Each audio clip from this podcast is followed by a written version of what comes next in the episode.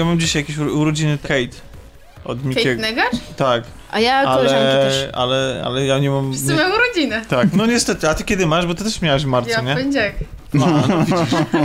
Urodziny mam Marta. To z okazji tego, Poznałeś że, ich na moich urodzinach. z okazji tego, że Tomek, wszyscy... słyszałeś? No, tego Okazało się, że mamy tego samego dnia urodziny. Masz w poniedziałek urodziny? Miałem. Nie, ja mam poniedziałek. A, no to nie, Ten. to nie. E. To, No, to nie to nie zrozumiałem. Jeju, ale to wszyscy, wszyscy w marcu rodzeni, to dobrze Nie Grzegorz. wszyscy, my we, my we dwoje Tomek w W sierpniu. sierpniu, No tak. tak. No to Grzegorz, wszystkiego najlepszego już ci składałem u nas na, na, na grupie. Tak, dziękuję. Malwino, wszystkiego najlepszego w takim razie z okazji urodzin. No i, i mm, Znaczy, pozdrawiamy ma, też e, pozdrawiamy też Kate, na której urodzinach dzisiaj nie mogę się niestety zjawić i, i Mikołaja. Bardzo serdecznie i też wszystkiego najlepszego. Dlaczego nie możesz się zjawić? Bo mam niestety pracę. Idę na próbę, bo w poniedziałek mamy taką sporą imprezę dla jednej z firm i te, trzeba technicznie wypróbować wszystkie rzeczy, a dla mnie to jest pewna nowość i dlatego chcę być przygotowany. Także, także wszystkim życzymy i wszystkim naszym słuchaczom oczywiście życzymy wesołych świąt. Wesołych świąt już? No tak, wielkanocnych. A to już do A jeśli widzenia? macie, Zanim nie- to zmontujecie. a jeśli macie jakieś... Nie przywitaliśmy się. Ale pojazd! Grzegorz tutaj nie, odwołał się do naszej długiej, naszego długiego niebytu i 54 odcinek przeleżał w szufladzie trochę mojej na dysku.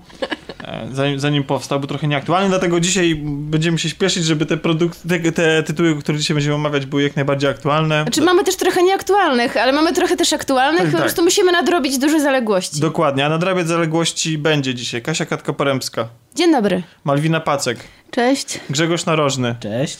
Tomek Dziel Cześć. i ja, Tomek Pieniak. Witamy w 55. okrągłym odcinku Kolaudacji Show, podcaście kulturalnym inicjatywy Wszystko Gra.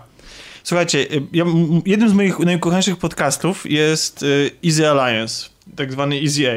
I tam prowadzący, który się nazywa Kyle Bossman. dokładnie, e, za każdym razem jak rozpoczyna podcast, to mówi, że pyta się swoich e, współprowadzących, e, od czego, od czego najbardziej lubię rozpoczynać podcasty. Oni odpowiadają od ogłoszenia jakiegoś tytułu gry. No i tak właśnie jest. On po prostu lubi o, rozmawiać o nowo ogłoszonych tytułach gier, kiedy rozpoczyna podcast, bo to jest podcast o grach. A ja chyba mógłbym polubić rozpoczynanie podcastów od kontrowersji. Bo, bo od jakichś takich dram, gdzie ludzie rozdzierają szaty i kłócą się o tytuły, które można sobie obejrzeć. Tym razem można obejrzeć na Netflixie, chociaż nie wszędzie, bo jeśli mieszkacie w Chinach albo w Stanach Zjednoczonych, to możecie to obejrzeć w kinie. Mogliście chyba, bo nie wiem, czy ten film nie zszedł bardzo szybko ze fisza, bo mowa o filmie... A ciekawe dlaczego akurat w Chinach i w USA. Jeszcze w Kanadzie chyba. Wiesz co, to dlatego, że mm, ze względu na to, że mm, udziałowcy Paramount, wytwórni, która odpowiada za produkcję tego filmu, nie do końca zgadzali się z wizją artystyczną reżysera i producenta tego filmu, o którym za chwilę powiemy, którego tytuł jeszcze trzymamy w tajemnicy. I zażądali zmian. Wła- Właściwie to jeden z tych producentów. Zażądał zmian co do tego, znaczy uznał, że film jest przeintelektualizowany, jest za trudny dla typowego widza, który może go nie zrozumieć i dlatego chciał zmiany charakteru głównej bohaterki na bardziej sympatyczny, co prawdę mówiąc wcale nie było taką złą zmianą, e, i, ale też jest zupełnie innego zakończenia. Co też według y, wielu głosów, które ja natknąłem się w internecie, też wcale by taką złą zmianą nie było. Ale i producent, i reżyser się nie zgodzili, postawili na swoim. No i tam chyba w wyniku właśnie zmiany jakichś y, we władzach wytwórni doszło do jakiejś tam zmiany polityki, podpisania umów. No generalnie Chiny i Stany Zjednoczone to są kina, a reszta świata dostaje to na Netflixie. Co jest z jednej strony super, można to obejrzeć nie wychodząc z domu, a z drugiej strony nie jest super, ponieważ film jest po pierwsze przepiękny, znaczy przynajmniej taki się wydaje na małym ekranie. Ciekawe zależy. jakby, jakby, Nie no, ale dlaczego na Netflixie nie można oglądać przepięknych filmów? Bo- Jak masz no- dobry telewizor, A, to nie jest to samo. masz dobrą Nie rozdzielczość. skończy- Nie, słabo to wyglądało. skończyłem jed- Na moim Nie. przynajmniej. Ja nie mam jakiegoś super podobało. internetu No, i Malwina- mogło to lepiej Malwina wyglądać. ogląda Netflixa w tramwaju na komórce i wiesz. Ale chodzi o to, że jest coś takiego w kinie. Ja teraz mam próby przed taką imprezą, gdzie podłączamy kamery do projektora kinowego i obraz z kamery jest wyświetlany na ekranie kinowym. I powiem wam, ja już widziałem swoje rzeczy w kinie, bo robiliśmy, realizowaliśmy reklamówki do kina. Y, To wiecie, takie, tylko to zwykle były takie jakieś animacje z jakimiś krótkimi fragmentami filmowymi, ale to nie było nic wielkiego. I mm, no i właściwie widziałem już swoje produkcje, tak, na ekranie, więc mogę powiedzieć, że ten, ten, moment już miałem za sobą, ale i tak jest coś takiego, jak podłączyłem tą no. kamerę i ten obraz, który przecież... Magia. Jest, no. No to jest to coś takiego, jak wy- wydrukujesz projekt na papierze, wiesz, 90 gram i 300 na przykład. No to jest o wiele lepszy, no. To jest to samo. Ty, niby to samo, ale jest, ale jest, wiesz, i Ależ możesz się napić mojej herbaty. jest ten, jest ten posmak takiego, takiej wyjątkowości. A to przecież to ta sama kamera, którą robu, robię... Ma, no tradycji stało się zadać. Tak, Kasia. wypadłam z fotela. W każdym razie... W każdym razie je- jest w tym coś magicznego Ale ja spadłam, a Malwina krzyknęła. Przepraszam. i myślę, że ten film w kinie mógłby zyskać sporo, ale też jego struktura, tempo, o którym sobie za chwilę powiemy, też pewnie bardziej by pasowała do kina. Bo oczywiście mówimy o filmie twórcy Ex Machiny e, i scenarzysty wielu uznanych i nawet kultowych w niektórych miejscach filmów, takich jak 28 dni później. Co on tam jeszcze zrobił na, na swoim koncie miał? Dreda miał, ale... A, Dreda i podobno, podobno niedawno gruchnęła wi- wiadomość, że to on e, odpowiada za za, reżyserię. za reżyserię nawet, wbrew temu, co głoszą napisy, że taki miał duży wpływ na tą produkcję, czyli tego Dreda z Karlem Urbanem. Mhm. I, Tego i lepszego. No, wiesz, że to zależy pod jakim kątem, bo ja na przykład mam duży sentyment do Sylwestra Stallone i, i, te, i mi się wydaje, że Dredd jednak swoją estetyką pasuje do lat 90. no trochę tak, ale, ale on Garant, znaczy Garant, no, powiedzmy Ten reżyser. Tak, nie pamiętam teraz nazwiska reżysera. Znaczy nie, to był scenarzysta tamtego filmu, a reżyser Tak. filmu, o którym dzisiaj tak, mówimy. tak, tak. Mhm. Y, zrobił tego Dreda bardziej, wydaje mi się, tak y, zgodnie z, z duchem oryginału. Komiksu. Mhm. Okej, okej. No, w każdym razie pan zasłużony dla kina. No i zabrał się za powieść, część trylogii. O tytule, w końcu dochodzimy do tego momentu. No właśnie, tak stopniujesz napięcie, Tomek. Anihilacja. Co jest y, dziwnym, prawdę mówiąc, zachowaniem tego tytułu. Znaczy to słowo istnieje, nie? Po polsku. Tak, Natomiast... ale dlaczego dziwne? Bo dlatego, że książka była przetłumaczona jako unicestwienie i ja pamiętam, że był film Mortal Kombat Annihilation, który też był tak Przepraszam, przetłumaczony. mogę ci powiedzieć, jak się mówi... Mogę powiedzieć, jak się mówi ten wyraz? Annihilation. A nawet tak w filmie mówią. Naprawdę? Annihilation. Okej, Tak, okej. to jest bardzo fajne słowo, bardzo mi się podoba. Tak. Tam nie ma tego... To ja, się, ja zostanę przy, przy, przy polskiej anihilacji w takim razie. Książki nie czytaliście, co? Nie, niestety. chyba To się jest nie trylogia. To jest trylogia. Nie. Ale słyszałem Tomku, że się zainteresowałem. Ale y, to jest trylogia, a film mówi o pierwszym tomie czy o wszystkich? O, pierwszym. mówi o pierwszym, aczkolwiek Ale się, zamyka że- temat. zamyka temat, dlatego że zdaje się, że Mariusz Dudziński Tak, na- największy chyba fan. Tak, całej tej trylogii, którego pozdrawiam oczywiście, a jeśli ma urodziny w marcu, to już w ogóle. E, powiedział, że w filmie znajdują się sceny, które znajdują się i tłumaczą bardzo wiele i które się znajdują w książkach. e, W dalszych częściach tej, tej trylogii, więc, e, więc wydaje się, bo zresztą reżyser nie chciał przekładać jeden do jeden Tak, jest, tego to jest filmu? bardzo luźna adaptacja. tak, dlatego on, on nawet powiedział, że on kiedyś przeczytał tę książkę i nie chciał jej ponownie przeczytać, le, czytać po to, żeby to była bardziej, tak jak on to ujął, można znaleźć w internecie takie je- jego kwestie, że to ma być bardziej jego sen o tej książce, jego wyobrażenie o tej książce niż faktyczne przełożenie tego, co napisał autor.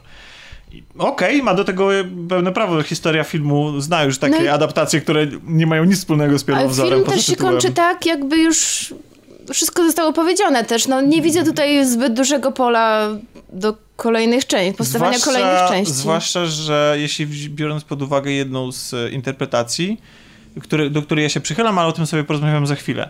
Natomiast e, powiedzmy może, o czym film jest. Bo jest to film z gatunku science fiction. Ale to jest takie science fiction, nie gdzie dużo biegają i, strze- biegają i strzelają. No proszę cię, jest bardzo dużo strzałów. strzelają.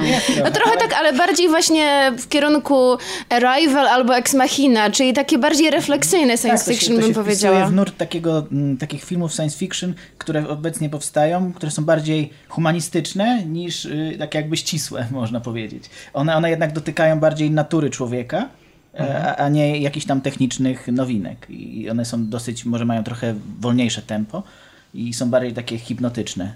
Ta, ta technika służy raczej opowiedzeniu czegoś o człowieku, niż bardziej niż, niż zachwyceniu Tak. na ekranie wizualiami, e, które oczywiście mogą być nadal piękne, tylko chodzi o to, że, że nie, skupi, nie skupiamy się na tym, że tam się coś dzieje, tylko raczej co to oznacza. Tak. To miałeś na myśli. Mhm, dokładnie.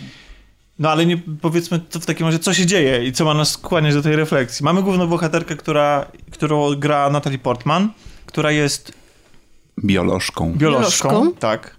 Film w napisach w tłumaczeniu bardzo podkreśla te żeńskie formy. Tak, biolożka, psycholożka. Tak, tak, bo podobno nawet w powieści tak to tak są nazywani bohaterowie. Tak, bo nie mają Bohaterki imion, nie mają imion, tylko nazywani są e, funkcjami, zawodami. O, biolożka, psycholożka.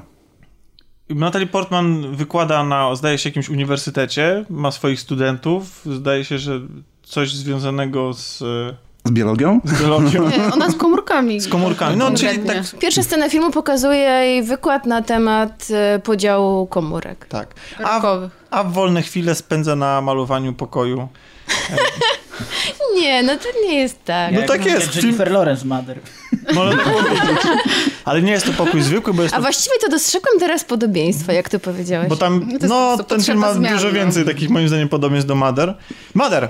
E, ale to nie jest taki zwykły pokój, ten, który Natalie Portman maluje, ponieważ jest to pokój, który chyba mieli razem ze swoim mężem, którego od roku już nie widziała, ponieważ e, mąż wyruszył na misję, bo był człowiekiem służącym w wojsku, zresztą Natalie Portman Ona też... też, ma. była w wojsku i Tam że się poznali, tak. dokładnie. em, Chociaż oczywiście jej postura nie, y, nie zdradza tego, że mogłaby kiedyś służyć w ale, ale świetnie strzela. Tak, ale muszę przyznać, że znaczy ona jest, zdaje się, że jest Izraelką, tak, Żydówką. Tak. No i oni, znaczy ona jest chyba amerykańską Żydówką, więc pewnie tego Ale przeszkolenia tak, nie przeszła, ale, ale normalnie no jakby w, w armii z Izraela kobiety mają obowiązek Znam dziewczyny z tak. Izraela e, i pracowałam kiedyś w izraelskiej firmie i dziewczyny tam, e, które do nas przyjeżdżały, drobne, szczupłe, naprawdę mm, pokazywały na facetach swoje różne chwyty z Krav Magi i naprawdę były w stanie powalić dużo wyższych od siebie Na facetów. przykład krokodyle. Na przykład. E, Tego nie widziałam na własne oczy w tamtej firmie, ale I jak jesteśmy właśnie przy po- powalaniu krokodyli, to muszę przyznać, że akurat Natalie Portman z bronią wypada bardzo wiarygodnie. Tak, tak. Widać w niej takie już skupienie, y, no, wtedy graniczące z szaleństwem trochę w oczach. Tak. No w każdym razie, zanim jeszcze dojdziemy do tego momentu, kiedy Natalie Portman musi używać tej broni, to porozmawiajmy o tym, kiedy musi używać wałka. No jest to, jest to kobieta w rozpaczy, tak, za swoim mężem, którego, który po pół roku przestała dowiadywać się, bo on po prostu wyruszył na jakąś misję i te, te misje były tajne, więc ona w teorii nawet nie powinna pytać o nie, gdzie on, gdzie on wyjeżdża. Po pół roku przestała się dopytywać, co się z nim stało. Uznała, że jest y, jej, tak, czyli zabity podczas misji. Znaczy, to nie jest do końca mm, powiedziane, że ona to uznała, ale chyba mm, cały świat wokół niej e, kazał jej tak myśleć, że będzie ci łatwiej, jak uznasz, że Jak on nie żyje. Tak. E, I minął rok, a ona nadal płacze i, i Tak, jest w żałobie. Następuje jakiś ciąg zdarzeń, którego może tutaj nie będziemy zdradzać. Nasza bohaterka, w wyniku których nasza bohaterka trafia do ośrodka, w którym y, dowiaduje się o tym, że istnieje na świecie pewna anomalia, która się rozprzestrzenia niczym rak na jakiejś określonej przestrzeni. Znaczy, Poza- szczęśliwie jest to teren jakiegoś parku narodowego, w związku z tym nie ma tam wielu mieszkańców i łatwiej to utrzymać też w tajemnicy. Dokładnie. Oczywiście nad wszystkim pieczę stanuje, y, czy sprawuje wojsko, natomiast y, i tak niewiele za bardzo może zrobić, dlatego że jest to teren, który do tej pory, mimo tam, że tam miała dwa czy trzy lata, zdaje się, Trzy. Tak, chyba trzy. trzy, trzy lata jest w ogóle niezbadany, dlatego że zawodzi absolutnie technika i ekipy poszczególne, które wchodzą do ten obszar, który w ogóle wygląda jakby był taki otoczony taką bańką mydlaną po prostu, tak? takim mieniącymi się różnymi kolorami, jakimś Tak, dziwnym czymś. nazywają to iskrzeniem. I skrzenie, tak. I to jest strefa X, tak? Strefa X. Tak. Em, tak, i po, po wejściu do tej strefy urywa się kontakt z ludźmi, którzy tam wchodzą. Ni- Oni nigdy nie wracają. I dlatego też się nie wiadomo właśnie, co się w środku dzieje i z czym mamy właściwie do czynienia. Nie da się tego obszaru zbadać w żaden sposób. To jest zresztą moim zdaniem trochę naiwne i zbyt proste, bo nie wierzę, że ludzkość przez 3 lata nie jest w stanie wypracować sobie narzędzi innych niż technologia do tego, żeby zbadać y, jakiś obszar. No, poradziliśmy sobie z dużo bardziej zaawansowanymi rzeczami tysiące lat wcześniej, budując piramidy, czy, czy jakieś akwedukty, czy, czy, czy nie wiem. No ja przyznam, że punkt wyjścia tej historii jest dla mnie dość absurdalny. Ale sugerujesz, że powinny zabrać jakieś cyrkle, liczydła Nie, no i... wiesz, no przez trzy lata, no nie wierzę w to, że tam, wiesz, że, że nie jesteśmy w stanie wprowadzić tam czegoś, co nie jest elektroniką po to, żeby zbadać teren, no. W wyniku też kolejnej jakiejś sekwencji zdarzeń, które może nie będziemy teraz tłumaczyć, y, nasza bohaterka wraz z czterema innymi kobietami Przewodniczy, Sanitariuszka. przewodniczy psycholożka. Właśnie psycholożka, sanitariuszka, yy, fizyczka i, i, i jeszcze ktoś. Nie wiem, czy nie geolog. Chyba Chyba tak. bada. Mhm. Wydaje mi się, że zbiera próbki ziemi, jedna z nich, więc. Geolożka? Tak, i one, Tak, i one. Jest takie słowo? No tak. postanawiają, że wejdą do tej strefy po to, żeby ją zbadać na własną rękę. I to się dzieje. Wchodzą i urywa nam się na chwilę film. Przenosimy się do retrospekcji, których będziemy mieli w filmie kilka. I dowiadujemy się trochę o prywatnym życiu Natalii Portman trochę więcej. Mm, Wiemy, co wydarzyło się przed zniknięciem jej męża i co może mieć wpływ na jej stan psychiczny i na traumę związaną z jego zniknięciem. Bo to jest tak, że na początku nam się wydaje, że ona jest po prostu kobietą, która straciła e, męża, którego kocha i jej świat się rozpada, a wraz e, z postępującą akcją dowiadujemy się tak naprawdę, jak wyglądała ich relacja i dlaczego on wyrusza na tę misję, dlaczego w ogóle ludzie biorą udział w tak niebezpiecznych misjach. No, i chyba tyle nam Dowiadujemy się też trochę więcej od samej bohaterce Natalii Tak. Portman, tak? Ale wrac wracamy do strefy, no i tam rozpoczyna się wędrówka na naszych bohaterek, które mają za zadanie dotrzeć do miejsca, do, Do epicentrum. do epicentrum całości, tam gdzie się to wszystko zaczęło i to jest akurat całkiem przypadkiem, w ogóle nie symbolicznie i nic be- bez znaczenia latarnia morska. No i, i teraz ca sama, e, sama ta strefa to nie jest takie zwykłe miejsce, prawda? Nie no, mamy miejsce cudów, niejako biologicznych głównie. Tam e, zwierzęta e, mutowane tak naprawdę. Bo to, jest, bo to jest, trzeba przypomnieć, że to jest teren parku narodowego, jakieś bagna czy coś takiego, Tak, czyli tak, idealne miejsce do bagna. tego, żeby się bawić biologią. Tak rośliny, nagle na jednym pnączu mamy wiele różnych gatunków e, roślin, tak jakby w trakcie z- rozrostu one jednocześnie mutowały i za, na, każdym, na każdym odnodze wypuszczały nowy gatunek kwiatów na przykład. To znaczy, najbardziej zagadkowe jest to, że te mutacje e, dzieją się bardzo szybko, bo normalnie one występują w przyrodzie, ale to jest bardzo, bardzo długi proces. A tutaj w ciągu tych kilku lat, odkąd, czy tych trzech lat, odkąd to się wydarzyło, e, zmutowały już całkowicie nowe gatunki. jak, jak już mówimy o tych zwierzętach, to czy wy też mieliście mieć takiego wrażenia, że, że tak jakby to nie pasuje do tego filmu, że jest tam na siłę, to znaczy, że zgoda, że są zwierzęta, ale zwierzęta się nie zachowują w ten sposób. To znaczy, jeżeli te zwierzęta mutują i jakby są w danym środowisku, to dzikie zwierzę nie atakuje tak bardzo, jak one to robiły, te zwierzęta ich. Bo to są jednak zwierzęta, to nie są potwory jak z Wiesz co, ja, filmu ja, ja myślę, że my możemy, ja możemy, myślę, że w tej, Znaczy mi to przeszkadzało strasznie. Okej, ja rozumiem. Znaczy, natomiast wydaje mi się, że w tym iskrzeniu i w ogóle w tej całej strefie X ilość rzeczy, rzeczy że, Wszystko zachowuje się dziwnie. dziwnie i Ale właściwie nie, wszystko zachowuje się też było- trochę agresywnie. Nie, właśnie nie, bo tam jest druga strona pokazana, bo są też zwierzęta łagodne pokazane. No, ale... tak jak w przyrodzie, nie? No tak, Piękne ale jednak kwiaty, po prostu miałam rośliny. wrażenie, że te zwierzęta nie zachowują się jak zmutowane zwierzęta, tylko jak zwierzęta zaprojektowane specjalnie po to, żeby zabijać i wyglądać strasznie na ekranie. Ja czułam jakby nieautentyczność w tym, oprócz tego, że cały świat jakby roślinny wydawał mi się zgodny z tą wizją, to zwierzęta nie. No Rozumiem. nie wiem, Znaczy, taką sztuczność po no prostu wy tak, czułam. wy, znaczy być może to, wy też tak ode- ode- odebraliście? Ja tylko przez CGI tą sztuczność odebrałem. Bo... Przestanie No efekty. nie, no właśnie przez spo sposób zachowywania tych zwierząt. No takie tanie mi się to trochę wydało po prostu.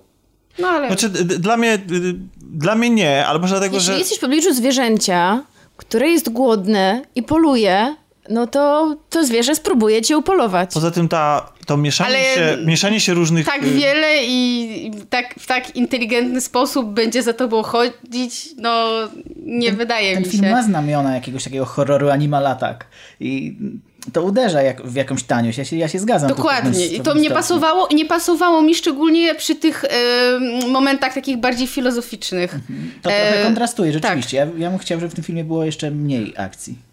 Tak, dokładnie, mi przeszkadzało to. Wiecie co, może dlatego mi to tak bardzo nie przeszkadzało, bo dla mnie cała konstrukcja tego filmu, w ogóle całe założenie, że bohaterki, są cztery bohaterki, które wkraczają w nieznany kompletnie sobie świat, który muszą eksplorować, gdzie muszą... Trochę są ubrane jak Ghostbusters, prawda? Też tak. Mo, można tak powiedzieć, ale muszą, muszą, ten, muszą eksplorować, muszą w tym świecie przeżyć, bo nagle się okazuje, że mają przed zaniki pamięci nie wiedzą, co robiły przez kilka dni, bo nagle mm, świat, którego doświadczają, jest tak kompletnie inny od który jest nam znany, który muszę odkrywać, gdzie dowiadują się o losie poprzednich ekip z wideologów, czyli jakichś tam nagrań, raportów i tak dalej. E, plus, czyli właśnie mamy eksplorację, survival e, w ideologii i mamy ten survival, czyli jakby sceny, sekwencje akcji, gdzie oni muszą walczyć z zagrożeniem już bezpośrednio, zupełnie fizycznie.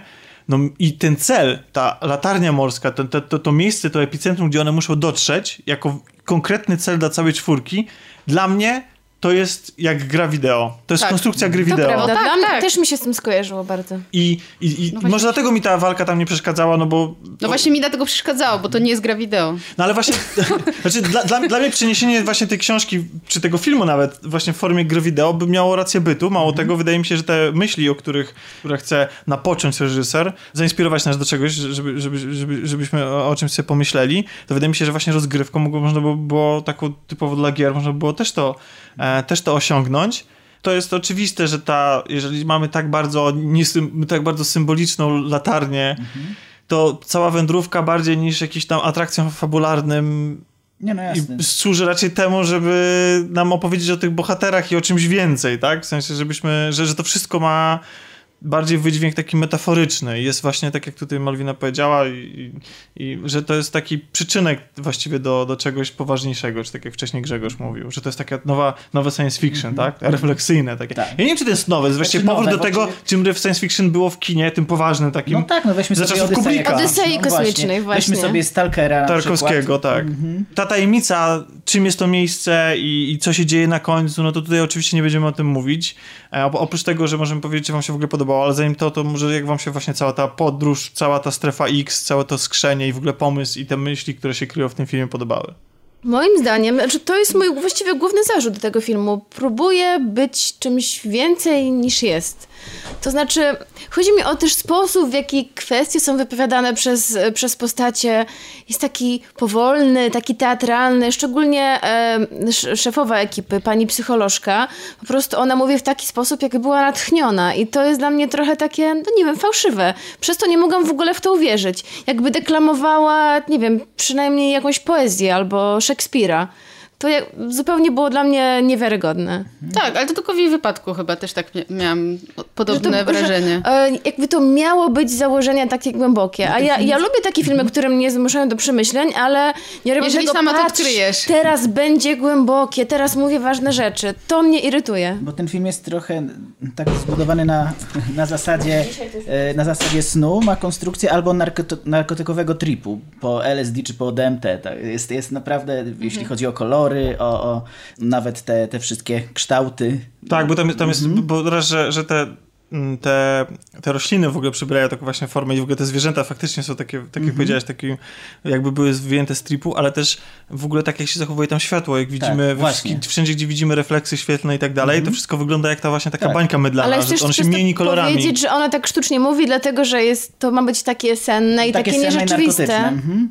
Tak jakby, że tam inna Może, mogę to jest też, przyjąć. Tak? Nawet, nawet i, y, tak jak Tomek powiedział, y, oświetlenie w tym filmie jest bardzo specyficzne, jest bardzo naprawdę oryginalne. Ja- Ja bym uznał to jako zarzut, gdyby to nie miało właśnie takiej podbudowy fabularnej, bo jednak ma. E, Czy ono trochę jest też takie, jakby starało się ukryć e, brak pieniędzy To też, czasem. Dokładnie. Tak, ja, ja bardziej To odniosłem też, takie ale- wrażenie. Tak, ja też. Ale, ale kupiłem to w ramach, w ramach tej konwencji. Mm, Mi się w tym filmie nie podobała za bardzo pierwszy i drugi akt, nie był najlepszy, ale trzeci, ostatnie 30 minut filmu uważam za coś absolutnie genialnego.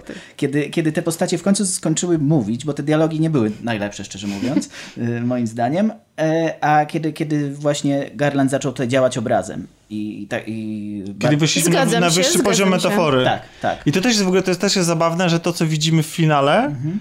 To jest rzecz, która w grach e, wielu występuje. No tak. I to jest rzecz, mało tego, są gry, które wręcz dosłownie nawet takie sekwencje, które widzimy już w samym, w samym finale, potrafią nam zaserwować w bardzo podobny sposób. I wymowa tego też wydaje mi się taka do- typowa dla tego, co, po to często sięgają gry i gdzie gracz jest elementem tutaj narracji, tak? I mm, mi się ten finał też właśnie podobał właśnie przez to. I w ogóle ta, w tym momencie, kiedy, kiedy film właśnie wchodzi na, na tą, tą bardziej metaforyczną, kiedy już musimy już całkowicie być skupieni na tym, że już, wie, że już wiemy, że ten film to nie jest film o dzianiu się. Tak. Że tam nie będzie wielkich twistów, że tam nikt nas nie zaskoczy wyłożonymi kawa na ławę mimo tego, że na początku się tak wydaje, bo tam, tak jak powiedzieliście, są te dialogi, które mówią nam wprost, co mamy myśl- myśleć i później właściwie nam z tym wszystkim tak trochę nas zostawia.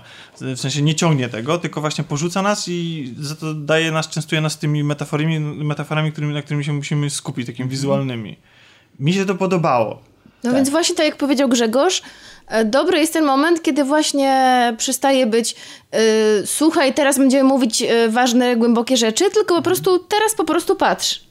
E, I o wiele bardziej wolę takie podejście właśnie do widza, niż pokazywanie mu, jak ma myśleć i na co ma zwrócić uwagę. Ale chyba jednocześnie w moim przypadku to był e, pewien problem z tym filmem. Przynajmniej tak jak dla mnie osobiście, ponieważ e, no oczywiście jestem przyzwyczajony do science fiction innego niż militarystyczne.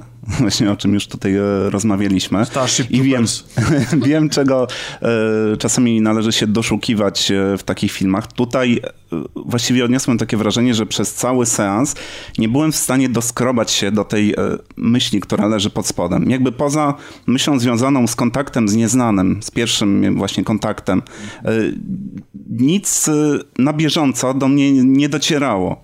I akurat w przypadku tego filmu, nie wiem, mam takie wrażenie, że dopiero po seansie wszystko zaczyna jakby do widza dochodzić. No to chyba dobrze. To, to, bo jeżeli ten coś film- odkryjesz od początku, no to nie jest, nie jest zabawą. Nie, ale nawet, nawet y, jakaś, jakaś część, bo tutaj Kasia powiedziała, że tak, patrz, tutaj obserwuj. I przy takim bardzo dokładnym obserwowaniu nie masz czasu na e, pewne rozmyślania na bieżąco. No, większość filmów tak działa, że jednak na bieżąco prawda. też Ale, tak, ale po, takie, po takie zabiegi sięgali właśnie wielcy kina science fiction, jak Kubrick chociaż.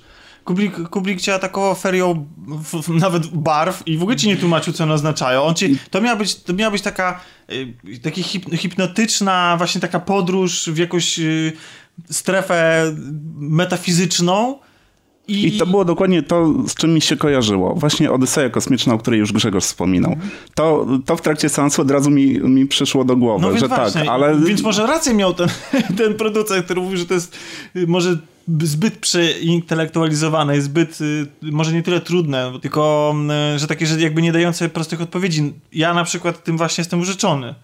Bo, ja, bo może dlatego, że to jest kwestia tego, co ten film, jakie on pytania zadaje. Bo- Znaczy, Tomek, powiedziałeś dobrze, że to chyba nie jest film do, do Netflixa, do takiego oglądania sobie gdzieś tam w, W domu. telewizji, w biegu. Ja na przykład nie wiedziałam, że to będzie taki film, na którym trzeba się będzie skupić, bo starałam się o nim nie czytać za dużo. Widziałam zdjęcia, zobaczyłam dziewczyny w jakichś strojach takich militarnych, myślałam, o, będą też, strzelać. te, też, też lubię takie filmy. E, ale Ale ja też, ja też ale, miałam takie ale chodzi o to, że położyłam się wczoraj do łóżka jakieś 11, już skończyłam pracę i byłam naprawdę wykończona. I powiem wam, że było mi trudno skupić uwagę, zamykały mi się oczy i usnęłam wreszcie pod koniec, dopiero skończyłam seans rano, ponieważ e, nie spodziewałam się takiego rodzaju filmu. Że jest taki powolny. E, a ja, ja lubię takie kino, ale po prostu chyba to nie był ten moment, żeby oglądać go w, Ale zmęczonym wiesz, po pracy Wiesz w co, ja też oglądałam go zmęczona i tak samo myślałam, że będzie o, przyjemny film, ale tak mnie wciągnął, że do drugiej w nocy oglądałam. Znaczy mnie, mnie bardzo wciągnął, ale ja już trzymałam otwarte oczy i były takie momenty, że zamknęłam je i nie byłam pewna, czy zamknęłam na 15 minut, czy na minutę. To już jest taki moment, kiedy trzeba go wyłączyć. bohaterkami. Nie, ale Tak. Czy, wiesz, Dlatego potem sobie rano cofnęłam o duży kawałek, żeby obejrzeć naprawdę ze stuprocentową uwagą. I wtedy dopiero go doceniłam rano.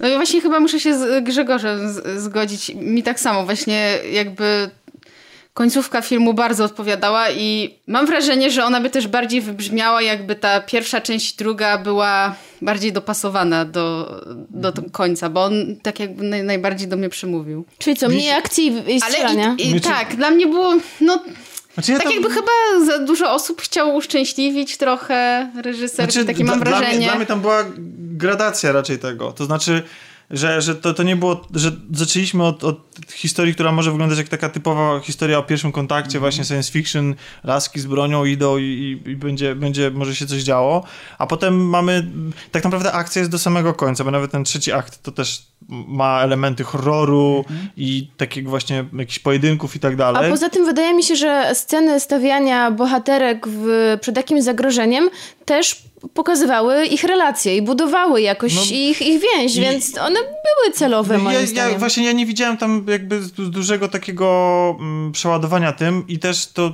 te sceny akcji pasują trochę do mojej interpretacji, ale to o tym za chwilę. Chciałem najpierw jeszcze tylko powiedzieć krótko, dlaczego mnie ten film ujął, bo on po prostu poruszył tematy, które ja uwielbiam. I moją najukochańszą książką science fiction jest Solaris. I to, co mnie w tym filmie, w tej książce... Ja bo, widziałem bo dużo film, podobieństw właśnie bo, bo w filmie mniej, ale, ale no, oba filmy, jeden, jeden przemilczy, ale, ale, ale, ale, ale to, co jest dla mnie w Solaris takie to, co mnie niesamowicie dotknęło i to, co uwielbiam, to jest e, obcowanie z jakimś absolutnym bytem, o którym pojęcia nie mamy, który oddziałuje, który próbuje się z nami jakoś porozumieć, który w jakiś sposób na nas oddziaływuje, to niekoniecznie może się nam podobać, w jaki sposób on to robi, ale my jesteśmy jednocześnie zafascynowani nim i się go boimy. I, i, i, próbujemy go zmierzyć, a jakoś z nim współżyć, a jednocześnie się budzi w nas strach. Ten ocean z Solaris i ta strefa X to są dla mnie bardzo podobne i moim zdaniem one, i one mają podobny metaforyczny wydźwięk. A wiesz, co mi się teraz przypomniało, jak zacząłeś to mówić? Jeszcze przypomniał mi się film uh, Under the Skin ze Scarlett Johansson. Tak, to też jest, też jest bardzo Eee, podobny klimat. tak, te, nie tylko w klimatem, ale też trochę takim wydźwiękiem Mhm. i też spotkaniem właśnie z czymś takim nieznanym. Tam trochę z innej perspektywy. Wiem, że ten film był dość krytykowany. Według mnie bardzo dobry film. Mnie się podobał, ale to też podobne, podobny właśnie klimat. No i, i ta rzecz, która jest, która mi wierci od sensu głowę. Ja, ja być może, wiecie, być może to wynika z tego, że czytam mało filozofii, być może to wynika z tego, że mało czytam w ogóle i być może takie tematy są podejmowane przez e, literaturę, czy kino nawet, ale, ale dla mnie to był pierwszy raz od dłuższego czasu, e, kiedy ja sobie st- stanąłem przed takim właśnie absolutem, to znaczy dla mnie ten film, on zadaje pytanie o, o naturę bytu jako taką i, i on, on tam się porywa na to, żeby, że- żeby sprowadzić ży- życie do, do właściwie do jakiegoś e, elementu przypadkowej układanki cząstek po prostu. I on zadaje pytanie, gdzie w tym wszystkim my jesteśmy, jako nasza świadomość, jako nasz byt, jako nasze życie. tak, czy ja, to ja? Nawet, nawet, nawet, nawet Czy już nie ja? czy nawet, nawet co nas, y, co sprawia w ogóle, że, że istniejemy, dlaczego istniejemy w takiej, a nie innej formie. Jeszcze oprócz tego myślę, że poruszę tak kwestię naszej takiej e, przekonania o naszej wyjątkowości i unikatowości, e, które może zostać bardzo łatwo, jak pokazuje film, zburzone. I to chyba mną nawet bardziej wstrząsnęło niż to, o czym ty mówisz No, teraz. i on, on nawet on wprost zadaje pytanie, co, co to znaczy, czym jest człowiek? Wiesz co, to znaczy trochę mi przypomniałeś dyskusję y, moją z, ze znajomym, który ostatnio mówił, on y, chyba studiował fizykę, bo się mnie pytał, czy, co ja uważam o teleportacji, bo są takie teorie, że ona teoretycznie mogłaby być możliwa. W takim sensie, że wystarczyłoby y, jakby zapisać informacje o każdym, każdej komórce twojego ciała i w jakiś sposób mamy internet w dowolnym miejscu na Ziemi, te informacje odtworzyć i tak jakby, no nie wiem, wydrukować albo tak, wyprodukować ale- ale- i zbudować wtedy. Ale pytanie, Ja czy to jest ten sam człowiek, czy to jest jakby kopia tego człowieka? Bo wtedy te komórki, które jakby są w pierwszym miejscu, muszą umrzeć, żeby pojawiły się te znaczy, drugie, znaczy, chyba, że będą ja- dwie kopie Jeśli wtedy. dobrze, jeśli dobrze pamiętam, to co czytałem jeszcze w czasach matury mojej, to było naprawdę bardzo dawno temu, to ludzkości się udało przeteleportować elektron. Czyli, że elektron, dokładnie ten sam elektron się znalazł gdzieś w innym miejscu. No to jest jakaś, wiecie, to jest No jakiś początek, no. pierwszy krok jakiś, tak? No, podejrzewam, że jeszcze dużo dłużej, chciałem zażartować, że, że dłużej w sumie będziemy pewnie czekać na jakiegoś dobrego Star Treka, ale e, cho, cho, chodziło mi o to, że, że jeszcze dużo czasu musi upłynąć, zanim taka technologia będzie możliwa. Dla mnie właśnie po to jest science fiction, że ono ma zadawać takie frapujące pytania, że ono ma, że ono nie musi być logiczne. Ono nie musi mieć tego świata takiego, że, że one tam weszły do tego, do tej strefy X i one nie miały odpowiedniego zabezpieczenia, a dlaczego tam nie miały więcej broni, albo nie były w asyście jeszcze paru ludzi i tak dalej. Bo ja powiedziałem, że ten film jest kontrowersyjny, bo on wzbudza takie reakcje, że jedni ludzie są zachwyceni, a drudzy ludzie go mieszają z błotem.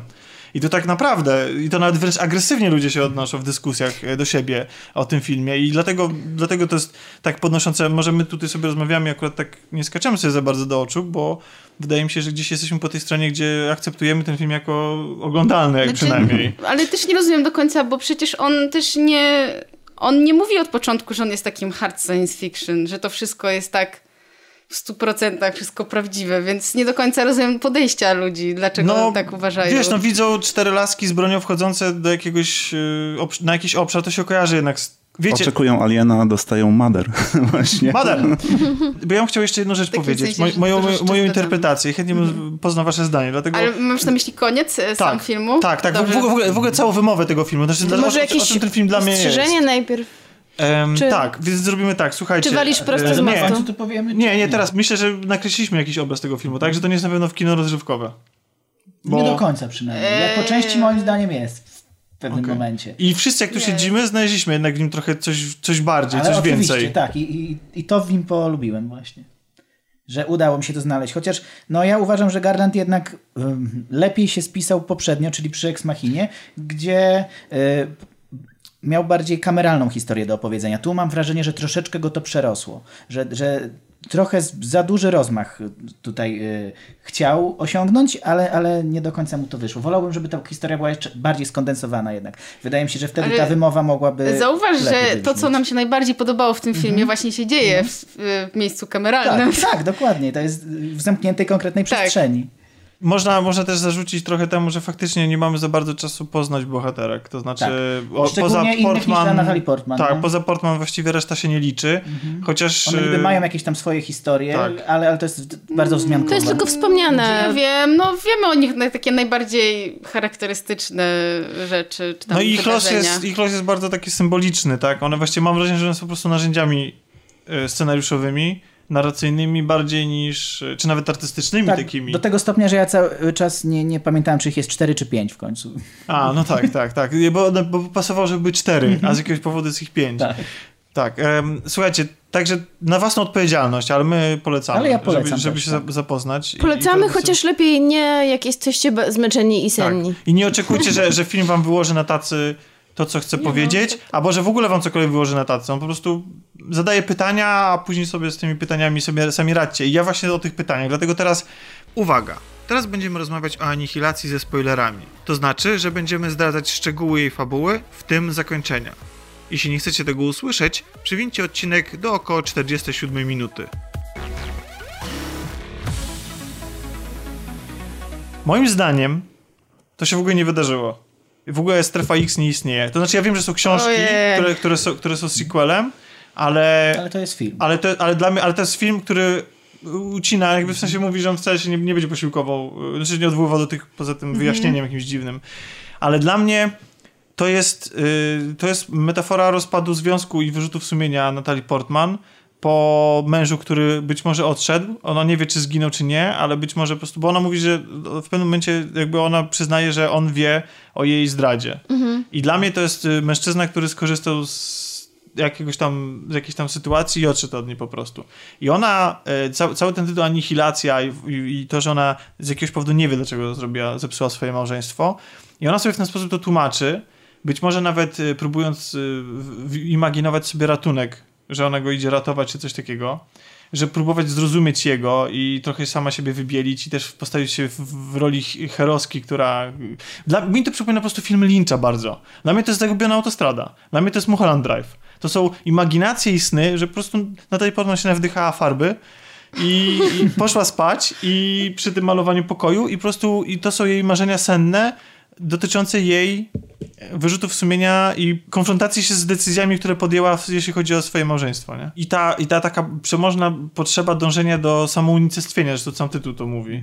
Że to, że, że no bo tak naprawdę to jest bardzo zagadkowe i dla mnie to jest właśnie, to jest, to jest coś takiego, że kiedy na przykład wszystko jest dobrze, a i tak podejmujesz pewne złe decyzje, nie? Tak, a tu samounicestwienie służy kreacji nowego, tak jakby lepszego ja, można powiedzieć. Można tak powiedzieć, czyli na przykład, że, że tylko, tylko, że to nowy, wiesz, bo to jest mniej więcej, ja to widzę jako, taką, jako samopoczucie człowieka, który dokonał takiego unicestwienia, samounicestwienia, on patrzy na świat, ale ten świat jest dla niego właśnie taki zmutowany, że on egzystuje w tej samej przestrzeni, ale to nie jest dla niego tam taka sama przestrzeń, co dla każdego innego. On to widzi właśnie wszystko wynaturzone, wszystko inne, wszystko dziwne, agresywne. Dlatego właśnie mi ta przemoc nie przeszkadzała. Że dla mnie to są... yy, Rozumiem, tylko że tutaj... Znaczy w filmie jest wspomniane, że to on chciał się unicestwić, że o, jest tam jeden taki dialog, że e, nie może tego mylić z samobójstwem, że on nie chciał zginąć, on chciał przestać istnieć. E, I że to, to ten mąż właśnie, No to- że no to- w momencie, kiedy dowiedział się o, No, o tej no zdradzie, no to podjął taką decyzję. No i- no nie i pasuje inną. do interpretacji Tomka, No. ale ona, czy ona ma pragnienie y, samozniszczenia. Y, Mia może miała y, i nie chce, i chce go przeżyć, i może chce przeżyć właśnie takie katarzis, Mhm, odrodzić się na nowo, no bo zobaczcie, co się w finale E, y, Dla dzieje. mnie Ona- to dla oni mnie- po prostu są e, w finale, spotykają się dwie nowe istoty. Być może ta Lena, ona się destrukcji, nazywa Lina? Tak. Lina, którą spotykamy na końcu, to już nie jest ta Lina, którą e, widzieliśmy na początku. Nie wiemy, czy tak naprawdę No, ona jest tą mhm. samą, czy ona jest tym duplikatem, którymś z być może wielu, tak samo bo, jak on jest bo ja duplikatem. sobie, Bo ja sobie to tłumaczę w ten sposób, że oni do siebie wrócili. To znaczy, że ona w jakiś tam sposób go, od nie wiem, no jakby odnalazła, oni przeszli przez to, oni się odrodzili. Jakby... Chcesz wierzyć w happy endy. Nie, nie, właśnie to nie jest happy end. Bo to jest, bo, bo dlatego, że ona pokonując samą siebie, tą swoją złą wersję, tą zrodzoną z tego rozpadu, tak, prawda? Pokonała siebie, wrócili do siebie, on też zresztą przecież.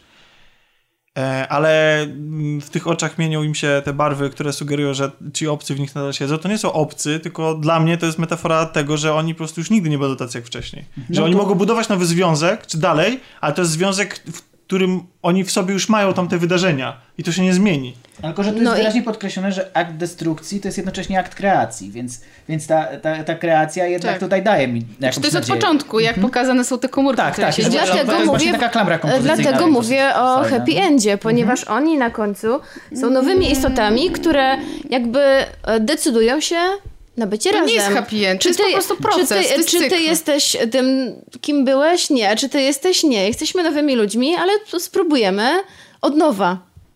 E, I dla mnie to jest, to jest dobre zakończenie. Znaczy, nie wiem, moim zdaniem, znaczy ja to tak nie, nie, nie, nie traktuję tego tekty. Moim zdaniem to jest Mhm. po prostu proces.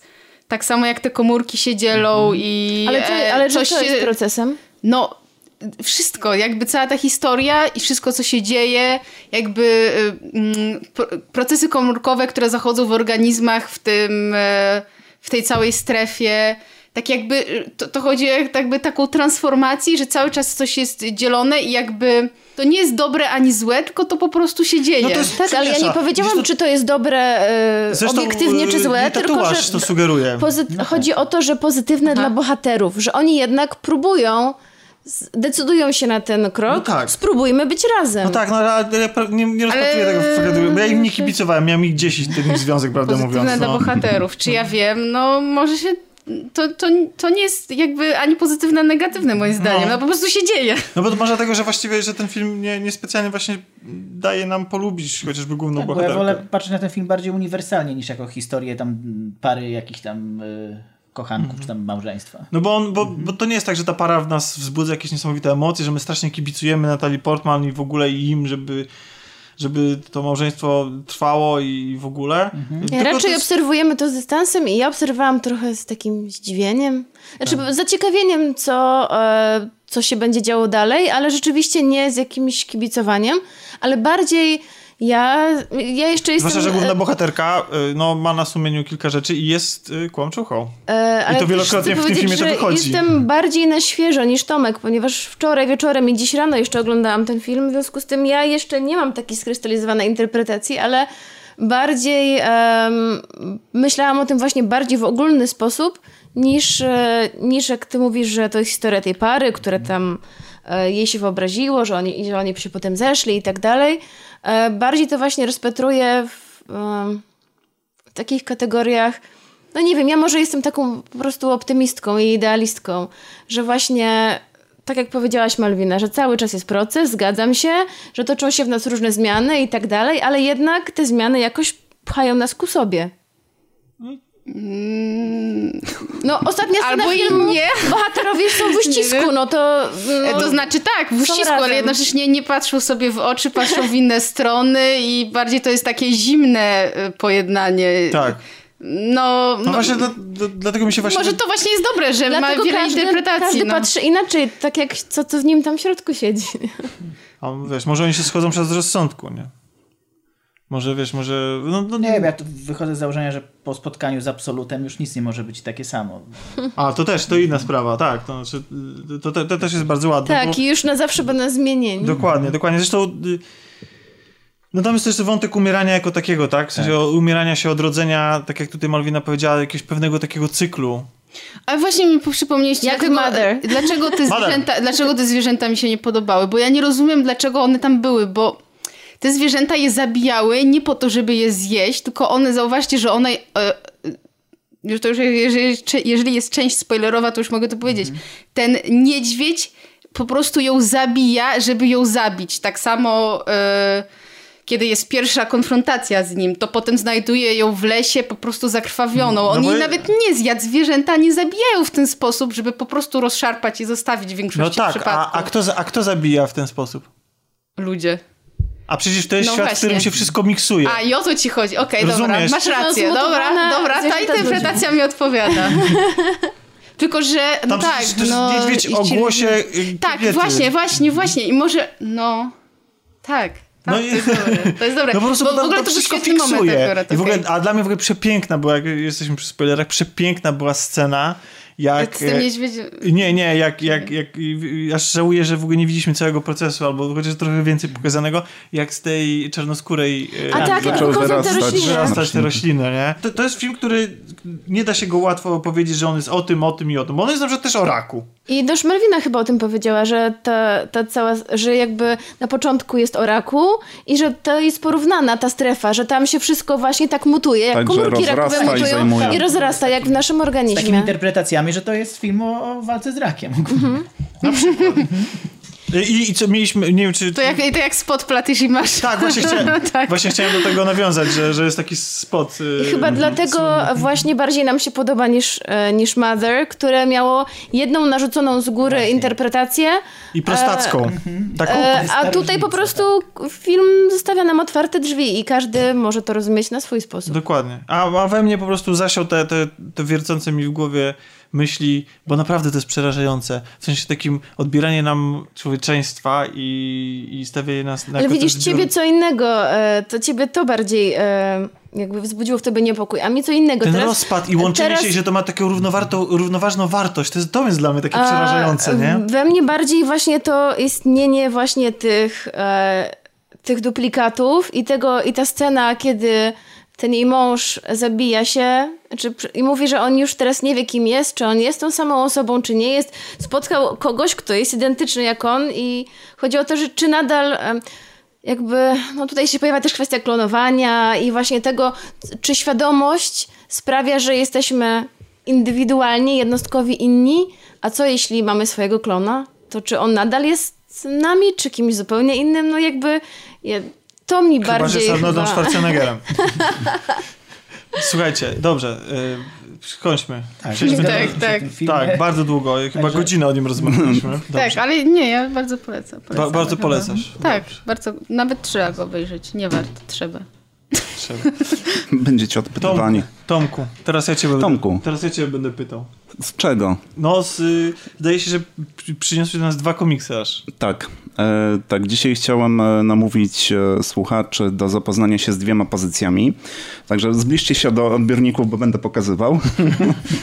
Przyniosłeś? Tak, przyniosłem ze sobą, bo zawsze tutaj e, w przypadku komiksów wywiązują się ciekawe dyskusje, jeżeli ktoś inny, który nie miał szansy zapoznać się z takim tytułem, obmaca, obejrzy. I zwykle to jest tak, że dziwnym trochę otwieramy akurat na stronach, gdzie są piersi. E, nie kojarzę, żeby akurat w tym były, no ale To ja, dobrze. to ja chcę ten drugi. Bo tam jest macanki, a nie. Nie, to Obiecanki. No, obiecanki. obiecanki, macanki. To zacznijmy może od tego pierwszego. e, Oblivion Song. E, Jest to bardzo świeża premiera. E, Kolejny z e, Czy to jest tytułów. polski tytuł, czy to jest podtytuł Pieśń Otchłani? To jest polski tytuł. Można to pewnie traktować jako tytuł tomu, ale o tym jeszcze później, bo z tym też jest ciekawa sprawa związana. Jest to kolejny twór Roberta Kirkmana, czyli osoby odpowiedzialnej za The Walking Dead. E, Outcast, e, wszystkie zekranizowane już w postaci seriali i przypuszczam, że e, nie za długo zobaczymy również ten tytuł już jako serial. Mam nadzieję, że nie na Netflixie. No, Bo zobaczymy. dużo efektów specjalnych tu potrzeba. Mam nadzieję, Chyba- że HBO to zrobi. Kirkmanem się AMC zajmuje. Od Aha, The Walking no Dead tak. i od e, Opętania. E, 10 lat temu e, w Filadelfii miało, miał miejsce pewien incydent. Otóż część miasta nagle zniknęła z zamieszkującymi ją osobami, a na to miejsce przeniosła się część innego wymiaru. Zamieniły się po prostu miejscami. Akcja komiksu dzieje się właśnie dekadę po tamtych wydarzeniach. Głównym bohaterem jest Nathan, jest naukowcem, ale takim action ready. Naukowcem. I tutaj Nathan e, swoim zespołem, ze swoim zespołem zajmuje się e, ratowaniem ludzi z tamtego wymiaru. Po prostu jakby teleportują się w tamto miejsce, e, ratują tamte osoby, sprowadzają je do naszego świata, ponieważ tamten wymiar jest miejscem bardzo niebezpiecznym. Mamy tam bardzo bogatą galerię stworzeń, E, i sam, sama, jakby, sama przestrzeń jest taka porośnięta e, różnymi dziwnymi tworami. Tutaj jest też poruszone kilka takich e, ciekawych spraw związanych z traumą tych uratowanych osób. No niestety one są w taki dosyć, dosyć prosty sposób tutaj nakreślone. Nie jest to coś na miarę pozostawionych, chociaż jakieś elementy wspólne można tutaj znaleźć. Może nie, nie tylko chodzi tutaj o akcję, ale właśnie o sposób radzenia sobie serialu. ze stratą, tak, tak, ze stratą, czy yy, yy, widzimy różne jakby postawy tych osób już sprowadzonych do naszego świata, bo część budzi się z koszmarami, ale część wspomina o czymś, że coś ich do tamtego świata cały czas przyciąga taki e, spokój, e, właśnie ta tytułowa pieśń Otchłani, gdyż Otchłanią został nazwany tamten, e, tamten wymiar. No i w tym świecie również ludzie radzą sobie z tą stratą na różny sposób. Powstają muzea, jest wielkie mauzoleum, mur, na którym są wykute nazwiska wszystkich ofiar. To jest chyba coś około 20 tysięcy osób, z którego stopniowo właśnie ten zespół wykreśla powiedzmy tak na pół oficjalnie e, te uratowane osoby. I no sama, sama akcja, ponieważ mamy tutaj pierwszy tom, stanowi e, pewnego rodzaju zawiązanie. Mamy, poznajemy nowe postaci, dowiadujemy się, że może nie tylko taki altruizm kieruje tym Nathanem, on również chce odnaleźć tam swojego brata i powiem szczerze, że na razie tak po lekturze tego pierwszego tomu no nie ma tam może jakiegoś arcydzieła. Wiadomo, że to zmierza może w jakimś kierunku, na końcu mamy wielki cliffhanger. E, ale pomysł jest bardzo ciekawy. Pomysł, pomysł jest ciekawy, e, wykonanie jest e, specyficzne, bym powiedział, bo sam scenariusz, same dialogi, jak to się czyta, nie wiem, czy to jest sprawa polskiego tłumaczenia, czy one zostały tak napisane, ale są jakieś takie ciężko, ciężko znaleźć przymiotnik, ale takie, takie suche jakieś, takie kanciaste, bym powiedział. Nie ma, nie ma takiej e, płynności. To jest, to jest ewidentnie moim zdaniem już przyszykowane pod e, jednak adaptację serialową. Z jakiegoś powodu. Nie wiem, może ten autor już się tak nastawił, ale takie można odnieść tutaj wrażenie.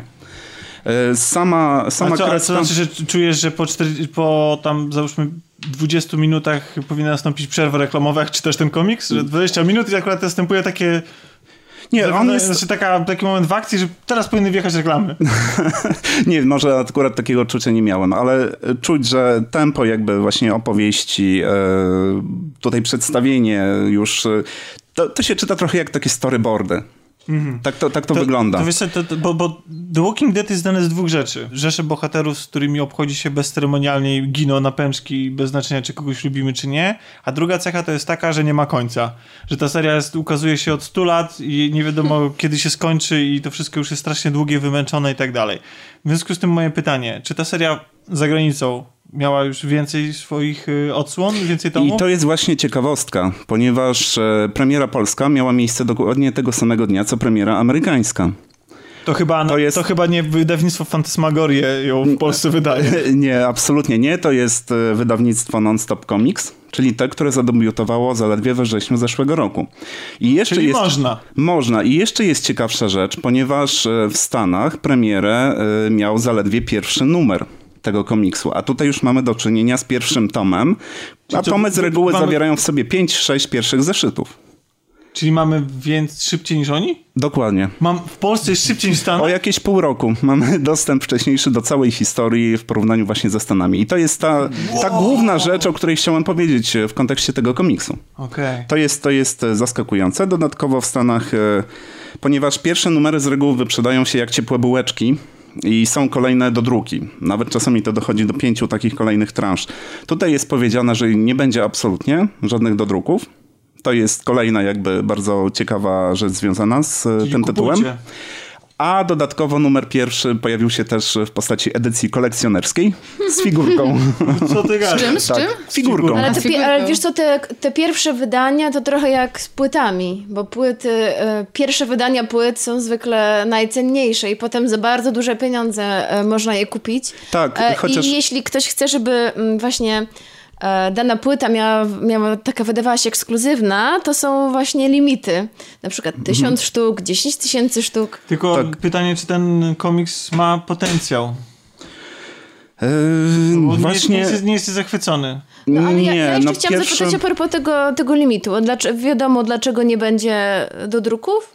Nie, Ma być powiem taki szczerze, to elitarny? jest, y, został trochę poszerzony jakby pierwszy, pierwszy rzut. Jest więcej egzemplarzy niż standardowo się przy jedynkach wypuszcza, no ale padła taka deklaracja, że nie będzie.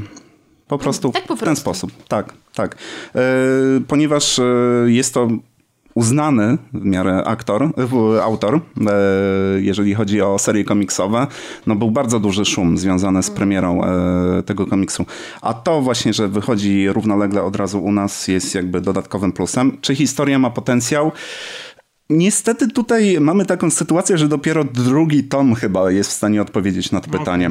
Bo y, tak jak Kasia zauważyła, założenia są ciekawe, ale no powiedzmy sobie szczerze, nie są jakoś oryginalne. Tak naprawdę. Wszystko zależy od tego, jak to jest napisane, ale jak mówisz, na razie nie porywa, więc czekamy do drugiego tomu. Chyba, że chcecie... I, I to jest właśnie problem, bo No jeżeli właśnie. musimy poczekać e, dopiero pół roku, aż się kolejne jakby nowe zeszyty historii zaczną, zaczną powstawać w Stanach, to musimy odczekać jeszcze pewnie jest kolejne pół roku, żeby się uzbierało materiału na drugi tom. Bo raczej w Polsce nie są wydawane pojedyncze zeszyty, tylko już e, trade paperbacki, tak zwane, wydania zbiorcze. Ale Tomasz na szczęście przyniósł swoje wydanie i chciałam powiedzieć, że strasznie podoba mi się. Ja uwielbiam takie okładki, takie zamszowe. A, a, ja chciałem, a ja chciałem powiedzieć o Mogę zapachu. głaskać i Ja głaskać. chciałem powiedzieć o zapachu, że... Mi się że... nie podoba ten zapach, jakoś śmierdzi. Nie, To no farba. ty? Zapach nowych komiksów jest po prostu... Jest naj, naj, najlepszy. Jest cudowny. Nie wiem, ale ten jakoś mi A przeszkadza. mi jest tak, bo jest Ale za intensywny. Ostatnio Tak, tak. pojawiła się reedycja stu naboi i jak one pachną farbą. Ale ten jest tak, że wierci w nosie, jeszcze nawet jak już powąchałem go Tak. z 3 minuty temu i nadal. Tak. No dobrze, A drugą pozycją jest e, polski tytuł. Właśnie, bo ja chciałem takie przejście. Obiecanki. że- Tak, jakie przejście? No to może Nie, no rzuć. nie, nie chciałem też, że, że, że tam autor obiecuje nam, y, że będzie ta historia dobra, a pytanie, czy... Czy obiecanki się spełniają- spełniają? Powiem. To dzięki! E, Jest to komiks e, Agnieszki Świętek. E, Jest to absolwentka Akademii Sztuk Pięknych w Katowicach i jest to jej debiutancki komiks, zarówno pod względem rysunków, jak i scenariusza, gdyż ona też to napisała. Komiks opowiada historię już tak nie pachnie. bo to jak widzisz jest mniej farby użyte przy jego druku. Komiks opowiada historię niepełnej rodziny Shopów. Jest to historia, e, w której głównymi bohaterami e, są e, antropomorficzne zwierzątka. Brakuje, mamy tutaj rodzinę, jest młodsza siostra, starsza siostra, jest mama, brakuje taty, który już na początku, jak się dowiadujemy, odszedł od tej rodziny. I sam komiks e, właśnie opowiada o takich poważnych sprawach związanych e, z rozstaniem rodziców, z wpływem tego na dzieci, na, na całe funkcjonowanie rodziny e, w bardzo prosty sposób, ponieważ sama historia nie jest w jakiś sposób zakręcona, nie ma niesamowitych zwrotów akcji. Można powiedzieć, że posługuje się nawet pewnymi kliszami, jeżeli chodzi o takie historie.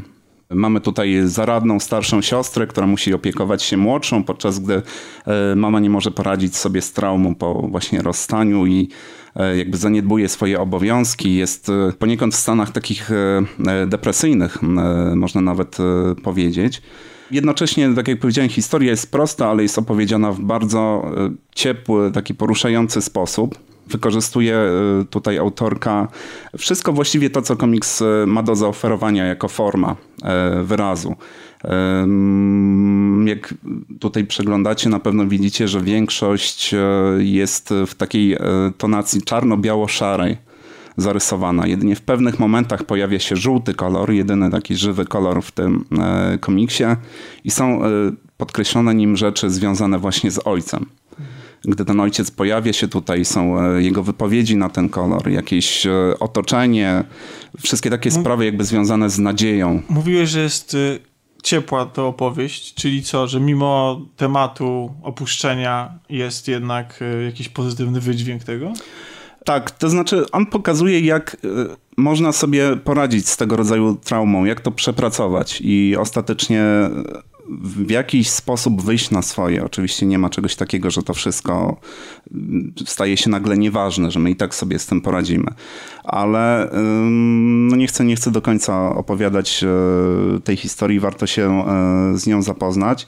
E, chciałbym jeszcze paru, paru rzeczach powiedzieć, jak ten komiks został powiedzmy skonstruowany, gdyż wspomniałem powiedzmy o wykorzystaniu koloru, ale też niektóre kadry są świetnie skomponowane w pewnych detalach detalach można zobaczyć, jak pusty ten e, dom stał się bez e, ojca w tej obecnej sytuacji, jak e, matka zostaje, jakby jest oddalona od swoich dzieci. Mamy taki przekrój przez cały dom na dwóch stronach. Widzimy, jak on jest pusty, jak dziewczynki bawią się w innym pokoju. Matka właściwie pogrążona w takim stuporze, siedzi przed telewizją całe dnie. Mamy cztery wieszaczki, trzy są zajęte przez płaszcze, ten czwarty pozostaje pusty. Także jest pełno takich e, drobiazgów, które jeszcze bardziej podkreślają e, wyjątkowość tej historii. A ja chciałabym zapytać, właściwie dlaczego zostały użyte jako, jako bohaterowie zwierzęta zantropomorfizowane, a nie ludzie, skoro historia jest typowo ludzka? Mhm. Wiesz, y, też się y, tutaj nad tym zastanawiałem, ale gdy y, popatrzymy na styl rysunku, jaki autorka tutaj wykorzystuje, wydaje mi się, że to jest sposób, która umożliwia też pewien sposób, ale możesz taki komiks powiedzmy dać dziecku, I właśnie wtedy te zwierzątka, bo tutaj pojawiają się różne, nie tylko szopy jako główne bohaterki, ale w szkole mamy też jakieś lisy, żabkę i tak dalej.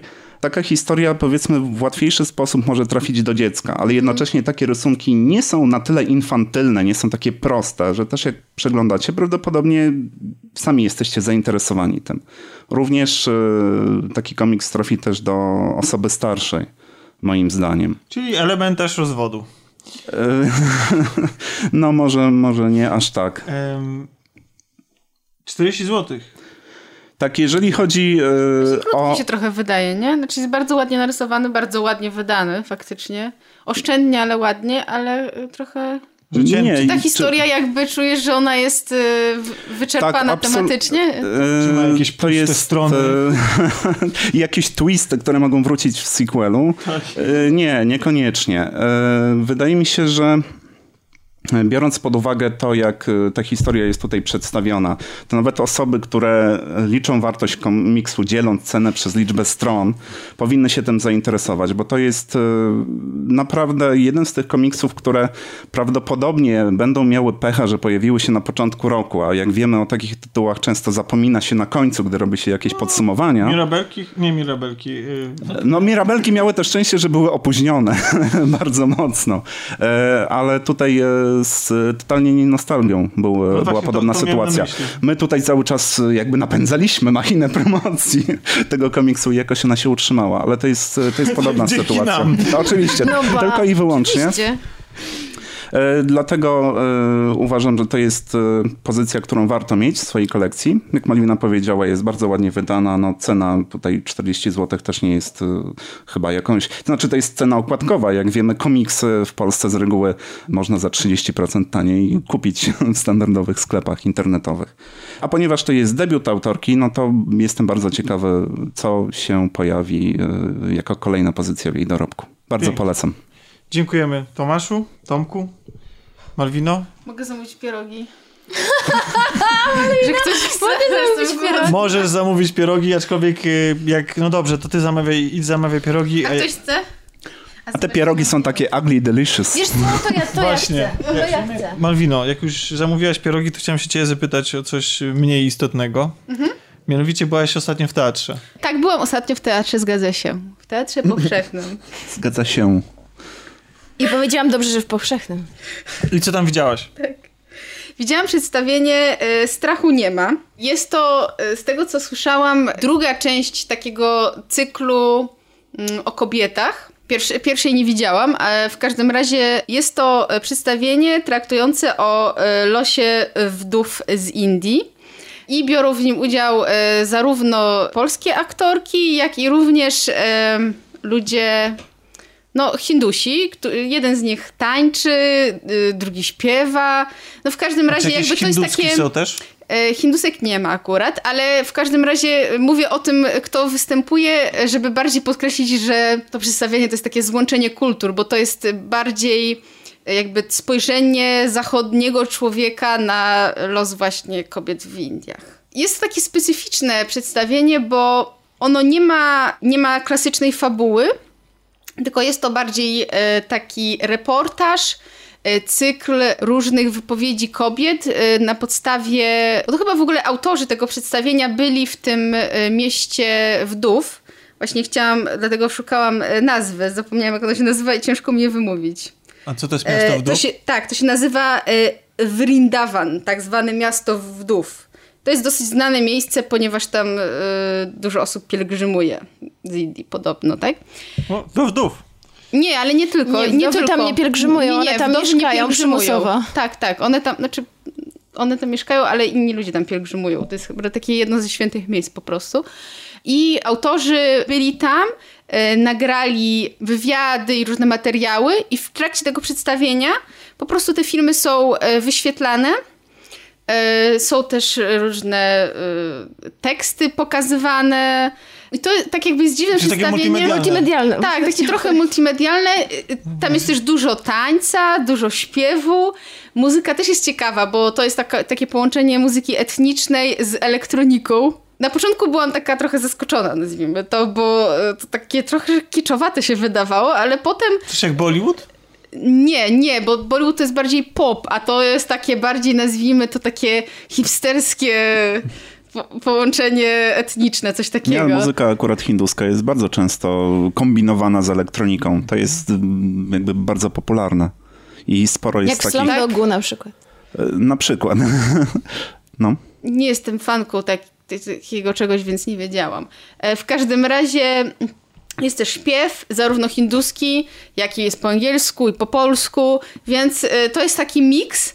E, Jest też zapach, bo tam są kadzidła, więc tak jakby e, możemy odebrać tą historię i tą kulturę Wszystkimi przez zmysłami. różne zmysły, dokładnie. Ale i czemu właściwie wdowy w Indiach są takie ciekawe?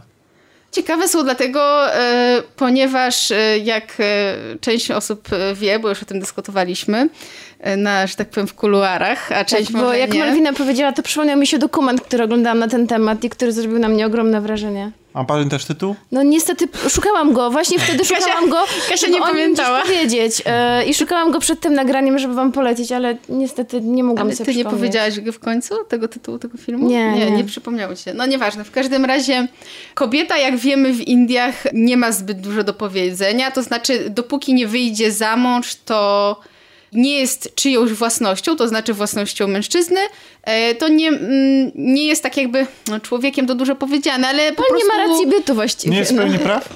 no tak jakby nikt jej nie uważa, jej zdania w ogóle nie respektuje, tak? Tak jest, dopóki nie wyjdzie za mąż. Czyli ale jest ona jeżeli... zawsze własnością. Najpierw ojca, potem męża. Nie jest ona jakby oddzielną jednostką. Znaczy, to też nie jest do końca tak, ponieważ one na przykład tam opowiadają, że y, ona lubiła śpiewać i dopóki była z mężem, to wszyscy słuchali mogła. jej śpiewu i mogła śpiewać, a kiedy już mąż umarł, to, y, to już nie mogła tego robić, a chociaż to kochała. Tak jakby one, one, one nabywają jakby właśnie, właśnie to jest y, o dziwo jakby takie sprzeczne, bo one nabywają prawa wychodząc za mąż, a kiedy mąż umrze, to jakby znowu są nikim. Tak jak było to przed małżeństwem. I wtedy rodziny no, często y, wyrzucają je z domu, bo one są wtedy dodatkową jakby... Ciężarem. Ciężarem i y, tak zwaną gębą do wykarmienia. E, no i oczywiście one nie pracują, tak? No bo w większości przypadków zawsze mąż to utrzymywał je, więc one y, jakby nic nie robią w tym domu do końca, bo też często to są kobiety starsze, chociaż nie zawsze. Czasem, jak wiemy, y, aranżowane małżeństwa w Indiach wyglądają tak, że 14-latki wychodzą za mąż za 50-latków i kiedy... I starszy. I kiedy taki mężczyzna umrze, to potem jest y, młoda dziewczyna, która jest wdową y, i też jest wyrzucana z domu wtedy. jest to właśnie los takich kobiet. Czasem są to historie tragiczne, takie, że one nie potrafią zrozumieć, dlaczego, dlaczego są wrzucane, starają się po, sobie poradzić. Są to też te, historie takie, że te kobiety jakby same odchodzą, bo wiedzą, że to się stanie i one jakby chcą się w końcu usamodzielnić. To znaczy, że one. Yy, jest tam taka właśnie historia, kiedy kobieta mówi, że ona wreszcie będzie sobą, wreszcie będzie mogła robić co chce, y, medytować, y, a nie zajmować się mężem i domem. To było też takie pozytywne, tak jakby wtedy też jakby odzyskują wolność tak naprawdę też. Bardzo wstrząsa to przedstawienie, jednak czegoś mu brakuje. To znaczy, kiedy już e, jakby wciągną nas te historie, to ja miałam takie wrażenie, że chciałabym czegoś więcej. Kiedy jakby taki był punkt kulminacyjny, zrobiło się ciekawie, to to przedstawienie się skończyło i po prostu jest za krótkie moim zdaniem. W każdym razie polecam, jeżeli ktoś e, interesuje się takimi rzeczami zderzeń różnych kulturowych. To, Ale myślę, że nawet polecam. jak ktoś się nie interesuje, to może dowiedzieć się czegoś zupełnie nowego, bo ja e, no, zainteresowałam się jakby tym, mm, tym zjawiskiem w ogóle tych wdów indyjskich dopiero po trafieniu na ten dokument zupełnie przypadkowo. Wcześniej nie, nie mogłam się tym interesować, bo nie wiedziałam, że coś takiego istnieje i a tam to było przedstawione dużo bardziej przerażająco niż e, jak opowiadasz o tym Malwina, bo fakt, że na przykład te kobiety mają zakaz już wchodzenia w, żadne w relacje z mężczyznami. Nawet nie można na nie patrzeć. One, niektóre z nich golą głowę e, i muszą mieć e, umiarkowane bardzo posiłki, tam nie wiem, czy jeden, czy dwa posiłki w ciągu dnia. Najlepiej spać na ziemi, aby zabić ich pożądanie. Żeby Tak, one nie czuły żadnego instynktu. Bo tam jest, e, się- e, tam tak, jest właśnie, e, one deklamują e, tak jakby takie, no nie wiem czy to jest poezja, w każdym razie taki rodzaj poezji. I ona deklamuje wtedy, że ona ma zakaz używania, e, noszenia czerwonego koloru, żeby zabić energię seksualną. Zakaz, Tak, takie tylko zakaz kolory. jedzenia e, przypraw jakichkolwiek. One mogą tylko jeść ryż, jakieś rzeczy z mąki, żeby właśnie zabić energię seksualną, zakaz noszenia Czy to się biżuterii, dzieje, czy to się e, dzieje tylko na, biało na, na, ubrane poziomie, są... na poziomie jakichś określonych kast, czy, czy to Czy jest... one czy, się nie, stają czy- w tym momencie nie. kastą oddzielną? Ja nie wiem, wiem, ale chodzi mi o to, czy, czy, czy, to, jest, czy to dotyczy kobiet z określonej kasty y, wcześniej, czy... Czy to jest, Wszystkich, ale E, tradycjonalistów bym powiedziała. E, To znaczy tak, jeżeli chodzi o przedstawienie, to raczej mówi o tych niższych, ale z tego, co ja potem troszeczkę się interesowałam tym tematem, to ten zwyczaj jest również w tych wyższych kastach, typu prawnicy, lekarze, też jest takie, takie wyrzucanie i to właśnie to, co ty Kasia mówisz, tych bardziej tradycjonalistycznych. e, Bo to się jednak zmienia. No, rodziny. każdy, każdy, mamy teraz czasy internetu, globalnej wioski i każdy kraj jest pod wpływem innych kultur. E, I teraz także w Indiach e, coraz więcej ludzi, którzy nie żyją w zgodzie z tymi najbardziej tradycyjnymi wartościami. I w tym wypadku z naszego punktu widzenia to się wydaje dobre. Może z ich tu, punktu widzenia to jest dla ich kultury, kultury jakoś tam destrukcyjne. Ale jeszcze jak zaczęłam, Malwina powiedziała o tym przedstawieniu, jeszcze sobie trochę poczytałam też o tym. Najbardziej mnie zszokowało, że istniał e, taki rytuał, który teraz już bardzo rzadko jest wykonywany, że kobieta była e, spalana Tak. razem z ciałem swojego małżonka i niektóre kobiety same No chętnie do tego 80 rytuału dni dookoła świata. Tak, tak. Była przymusowo, dokładnie taka e, scena. Znaczy, czasem niektóre dobrowolnie, a niektóre przymusowo. A Ale to to, nie tylko w tych kulturach, to w też innych były takie przypadki. To, o czym E, dziewczyny wspominały, też właśnie, że nawet specjalna dieta dla wdów. To się może wydawać takie dziwne, ale całkiem niedawno trafiłem na artykuł o tym. Chodziło o obniżenie kaloryczności jakby posiłków spożywanych w ciągu dnia i właśnie tak jak Malwina e, mówiła, przez eliminację pewnych e, składników w diecie, jak chociażby przypraw i jeszcze Ryby kilka było wymienionych. Chodziło e, po prostu o supresję hormonalną. I przez ten, e, na tej drodze obniżenie libido. Tak. I właśnie to jest to, o czym, o czym dziewczyny tutaj, i Ma- i Malwina i Kasia wspominały. Że to jest Czyli takie nawet to jest jak mniszka. tak. taki, taki sposób e, represji, opresji. Znaczy one się nawet. poświęcają wtedy medytacji, no bo co innego im zostaje z życia. One właściwie mają tak bardzo ograniczone kontakty ze światem, z ludźmi. Czyli czy to jest też y, taka niespodzianka, jak nam ostatnio przyniosłaś z teatru, że było koniec tych przedstawień? I... Nie, a właśnie a chciałam powiedzieć w sumie, że balety polskie, o których kiedyś mówiłam, e, teraz się pojawiły znowu. Jest kilka przedstawień. Okej. Przy okazji jeszcze e, dowiedziałam się też jednej ciekawej i wręcz przerażającej rzeczy dotyczącej dotyczącej życia kobiet i dziewcząt w Indiach. Mianowicie, że są prawnie zabronione badania prenatalne e, oraz lekarze robiący USG mają zakaz e, udzielania informacji rodzicom na temat płci dziecka, ponieważ było bardzo dużo aborcji związanych z tym, że kiedy okazało się, że jest dziewczynka, Tak. ponieważ e, koszty wychowania dziewczynki, czy nie koszty wychowania, koszty utrzymania e, dziewczynki są dużo większe, ponieważ wydanie jej za mąż wiąże się z bardzo, bardzo dużym posagiem, a potem nie ma z niej żadnych korzyści, ponieważ jest ona przynależna do rodziny męża. Oni ją tracą tak jakby. Więc tylko e, wydają ogromne pieniądze na wydanie jej za mąż i, i, I potem kończy, kończy się ich związek. Ja trochę to rozumiem. Znaczy, nie, nie usprawiedliwiam tych ludzi, ale zważywszy na to, że y, nie mają często w ogóle za co y, jakby żyć i jeść, to dla nich jest po prostu Znaczy, bardzo duży Oczywiście, koszt. ale tak? z drugiej strony, jak czytałam, jakie są statystyki, to jest to przerażające, jak, jak, jaka jest tam dysproporcja między ilością mężczyzn i kobiet i też rozumiem, dlaczego zostały wprowadzone takie restrykcje, bo jeśli będzie się to dalej mm, A nie wiem, teraz, teraz mi nagle coś zaświtało, y, może ktoś z was będzie kojarzył. Y, Czy nie pojawił się właśnie dokument, znaczy jakiś czas temu oczywiście, mówiący o tym, jak dużo mężczyzn jest samotnych z tego powodu, właśnie w Indiach, albo w innym kraju, gdzie podobne praktyki są stosowane. Coś takiego było. Moim zdaniem, tylko nie potrafię sobie teraz przypomnieć. Nie jestem pewna, czy to nie jest na Netflixie i czy to nie Piotr Ziętel polecał to się na naszej grupie. zapytać cię, już zapomniałem, bo chciałem powiedzieć w sumie dzisiaj o jednym filmie, który wchodzi y, na ekrany, wszedł na ekrany właśnie. To Jaki? jest indonezyjski film. Ja już o nim wspominałem w 50 odcinku tak chaotycznie. To te chwilę. 10 godzin? Nie, nie. To jest y, już tam klasycznie niecałe dwie godziny. tego nie to jest y, Marlina Zbrodnia w czterech aktach. To jest film indonezyjski, Mhm. też bardzo właśnie y, skupiający się na y, kobiecie, ko- na kobietach konkretnie i też o wdowie. Dlatego, dlatego tak mi się skojarzyło, że może warto... I teraz, I teraz będzie w normalnej dystrybucji, tak? Tak, tak. Jest od piątku. Okej. Czyli w kinach studyjnych na pewno będzie można go zobaczyć. Malwino, czyli co? Znowu nam opowiedziałaś o teatrze, którego już nie możemy oglądać. No właśnie tak wynikło z tego. Tak wynikło. Tak... Ale i tak się dobrze złożyło, dlatego że temat jest bardzo ciekawy, więc jeżeli macie okazję mm, jakieś dokumenty albo filmy na Z ten tego, temat. to, co wiem, to chyba Martyna Wojciechowska y, zrobiła y, jeden odcinek o właśnie tych wdowach z Indii.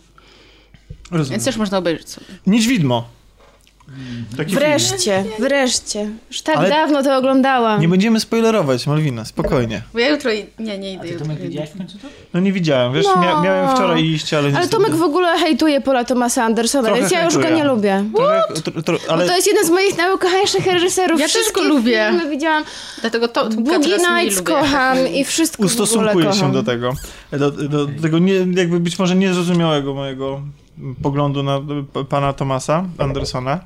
No ja mam e, przede wszystkim, moim głównym zarzutem jest to, że ma nazwisko podobne do dwóch innych reżyserów i ciągle mi się myli. który Jeszcze jest je, który. jest jeszcze Też. jeden Anderson, to ten, co będzie film o pieskach, a był kiedyś Ale o jest liskach. We- Wes. Wes. Wes Anderson, jest jeszcze... Paul Ale jest- Anderson. Jest jeszcze Paul Anderson, który jest najbliższy... Którego pominiemy milczeniem. Dlaczego? Zrobił Mortal Kombat. Ach, okej, co ciekawe, przepraszam. ten też jest Paul Anderson, tylko że Toma. Paul No Thomas. właśnie, no dokładnie. No i... E, nazywamy go my fani, czyli ja i fani. Tak.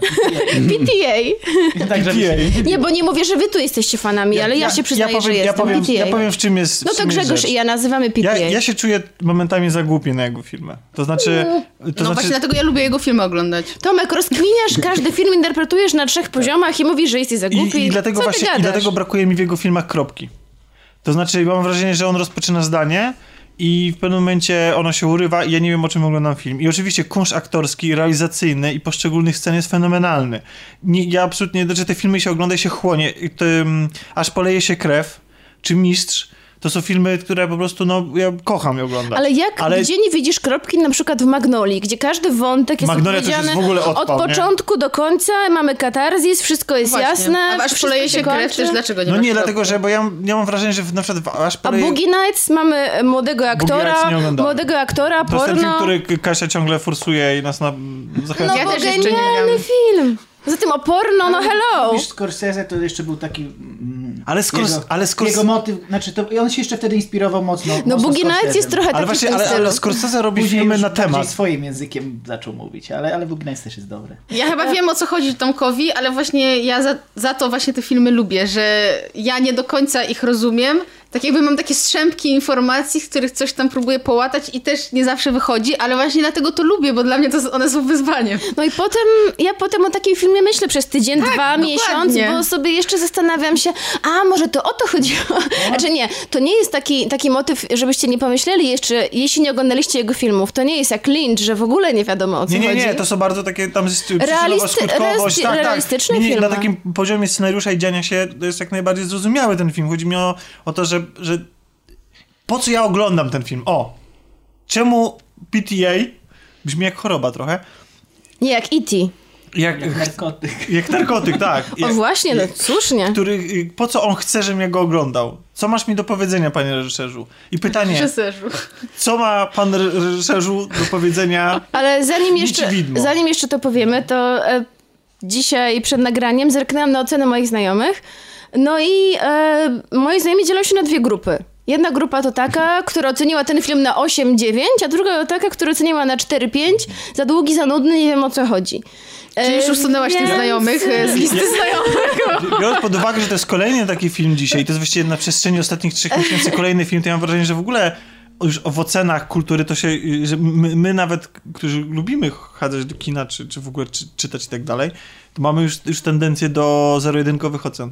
Że i to, to mnie trochę przeraża, prawdę Mhm. mówiąc. Że tak chętnie rozdajemy te oceny poniżej piątki i jak coś się nam nie Ale podobało. dlaczego zero-jedynkowe? To nie jest 1-10, tylko oceniasz na całej No skali. nie, jak dajesz 4, to dla mnie to jest, to, to dla mnie to jest ocena, która, przepraszam, ale tak uważam. Uważam, No że tak, film, który ma 4 na 10, to jest taka już, to już jest tylko formalność. To jest ewidentnie zły film. Ja nie nie ma dyskusji. to już nie? się A chyba nawet nie. do kotleta mnie nie nadaje, tak? 4 na 10 to jest film, który jeszcze jestem w stanie polecić. W miarę ujdzie. Naprawdę? Tak, ty- zgodnie z, z filmwebową definicją ujdzie. Ujdzie. Naprawdę? Ojej, To to jest bardzo ujdzie. tolerancyjny. Nie, to dla mnie 6-7 to już jest taki Tak, ale ja się... raczej nie, nie 7 to znaczy dobry przecież. Malwina Siedem ceni to jest dobry. czas, bardzo.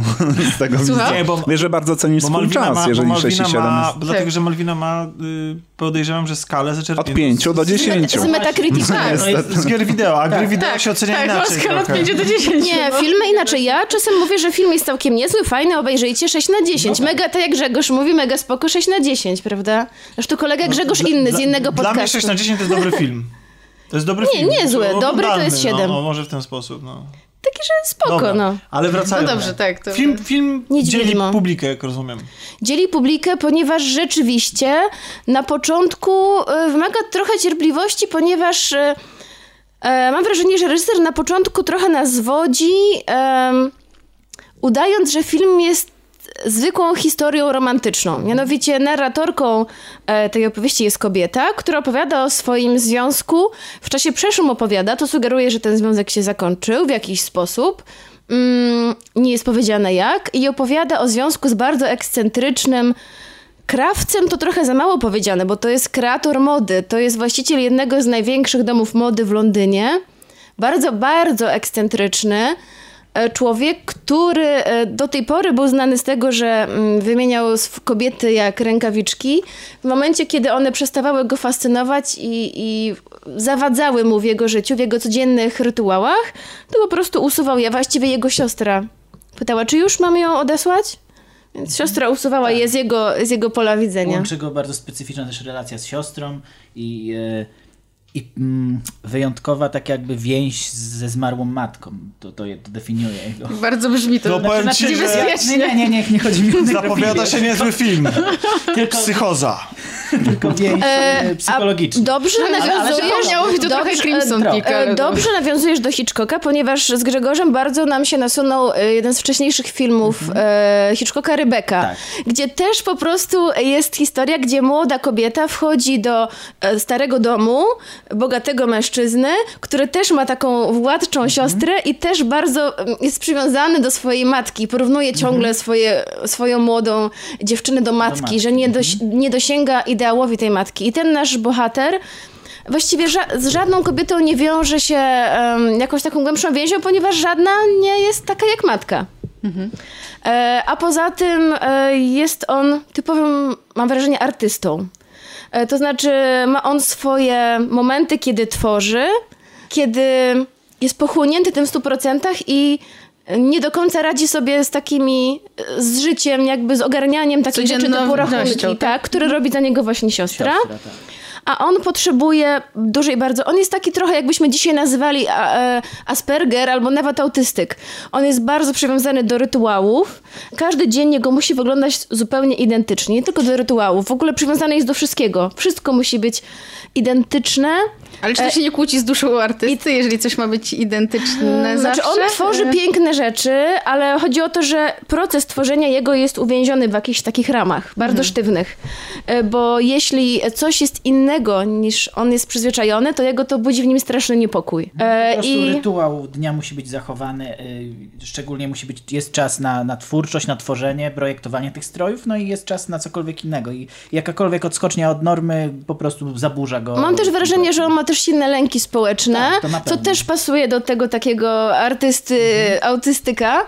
I oprócz tego też jest wrażliwy na, na bodźce bardzo, dźwięki, e, więc to też wszystko układa się w taki, w taki spójny obraz. No Ale ale przy- jest geniuszem. Tak, ale przy tym jest osobą, która te więzi społeczne jakoś utrzymuje, bo ubiera w końcu jakichś najbardziej dystyngowanych ludzi, y, najwyżej Księżniczki księżniczki, duńską księżniczkę na przykład. No, i, a w ogóle nie powiedzieliśmy, że to się dzieje nie współcześnie, tylko w latach 50.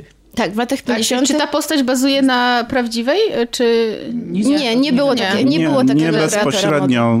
Podobno są jakieś inspiracje jednym z takich y, właśnie kreatorów mody, ale to nie jest, nie jest coś przełożonego. Ja słyszałem, że Romans. troszeczkę, że troszeczkę też bazuje Eee, postać na Hitchcocku.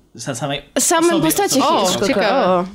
Romans. E, no więc po, e, wyjeżdża na wieś dla uspokojenia nerwów po od, odprawieniu kolejnej dziewczyny, która zaczęła mu zawadzać.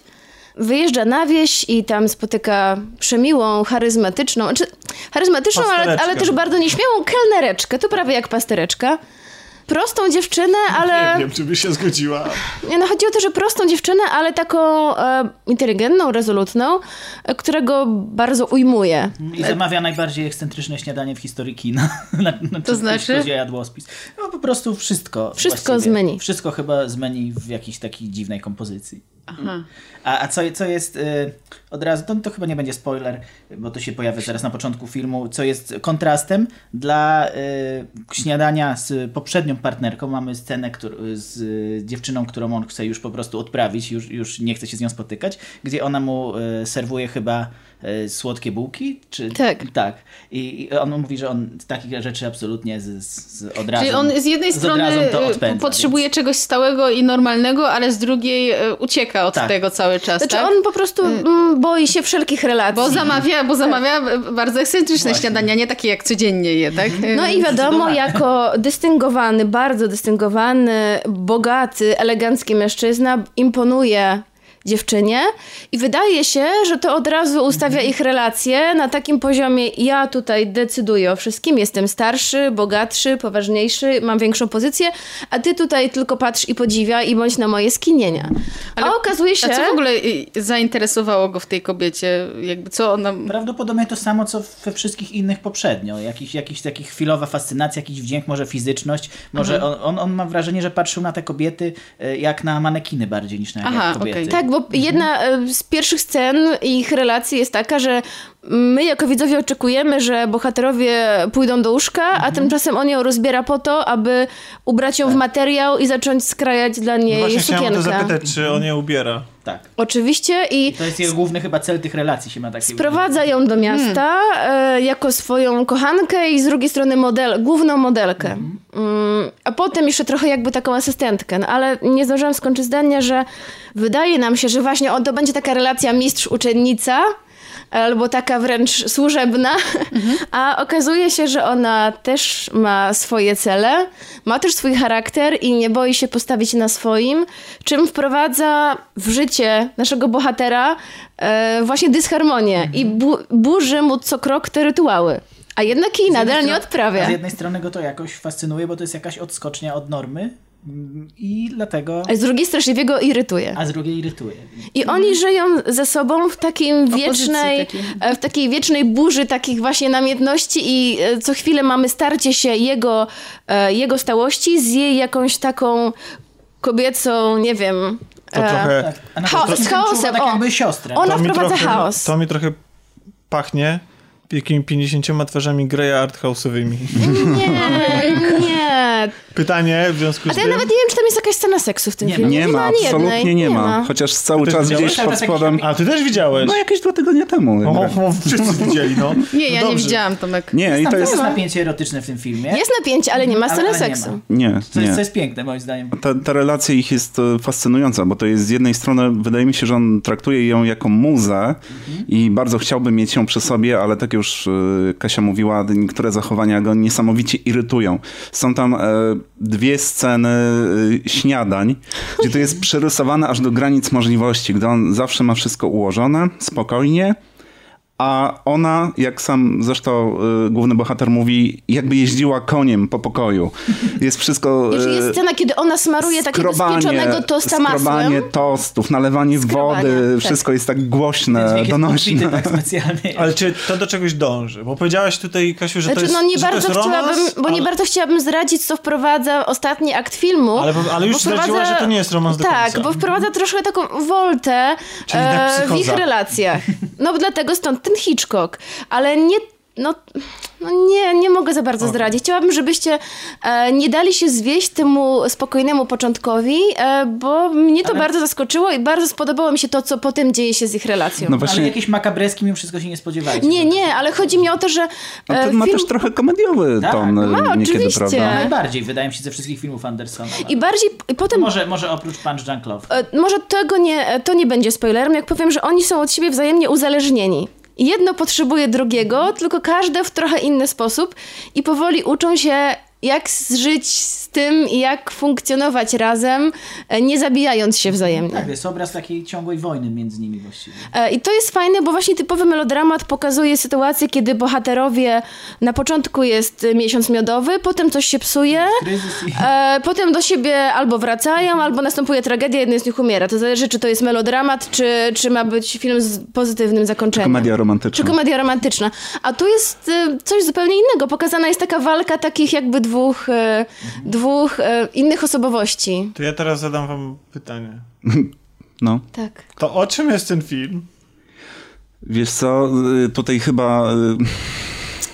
y, Czyżbym miał rację? Kasia, Kasia stwierdziła, że na początku reżyser wystawia y, tutaj nas na próbę, prawda, jakby bada naszą y, cierpliwość trochę, a ja mam w, w drugą stronę. Drugą jakby, stronę? e, Druga połowa filmu to jest takie wystawienie cierpliwości O. właśnie na test u mnie, bo pierwsze, pierwsza połowa to jest bardzo spokojny film, ale fascynujący. Jeszcze dodatkowo ta muzyka ilustracyjna, która cały czas w tle Muzyka gdzieś jest.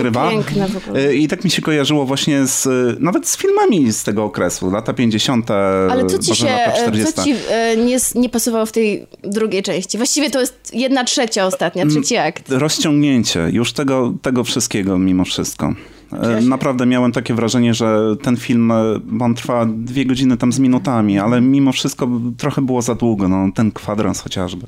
To wszystko było takie naciągnięte. No ja się, ja wiem, ja się napawałam tym światem z jego filmów, do którego bardzo tęskniłam, bo ominęłam w kinach em, poprzedni film tego reżysera, Wadę Ukrytą, który podobno nie był tak Nie świetny. kinach. Nie było go w kinach? Go w ja, ja w kinach. ogóle jakoś nie mogłam go obejrzeć, a nie chciałam ściągać go z internetu nielegalnie, więc, więc nie obejrzałam go wreszcie. Dopiero jakoś niedawno ukazał się chyba na DVD. Nie wiem, czy nawet jest na Blu-rayu, więc jest dość trudny do zdobycia. E, Więc tęskniłam do tego świata i ten film całkiem mnie usatysfakcjonował. A jeszcze po prostu Daniel Day-Lewis daje w tym filmie taki pokaz, że aż chce mi się płakać na myśl o tym, że on Tak, że to jego ostatnia rola. Właśnie, że on już chce, znaczy być może to jest taki chwyt marketingowy, parę wiecie. też kończył za Tina. Turner miała e, teraz ostatnich już z pięć chyba e, koncertowych. Ale, co ciekawe, wiemy wszyscy, że Daniel Day-Lewis bardzo mało gra w filmach, ponieważ straszliwie wczuwa się w każdą rolę i bardzo się podobno do niej przygotowuje. Nie wiem, czy, albo może już czytaliście, że e, Daniel Lewis specjalnie do tej roli nauczył się szycia, ale nie takiego, że nauczył się posługiwać cigłą i nitką. Nie, on nauczył się robić kreacje. I e, część kreak, nie, ale część kreacji e, z tego filmu e, uszył. E, między innymi kopię jakiejś tam sukienki mm, balenciagi, tak mi się zdaje, co jest, nie wiem, to niełatwe zadanie. No, ja nie wyobrażam sobie, żebym coś takiego mogła zrobić. I powiedział, że znalazł sobie hobby na emeryturę aktorską. Tak. Własna marka odzieżowa. No, co za przypadek. No ale Ale kostiumy... suknie nie są takie łatwe do uszycia, bo widziałam jakąś No. wystawę. Są bardzo skomplikowane fasony, gorsety różne takie. No tutaj to kostiumy i generalnie całą otoczkę epoki też należy docenić, tak jak Akademia doceniła, bo osoba A, za odpowiedzialna za Oscar, kostiumy dostała Oscara, y, nagrodę BAFTA, Critics' Choice Awards i z tego co patrzyłem, dokładnie taki sam zestaw nagród. Ta osoba, której nazwiska nie pamiętam, ten pan, Przepraszamy. e, dostał e, za artystę w 2012 roku. Też za kostiumy. Oscary, Critics' Choice, BAFTA. A jeszcze musimy Awards. docenić, szczególnie ty Grzegorz mówiłeś, że spodobała ci się rola tej dziewczyny. Tak, Jak ona Vicky się nazywa? Creeps. Creeps. O, Vicky Creeps. Bar- bardzo mało A gdzie ją wcześniej aktorka. mogliśmy- właśnie No chyba niewiele miejsc. widziałem Też było skontrolowałem, filmu, ale dlatego- nic nie widziałem. Dlatego byłem e, zaskoczony, że, że po prostu... mm, Dorównywała partnerowi swojemu, tak, prawda? tak, bardzo mi się kojarzyła z młodą Meryl Streep. O, to prawda. A to To nie prawda. pamiętam, młody Meryl Streep. Ja też nie. Ale wiecie co? Wymówcie. Wiecie, że nie odpowiedzieliście mi na pytanie? O czym jest ten film? Tak. Dla mnie o parze. O relacjach międzyludzkich. O Czyli tym, jak, o tym, jak wzajemnie po prostu ścierając się, nienawidząc się i tak się wzajemnie potrzebujemy. O tym, jak naprawdę wygląda życie pary ludzi. No nie wygląda tak jak w innych filmach, że jest albo ty, typowo cudownie, albo od razu rozstanie, tylko po prostu tak wygląda to w życiu. I właśnie to jest piękne, że ktoś odważy, o- odważył się to pokazać. Film jest też o życiu z perfekcjonistą i, Oj. co się z tym wiąże. Y, Jest, jest też bardzo feministyczny przy tym, powiedziałbym, chociaż na taki się nie, nie zapowiada, ale, ale jednak... no, Nie, Ale dlaczego uważasz, że jest feministyczny? Y, Uważam, że tam jednak kobiecy pierwiastek dominuje. Chociaż to musiał wejść spoilery. Dlaczego? Często mężczyźni ubierają kobiety, a on, nie zwracają uwagi na to, jak one się czują w tych ubraniach, tylko jak wyglądają. No nie wiem, jakie było podejście w tym filmie tutaj projektanta. Czy on po prostu jakby czerpia, czerpał satysfakcję z tego, jak one wyglądają, czy faktycznie to robił dla tych kobiet? No. Chciał, żeby ich suknia pasowała do nich, żeby była indywidualnie skrojona, bo one płaciły nie tylko skrojona, żeby materiał był do nich dopasowany i krój, żeby odzwierciedlał ich osobowość. Dlatego one płaciły taką kupę kasy za to, Aha. żeby nie tylko mieć sukienkę, która ładnie wygląda, ale która odzwierciedla je. I jak ludzie wszyscy je zobaczą, w filmie... e, powiedzą po prostu, to jest suknia dla ciebie, to jesteś właśnie ty. Tak, a jest w filmie, on obsesyjnie do tego podchodzi, bo jest w filmie taka scena, gdzie kobieta, dla której on uszył suknię, jest, y, jest po prostu bardzo pijana. I on uważa, że ona jest niegodna, żeby nosić tą suknię. Ona A, tam ja, ja myślałem, że zrobił właśnie suknię na jej stan. Nie, nie, no, No no właśnie Nie, nie. nie. Właśnie nie. I, i, na siłę zrywa z niej, ściąga z niej tą suknię. O, ciekawe. Nie zasłużyłaś na to, żeby Tak, nosić. nie zasłużać na to, żeby nosić taką suknię. A czy film zasłużył na więcej niż dostał Oscarów? Zdecydowanie, bo uważam, że to jest e, obok niemiłości w tej chwili jest mój kandydat do filmu roku. Grubo. A mamy dopiero marzec. Mm, Ale ciężko z obejrzeniem, bo ja też Ja planowałam... jestem nieobiektywna, więc A, a nie mogę rzadko, powiedzieć. był, rzadko Tak. były seansy w kinach. No czy jeszcze gdzieś można gdzie nie gdzie Pewnie w obejrzeć? studyjnych jeszcze wydaje Tak, mi się, że... Znaczy w kinotece obejrzeć. w Warszawie, jeśli ktoś Okej. jest z Warszawy, to... Em, kolejnym filmem, który walczył też o Oscara był Ja Toja. Tonia. To nie. Ja to ja. Dwa Ja to razy te- powiedziałeś, napisałeś też na naszej grupie Jatoja. No. Tonia. To nie toj, Toja. toj, nie, to nie. Ale polski tytuł jest o wiele bardziej skomplikowany. Albo Latoja Jackson jeszcze Latoya była. Jacksona, bo jak brzmi polski tytuł? Jestem najlepsza, kropka, ja Tonia. No, Bez kropki. bez kropki. Polskie tytuły rządzą. Y, A z tego to się w ogóle wzięło z zamieszania, y, bo wiem to jakby zakulisowo mniej więcej, bo mm, na festiwalu Camera Image y, on był, mm, ten film wyświetlany pod tytułem właśnie Jestem najlepsza. Tylko, że ludzie później zaczęli kojarzyć to z... y, Jatonia. Tak. No I- bo to jest co- bardzo chwytliwy, normalny Ale, tytuł. ale, nie? był, ale był też polski film, najlepszy. I był. I Był, jeszcze był najlepszy, więc już za dużo Więc tych najlepszych. Właśnie. I dystrybutorzy mm, chyba chcieli jakoś to połączyć i dlatego takie Wyszedł kurwialne... taki potworek. Wyszedł taki właśnie To kurwa. to A jak, coś, jak, film- coś jak Castaway poza światem. Tak. Pamiętamy. A jak y, film? Czy też wyszedł potworek, czy raczej... Właśnie o Nie, dziwo nie nie. potworek. Chociaż y, To było takie pytanie, wiesz, przecież nie. Retoryczne. o dziwo, dlatego o dziwo, bo mm, dokona... nie pamiętam w tej chwili nazwiska reżysera, ale jego dokonania pamiętam, że jak przeglądałem, to raczej nie, nie wzbudzały mojej, A- y, z, mojego A zaufania. co popełnił? Czego jest winien? No właśnie niczego... To musimy zerknąć na Właśnie. film Weba. No tak, zerknij, ale nie zerknij, bo tam był spoilerujcie, jakiś, bo tam dobra? był jakiś film... Ale no przecież... Zero Marina, spoilerów, Nie będziemy naprawdę. spoilerować, spokojnie. Ona i tak ginie na końcu, nie? Przyjeżdża sobie po palcach łyżwą, prawda? Nie, ale y, dobrze, y, czyli pan... E, Tomek może zachęcić o to, że gra tam e, Sebastian Stan, czyli jak się nazywa ten? Bucky. O, Bucky. Bucky tam gra jedną z głównych ról. Ja go nie Z znoszę. Kapitana Ameryki. Ale ja go nie znoszę, naprawdę. Czy, Ale w przepraszam. tym filmie jest bardzo dobry. Wiem, że jest wiele fanek tego aktora i w, jego, w tej roli akurat Bakiego, ale ja uważam, niestety, on mi się nie podoba jako Baki. Po prostu nie trafia do mnie. Nie E, wiem dlaczego. Grzegorzu. Nie, że ja był do Bakiego jakoś specjalnie przywiązany, ale jak go widzę na ekranie w tych długich włosach, to nie jest jakaś taka postać, przy której by mi, A wiesz... to ma krótkie włosy i wąsy. Za to jest tutaj... Wąs ma Tr- świetny. Za to jest tutaj Morgat, mo, mo, Margot Robbie. Margot Robbie, Znana z historii z roli Harley Quinn. Squad. teraz roli Harley To ja powiem o reżyserze, bo sprawdziłam. No, oglądać na ekranie. E, Grzegorzu, nie jest tak źle, bo zrobię Miłość Larsa, który jest całkiem niezłym Okej, to filmem. był chyba jego debiut. O Miłość Larsa, gdzie grał inny... Tak, e, Ryan Gosling. po, pogramiacz serc, nie jak to się mówi, po... No dobra, nieważne. Poskramiacz. Poskramiacz serc kobiecych Ryan Gosling, ale niestety Pożeracz. Zrobił też nową wersję Fright Night po, po trachu nocy, która miała bardzo słabe strachu? oceny. Po strachu nocy. Po trachu. Potrawy Po nocy. trochu. Także faktycznie debiut rokował dobrze, a, a później było już gorzej. No, Gorzej. ale- No i właśnie, ale tutaj tymczasem trafił na dobry materiał? Mm, tak, Bo prawdziwy. tak. Życie napisało ogóle- scenariusz. Ta historia, nie wiem, pewnie starsi trochę Takie dziadki takie- jak ja na przykład pamiętają, bo ja tylko mały, mały, mały tręcik Mhm. Prywatny, że moja mama mm, w wczesnych latach 90. oglądała e, łyżwiarstwo figurowe. Pamię- no dzisiaj to się może wydaje dziwne, po co oglądać łyżwiarstwo figurowe, ale mam mm, takie No wspomnienia, że cię. wtedy to był taki e, powiew zachodu, oglądało się kreacje i w ogóle to było takie kolorowe, Ładna barwne, moda. ta muzyka i wszystko. Ale dzisiaj tak samo się ogląda. Tak, No nie, że tak oglądają tego jeszcze. samego. No moja mama oglądała w tamtych czasach i ja, i ja z nią też siadałam. Moja mama mi opowiadała o jakichś tam słynnych, e, słynnych łyżwiarzach i pamiętam, że wiedziała też dużo. I też byłam w temacie, oglądałam z nią igrzyska w Lillehammer Tak. e, i które były mm, już w troszeczkę, trochę późniejszą e, częścią, bo ten główny skandal, o którym mówi film, e, wydarzył się wcześniej. Ale pamiętam, że wtedy było to bardzo głośne. Słyszałam o tej sprawie dużo wcześniej niż przed filmem, właśnie w tamtych czasach. Skandal. Ogromny skandal. Ale to widzimy pewnie dopiero pod koniec filmu. Czy, czy też mamy całą wiwisekcję tego skandalu? Właściwie mm, ten film, właśnie, bo ten film jest bardzo ciekawie zmontowany. Bo tak, z jednej strony, z jednej strony mamy klasycznie prowadzoną narrację, z drugiej strony mamy przebitki na y, takie wywiady jakby stylizowane na takie... Jakby mo- na mockumentary, TV, tak właśnie, jakby. Mockumentary. E, Tak. Więc jeszcze mamy, mamy mnóstwo y, przy, jak to się mówi, przełamań czwartej ściany.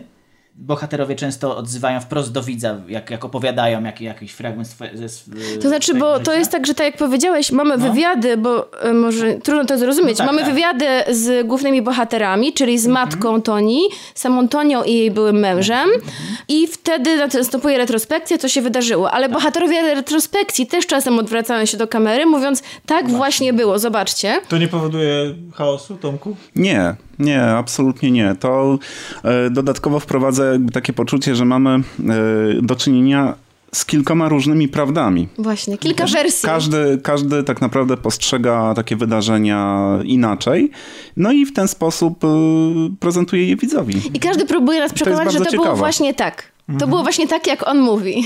To nie są może jakieś takie drastycznie różne wersje. narracyjny, ty- tylko taki bajer, który możemy sobie podziwiać, Nie, tylko nie, też, to też służy służy opowieści. Mhm, tak. No dobrze, ale to Ale znaczy, że sama oglądamy... historia też jest zrobiona bardzo, bardzo dynamicznie. Tak. E, Jest też dynamicznie zmontowana. Bardzo mi się podobał montaż w tym filmie. E, bo po prostu. E, chociaż troszeczkę widać, że e, to jest ta użyta ta słynna technologia, która używana jest teraz do tworzenia porno ze znanymi aktorkami, ponieważ widać, że twarz Margot Robbie, jak się człowiek przyjrzy, że jest jakby Tak? nałożona Ja nie na. E, I podobno tak to właśnie było zrobione, że inna łyżwiarka jeździła, a jej twarz była nałożona cyfrowo na twarz łyżwiarki. Ojej. Bo już, Moment. bo już chciałem właśnie pytać też o jak, jak Margo na Nie, ma, czy nie, no jeździ, ale no tulupów nie, nie, no jasne. kręci. Ale no dobrze, ale to znaczy, że jeżeli, jeżeli nie oglądamy wiwisekcji skandalu, to czy oglądamy całe życie naszej łyżwiarki, Poniekąd bohaterki? Tak. Poniekąd Czyli- tak, taki przekrój właściwie przez najważniejsze może wydarzenia z jej życia, bo to jest y, montowane trochę, w ogóle jest poprowadzone jak filmy, nie wiem, Scorsese, jak, jak y, Wilk z Wall Street. A z drugiej strony jakby scenariusz do tego napisali bracia Cohen, bo, bo postacie, bo Ojej. też, bo też y, postacie tak jakby... To może dialogi są fajne. Tak, dialogi, Dialogi są fajne, świetne. Dialogi są świetne. Y, Właśnie bohaterowie, tak jak w filmach braci Coen, dlatego mi się z nimi skojarzyło, chciwość ich motywuje i robią te, mm, po prostu głupie rzeczy. Popełniają błędy, ale mamy jeszcze inną motywację, bo mamy pokazane relacje rodzinne głównej bohaterki, które miały bardzo duży wpływ na to, jak potoczyło się jej życie, kariera i też było częścią składową, które doprowadziły do tego, co się wydarzyło. E, A głównie tu chodzi o relację z matką, która była bardzo trudna. I zresztą, relacje. Nie, już zresztą, zaczęłam domyśleć, co się stało. Zresztą świetna rola. Nie, tego się nie da domyślić, naprawdę. Nie? Jak nie znasz Nie. historii, Nie, bo ja specjalnie nie Czy, nie czytałam. dostała, czy Alison Jenny nie dostała Oscara za tę rolę? Dostała. Dostała Oscara za rolę drugoplanową i naprawdę świetnie, świetnie zagrana matka. Potem na koniec filmu pokazane są prawdziwe nagrania e, z oryginalną matką Tony Harding i po prostu to jest niesamowite, jak Alison Jenny się w nią wcieliła. Niesamowite. To jest tak, to czym chciało być Molly's Game, tak jak mówiliście, zanim ja to obejrzałam, a nie do końca w to wierzyłam i rzeczywiście tak było. Ten, to jest film, który chciał być dynamiczny z powerem. Mówisz a, o o, o Molly's Game. Tak, a nie do końca wyszło. A ten film taki jest od początku do końca. Rzeczywiście może to sprawia, że nie do końca wierzymy we wszystko, co tam się dzieje, bo on jest właśnie taki, że jest fajerwerk za fajerwerkiem i są takie zdania właśnie jak z Coenów. Każdy tekst jest po prostu perełką, no a mamy uwierzyć w tą historię. A znaczy, że główna bohaterka Tomku jest taka cwana, cwaniara i ona ma takie podejście do życia, że ona góruje nad wszystkimi, a przynajmniej chce to robić? Czy to jest, czy to jest taka, bo tutaj padały określenia Wilk z Wall Street, właśnie Molly's Game. To są postacie, które wydają się być przebieg, przebieglejsze niż inni, przynajmniej tak siebie postrzegają i próbują wykorzystywać słabości innych czy naiwność innych do tego, żeby To wszystko zależy akurat e, oczami którego z bohaterów byśmy na to spojrzeli. E, tutaj Ameryka lubuje się w tego typu e, historiach, gdy ktoś jakby nazwijmy to z nizin społecznych zostaje wyniesiony, prawda? Tam można powiedzieć, że każdy może zostać prezydentem, o ile urodził się w Stanach, ale jednocześnie, co pewnie nie, nie chętnie się do tego mogą przyznać, ciągną takie jednostki w dół. I tutaj mamy z tym do czynienia, że jednak gdzieś w pewnym momencie pojawia się ten sufit, e, powyżej którego osoba o takim pochodzeniu jak Tonia no, nie może się e, przebić. A propos Tak pochodzenia, ona nie była uznaną tylko... z rodziny z jakichś uznanych sportowców. Ogólnie Nie, was nie, patologicznej To znaczy, w, e, oni to nazywają, nazywają white trash. trash, White tak. trash i też pada określenie redneck. E, czyli osoba z takiej rodziny, czy jazda figurowa podobno tym się charakteryzuje, że sędziowie wymagają też, nie oceniają tylko technikaliów, ale oceniają e, też, czy jest to Życie? elegancka, Aha. czy to jest taka lady, czy ona jest tutaj dystyngowana, kulturalna, grzeczna, a Tonia Harding zdecydowanie taka nie była. No ona wygląda mi na, na taką dodę łyżwiarstwa figurowego. Zwłaszcza na plakacie wygląda taka, taka kiczowata wersja. I tak, teraz, i taka jest właśnie. I teraz mam pytanie, czy też taki film jest w, swojej, mm, w swoich wizualiach i w swoim tonie, bo to co tutaj mówicie, łamanie czwartej ściany, e, łyżwiarstwo figurowe jest jednak trochę takie cekiniarskie i kiczowate samo w sobie już. Cała ta oprawa, więc pytanie, czy cały film też ma taką oprawę i czy też ma taką energię trochę kiczowatą? To zależy z, z jakiej perspektywy spojrzeć, bo mamy, tak jak mówię, wiele perspektyw, wielu bohaterów. Więc y, tam, gdzie powinien taki być, myślę, że taki jest. Ale, ale no mówię, tu ten film nie pokazuje jednej obiektywnej prawdy, bo, takiej, bo wychodzi z założenia, że takiej nie ma. Ale jeśli chodzi o formę, to jest trochę takie, czy jest po Tak, prostu jest- efe, efekciarski. jest efekciarski, tak. E, Różne przejścia wizualne. Tak, tak, niesamowicie dynamiczny właśnie montaż, o którym było powiedziane, ścieżka dźwiękowa, która dodatkowo daje nam efekt tej nostalgii, bo to są jakby przeboje z tamtego czasu i to jest wszystko tak połączone, że nawet e, też już o tym kiedyś wspominałem przy okazji którejś z naszych rozmów, nawet sceny przemocy domowej wyglądają bardzo fajnie przy takim montażu. Jest mi bardzo głupio, ale No, super ale jedna scena to. mnie przeraziła. Kiedy bohaterka siedzi w samochodzie, pobita, zakrwawiona, jej mąż trzyma puszkę piwa, zatrzymuje ich policjant. Jeszcze pistolet on chyba miał. E, chyba on miał pistolet w ręku i ona wygląda na przerażoną. I policjant mówi, dobrze, to jedźcie dalej. W sensie, e, s, że w- skala jakiejś takiej tolerancji dla przemocy wobec żony. Znaczy podejrzewam, że w tych czasach się to bardzo już zmieniło, ale wiecie, no to jest żona, kłótnia małżeńska, dajmy im spokój. Czyli to jest taka tragikomedia? Tak. Tak, zdecydowanie. Okej. Śmiejemy się nawet czasami z bardzo tragicznych. Przez ten, Ten. przez ten teledyskowy montaż, przez tą dynamikę, przez tą muzykę, tak jak Tomek powiedział, to rzeczywiście nadaje troszeczkę takiego luzackiego tonu, nawet jeśli opowiada o poważnych sprawach. No to jeżeli jeszcze uda mi się, to w takim razie odwiedzę kino. Malwina na chwilę nas opuściła, bo chciałem się ją jeszcze zapytać o jeden tytuł dzisiaj, dlatego ten czas poświęcę może, poświęcimy może na coś zupełnie innego, to trochę zmianę klimatu. Serial, wracam do Netflixa, no dosłownie parę słów może, bo też serial nie Tak jest szybko. jakiś wybitnie... Jakieś 7 sekund. Jaki, dokładnie, dokładnie, serial 7, 7 sekund. Kryminalny, Serial e, Venice Sud, tak? Tak ta pani się nazywa, która jest e, znana z e, chyba takiego e, wzorca e, takich mrocznych seriali kryminalnych, czyli The Killing. Czy oryginału, e, czy też e, czyli no, wersji amerykańskiej. wersje, tak? Tak, czyli The ona Killing odpowiada The Killing, za- tak? A The Killing e, for Brydelsen, chyba tak to się nazywało. Ale to już mnie zainteresowaliście, bo uwielbiam The Killing. Naprawdę. Tak, a tym razem przenosimy się do Jersey City, czyli Prawie e, Nowy Jork. tego zaplecza Nowego Jorku, właśnie takiego e, jakby pomia, pomiatan, no nawet może nie tyle sypialni, co e, takiej pomiatanej części e, tej metropolii. E, I to jest, konstrukcja tego serialu jest e, moim zdaniem zupełnie inna e, od właśnie takich typowych e, seriali kryminalnych. Tutaj nie mamy jakby dochodzenia przez cały sezon. Na początku dokładnie wiemy, co się wydarzyło, kto był sprawcą tego. E, I ewentualnie w trakcie serialu dopiero e, dowiadujemy się, m, poznajemy tło e, wszystkich bohaterów. Tutaj pewnego zimowego poranka w nadrzecznym parku miał miejsce wypadek, gdy policjant śpieszący się do szpitala do swojej ciężarnej żony potrąca nastolatka przejeżdżającego na rowerze. Woła na pomoc tak, właśnie, e, zamiast- swoich kolegów e, z oddziału antynarkotykowego i w tym momencie okazuje się, że, znaczy no jeszcze nie, nie do końca może, e, że... Że oni podejmują decyzję, jeden z nich, szef tej, tej bandy, no bo to jest taka grupa, wiecie, kumpli po prostu, z czego ewidentnie jedna osoba się wybija i to ona ich właściwie scala, jest takim, ich tam szefuje. No ona podejmuje taką decyzję, że ten nasz bohater ma odjechać. Bo on nie udziela pomocy temu chłopakowi. My właściwie nie widzimy na początku, co to za chłopak i nie wiemy, co się wydarzyło, w sensie, czy on żyje, nie żyje i tak dalej. Bohater wsiada w samochód i odjeżdża. Jedzie do żony. Tak. A tymczasem... a tymczasem e, reszta tuszuje e, sprawę.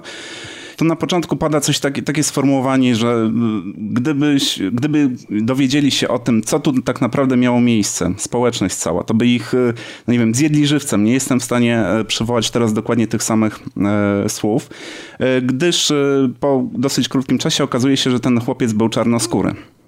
No i tutaj e, mamy do czynienia oczywiście e, z Ameryką już po wydarzeniach Ferguson i innych tego typu e, sytuacjach, gdzie no, mamy jakby zarzuty wobec policji, że ona cechuje się dużo, jej działania są dużo bardziej brutalniejsze, jeżeli chodzi o osoby o innym kolorze skóry. To jest 8 odcinków? 7?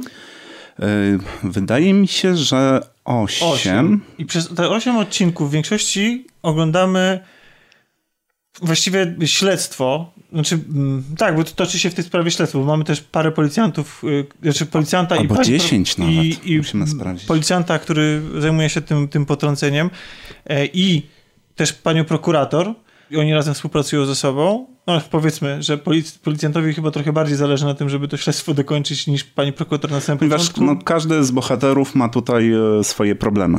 Wiadomo, jak to jest. e, Niektórzy mają problemy z alkoholem, inni. e, Jak nasza pani problemy- prokurator. Jak nasza pani prokurator, dosyć spore. Problemy z przeszłością. Zawsze gdzieś w przeszłości siedzi coś, z czego nie są zbyt dumni. Tak to można określić. I w większości, przez większość serialu oglądamy właśnie śledztwo tej dwójki, próby dowiedzenia się tego, co się w rzeczywistości stało. Śledzimy też matkę potrąconego chłopca, która wydaje się być jedyną sprawiedliwą, taką ponad wszystkich, która no, dąży do tej sprawiedliwości, chce się ostatecznie dowiedzieć, kto odpowiada za, e, za, za, za krzywdę na jej synu. Widzimy też tą naszą szajkę, zgraję, no, tych kumpli policjantów, łącznie z tym policjantem, Tak, który... głównym winnym, jakby, Którym głównym głównym winnym. sprawcą. Głównym sprawcą, e, którzy próbują to zatuszować, chociaż w jego przypadku, no to też e, przechodzimy przez etapy takie, wiecie, zbrodnia i kara, tak? Czyli, Mhm. czyli, czyli, czyli radzenia sobie z tym, co zrobił i jakie decyzje podjął, bo to, jest, bo to, nie, jest, to nie jest tak, że oglądamy na ekranie człowieka, który jest jakoś zdegenerowany od samego początku Tak, i, i, i to jest zły policjant. Zresztą każdy, tak naprawdę każda z tych postaci, bo oczywiście to jest, to jest takie, oprócz tego śledztwa przyglądamy się też w ogóle temu, jak funkcjonują, funkcjonuje policja, funkcjonuje wymiar sprawiedliwości i wszyscy tam mają sporo za uszami. Bywają policjanci, którzy są skorumpowani, e, którzy wchodzą w kontakty z, z przestępcami. Przyglądamy się też przestępcom przez, przez chwilę. Mamy, zaglądamy też do, do, do, do świadka handlarzy narkotykami. Czyli taki przekrojowo to jest... To jest takie przekrojowo, ale, The ale Wire mi się skojarzy. tylko wiesz co, tylko to jest bardziej niż chyba temat, to niż zgłębienie tego tematu i sportretowanie faktycznie tych środowisk, to filmowi chyba zależy na tym, żeby poruszy, na poruszeniu pewnych kwestii i posługuje się tymi takimi archetypami po to, żeby pewne myśli wypowiedzieć po prostu, żeby podjąć pewne tematy. Że to nie jest tak, że, że tak jak w The Wire, bo The Wire jest niemalże, znaczy oczywiście to jest fikcja, ale jak się go ogląda, to się ma wrażenie obcowania z czymś ultrarealistycznym. Z czymś takim, że my wręcz po prostu pod mikroskopem oglądamy funkcjonowanie handlu narkotykami i tego, jak policja z tym próbuje walczyć. A tutaj to jest raczej, to są takie figury potrzebne twórcom do tego, żeby opowiedzieć o czym, Tomku. Tak, bo naprawdę mamy tutaj bardzo szeroki przekrój e, postaci bohaterów. e, Obserwujemy ich e, przemiany. Tutaj Tomek wspomniał o tym głównym sprawcy, policjancie, ale mamy też matkę, która. mm, no, To jest bardzo religijna rodzina i ona tutaj też musi pogodzić właśnie swoją wiarę z żalem, z, nawet z pragnieniem zemsty na, na tym sprawcy. A serial e, tak naprawdę opowiada o uprzedzeniach. Moim, e, moim zdaniem e, dotyczy właśnie spraw uprzedzeń rasowych, ale e, w, skierowanych e, poniekąd w obie strony, gdyż mamy tutaj również. No, nie chcę mówić o odwrotnym rasizmie, ale no, o wzajemnych interakcjach tych dwóch grup. Ale jednocześnie też e, obserwujemy mm, samą Amerykę. Znowu wracamy do tego tematu, który, który poruszaliśmy tutaj przy okazji Madbound. Yy, O tym, jak y, pewne rzeczy zostały tam ukształtowane przez lata. Jak y, one wpływają na obecne społeczeństwo. Mimo tego, że nie wiem, czy pałamy jakąś sympatią szczególną do tych bohaterów. W jaki Znaczy, sposób tak, bo- bo ten przejmujemy serial- się ich losem. Ten serial robi coś takiego, że nawet jeżeli widzimy, że postać jest ewidentnie zła, to jednak w jakiś sposób y, próbuje tak jakby spojrzeć na nią z drugiej strony, że to nie jest tak, że te postacie niektóre, które tutaj robią, to co oni tutaj robią, robią okropne rzeczy w tym momencie, bo to jest tak, że ta spirala, to się nakręca, to się, to się nie może skończyć w białych rękawiczkach. Tam, tam... Czy to jest skończona seria? To, to tego za chwilę, za chwilę, bo to jest trochę tricky. Natomiast, natomiast y, ta spirala przemocy się powoli nakręca i, i to, co się wydaje jakimś w pozoru prostą rzeczą, to mimo tego, że moralnie na pewno y, jedno, znaczy można to ocenić jakoś negatywnie, to jeszcze pałamy do niektórych postaci sympatią, być może próbujemy ich wytłumaczyć, zrozumieć i tak dalej, ale w pewnym momencie coś się takiego dzieje, że przechodzimy na, trochę na drugą stronę barykady i, i te oceny moralne są już takie bardziej czarno-białe. Co nie zmienia faktu, że i tak z, z zaciekawieniem się te postacie o, i ogląda. I może nawet jeżeli się nawet im nie kibicuje, to i tak się śledzi ich losy z zainteresowaniem. Nawet jeśli to są ewidentnie złe postacie. Ale to, co Tomku powiedziałeś tutaj o tym rasizmie, jako głównym temacie tego filmu, tego serialu, to ten serial robi pewną cwaną robotę niesamowicie. Bo to, że wy teraz usłyszeliście od nas, że on jest o rasizmie, jak będziecie go oglądać, to sobie zadacie pytanie, ale jak to? Bo tam wcale tego na początku wcale tego nie ma. Są mieszane składy policjantów, oczywiście ktoś tam czasami coś powie, jest może wzmianka o tym, że a, bo ta jest czarna, bo ten jest czarny i tak dalej, ale my nie widzimy tej nienawiści. To nie jest tak, że, że to jest tak, że wszyscy tam się obrzucają e, rasistowskimi uwagami i... Ale rasizm nie musi wyrażać właśnie- się nienawiścią ale właśnie- nie musi ale wyrażać właśnie- się tak właśnie mocno. Do, do, do tego zmierzam, że w miarę jak następują kolejne odcinki, to my dopiero wtedy doświadczamy tego, w jaki sposób ten rasizm w Stanach, znaczy w tej rzeczywistości serialowej, tak? W sensie to, co on portretuje, jak on wygląda w tych relacjach międzyludzkich, to co Tomek powiedział, że, że on jest taki, że pewne postawy i pewne myśli, pewne takie zachowania instynktowne wręcz już są ugruntowane i one wynikają z jakichś takich przeszłych właśnie rasistowskich podziałów. I nawet teraz, kiedy ona nam się. Bo, bo to, nie, to nie jest tak, bo tak jak mówię, tam nikt nikogo nie wyzywa, nie wiem, przepraszam, od czarnuchów, tak? Do pewnego momentu. I, i kiedy, kiedy te, te kwestie rasistowskie są podnoszone, to człowiek się tak sobie myśli, no ale to no okej, okay, no to, to, przecież to nie miało znaczenia, że on był czarny. No dobrze, a to... No nie miał znaczenia, no przecież... Bo, że to w dwie strony działa też. Tam w pewnym momencie dochodzi do takiej, e, no nie, jakby nie zdradzając zbyt dużo, ale tam dochodzi do takiego pojedynku postaw, gdzie obie strony, znaczy obie, wszystkie strony właściwie, które tam występują, próbują grać kartami rasizmu, mhm. I robią to w taki sposób, który nie zawsze jest uczciwy po każdej ze stron. I nawet y, czarnoskórzy próbują mm, grać kartami na ślepo, to znaczy nawet kiedy nie mają dowodów na to, że coś było rasistowskim zachowaniem i tak to wyciągają po to dlatego, że może im to pomóc y, w rozwiązaniu sytuacji. Więc to jest właśnie fajne w tym serialu. To mnie w tym serialu ujęło. I to być może nie jest jakieś specjalnie oryginalne, że tego już nie widzieliśmy tego w telewizji, ale jednak y, fajnie to przypomina o tym, że nawet jeśli z pozoru wszystko jest ok, gdzieś tam te wszystkie społeczności egzystują, ten rasizm jest tam trochę w żartach, trochę tak między kumplami, ale to on tam siedzi. On tam jest. On nie jest do końca zdrapany. I, i on tam on narasta, narasta, narasta i, można się dokopać do takiej prawdy, że udajemy tylko, że nie jesteśmy jeszcze podzieleni rasistowsko. Znaczy, to, społeczeństwo w Stanach, tak? No, to, to, to, to współcześnie rozumiem. Tak, współcześnie. Tak, tak, jak najbardziej. I to ten serial bardzo rozbudza emocje. Tutaj, e, jeżeli mówimy o bohaterach, no miałem jednego, którego niesamowicie się bałem, że zaraz mu jakaś krzywda się stanie. E, tak, tak bardzo e, mi się spodobał. A jednocześnie ostatnie odcinki, które dosyć mocno jakby zmieniają charakter tego serialu, tak. prawda? Stają się taką właśnie konfrontacją postaw już. Tak. Stanowią dla mnie taki niesamowity magiel emocjonalny. To akurat pierwszy raz od bardzo dawna e, zacząłem oglądać jeden odcinek po drugim odcinku. To jest niby typowe dla Netflixa, ale ja raczej e, czegoś takiego nie mam, żeby pół, tak? pół serii oglądać za jednym, za jednym zamachem. Tutaj, e, tutaj coś takiego miałem, szczególnie, że ostatni odcinek był jeszcze jakoś tam niestandardowo wydłużony. I nie wiem, przeróżne emocje. No, gniew na te osoby, które mocno mają coś za uszami, dopuszczają się niesamowitych tutaj czynów, czy nawet na te instytucje, które bronią takiej, takiej osoby.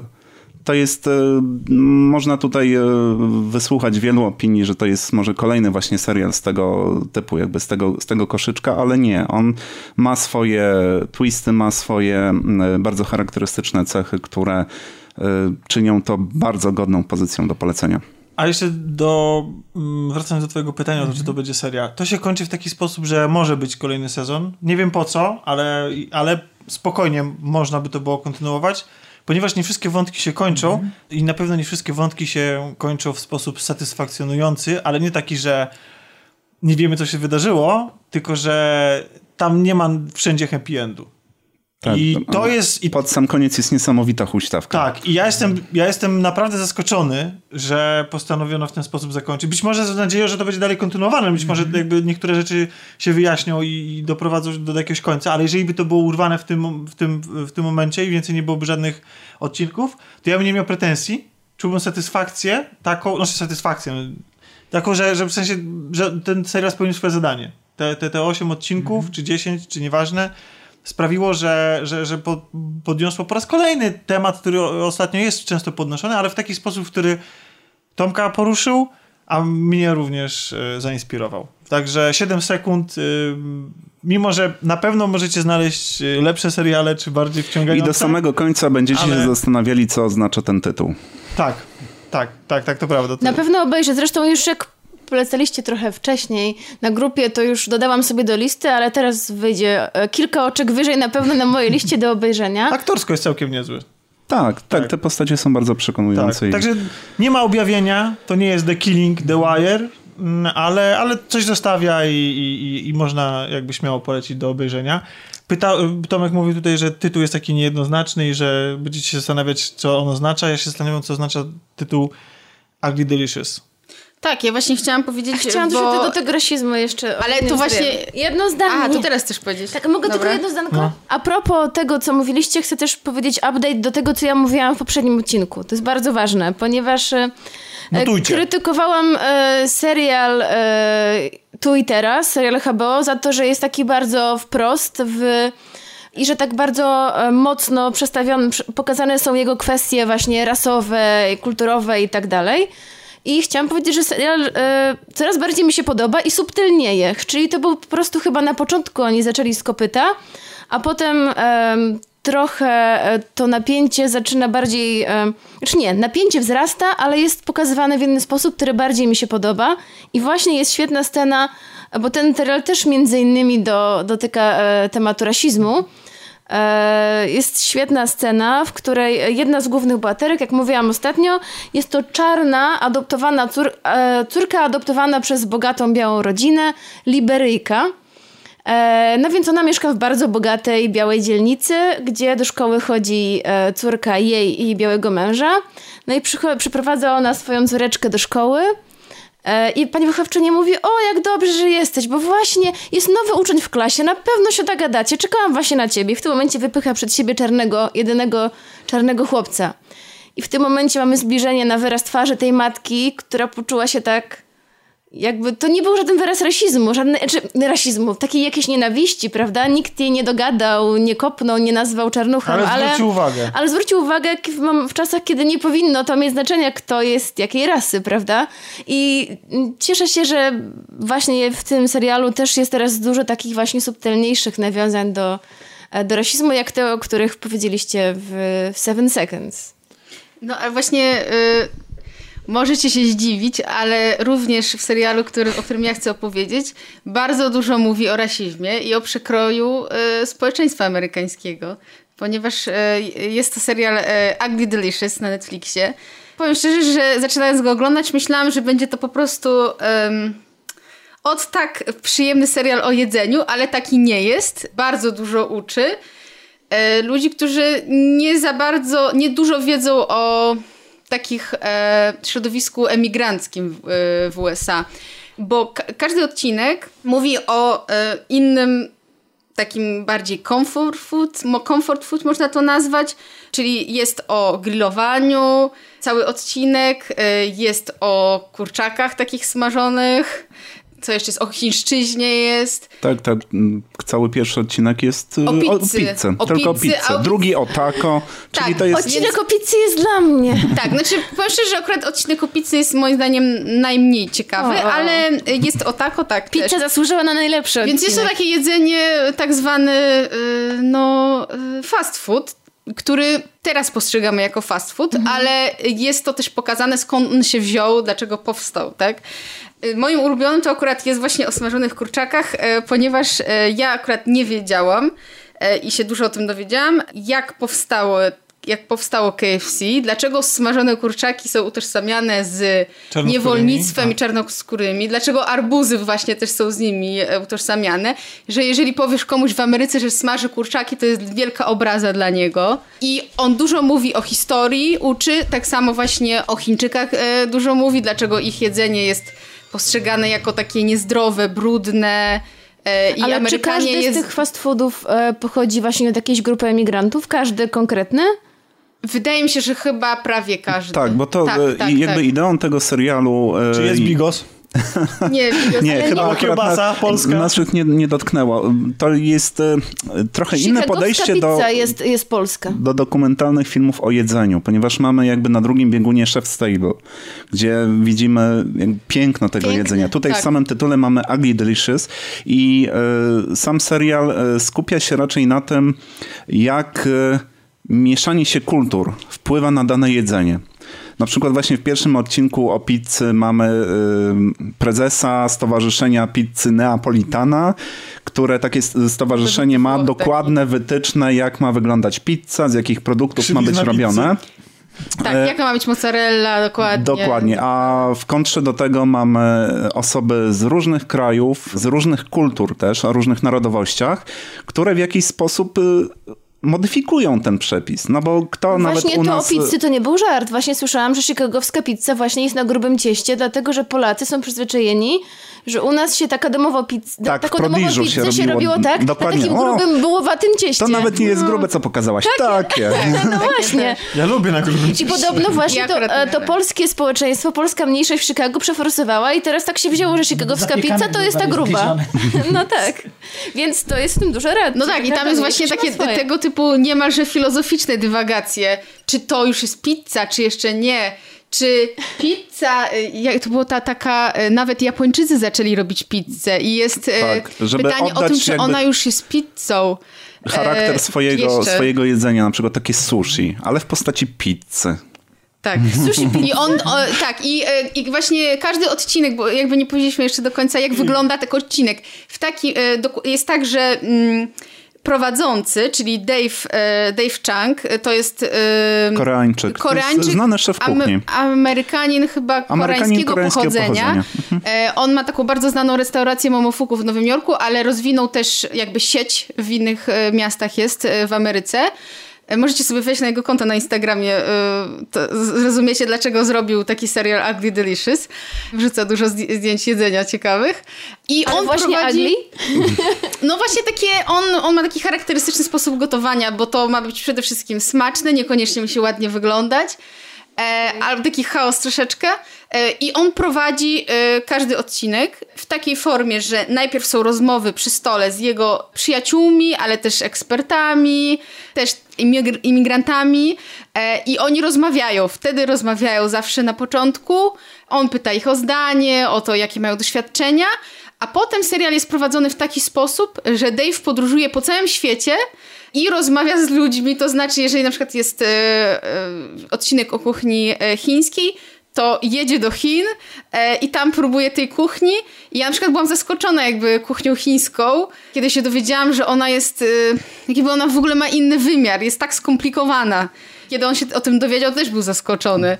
E, w każdym razie e, chodzi Aha, o to, czyli że on nie jest tak, jak my myślimy, tak? z dużym rozmachem jest zrobione, bo w jednym odcinku podróżu, potrafi podróżować e, po całej ziemi, żeby dowiedzieć się od różnych ludzi, jak postrzegają tą kuchnię. No i dlatego jest, jest taki bardzo dynamiczny i no, tak jak mówiłam, dużo się, dużo się dowiadujemy. Bardzo ja, ja strasznie polecam ten serial. Tak, to m, też może nie nastawiajcie się na to, że napatrzycie się właśnie na takie piękne jedzenie, czy w ogóle na jedzenie, bo to jest, e, jak wcześniej wspomniałem, z trochę innego punktu spojrzenie na, na kuchnię. Tak, to jest bardziej takie. Hmm. On dużo mówi o właśnie o rasizmie, o tym. y, Jakby opowiada też y, o swojej rodzinie. Na przykład jest y, odcinek w ogóle o gotowaniu w domu. Poznajemy jego mamę, jakby jego relacje z mamą, jak ona uczyła, co ona mu podawała. Rozumiejąc to i to jedzenie, zaczynamy rozumieć relacje międzyludzkie. Oni też opowiadają o tym, że to jedzenie jakby może ludzi dzielić, ale też łączyć, bo tak, jest dużo pokazanych z takich sytuacji, że ludzie, którzy y, jakby nie są do siebie przekonani jakby kulturowo, właśnie poprzez to jedzenie y, zaczynają się rozumieć i jakby tak łamiemy bariery rasizmu. Bo ty spróbujesz jedzenia z mojej kultury i może to jest jakby łatwiejsze, bo ci po prostu zasmakuje, a nie patrzysz jakby z swojej perspektywy właśnie koloru skóry, czy... Jak takiego. arabscy uchodźcy w Meksyku y, sprzedający taco. Właśnie ze swoim arabskim twistem. Tak, więc... Tak jak nasz polski kebab. E, chciałam powiedzieć, że jest kebab z karkówki. Widziałam taki, taką reklamę. Kebab z karkówki, polski kebab. Polski kebab. Polski. wiecie co, to co teraz mówiliście, to mi przypomniało, bo teraz zacząłem Ja nie oglądać- polecam wegetarianom za bardzo tego serialu, bo jest tam bardzo dużo mięsa. Jest nawet jeden odcinek o grillowaniu, gdzie e, Nie, nie wierzę, że tam Polski nie ma. nie ma Polski właśnie o dziwo, e, ale e, jest taki bardzo obrazowy, nazwijmy to. A mi, ale Malwina jak się uśmiecha, uśmiecha jak to Albo jest, bo jest Bo się cieszy na bardzo... majówkę.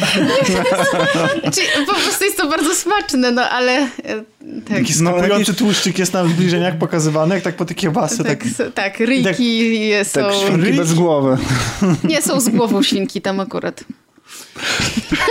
Chyba gorzej nawet, ale Już mnie zachęciłaś, a teraz powoli. Nie, bo, no, nie wiem. bo coś w tym jest, że takie jedzenie, które jest y, Mięsne. takie szybkie i smakuje wszystkim, to jest najczęściej mięsne jedzenie. No, No bo niestety. tłuszcz. Od ja, tego ja, jest ja tłuszcz. zamówiłem dzisiaj wegetariańskiego burgera i dostałem buraki.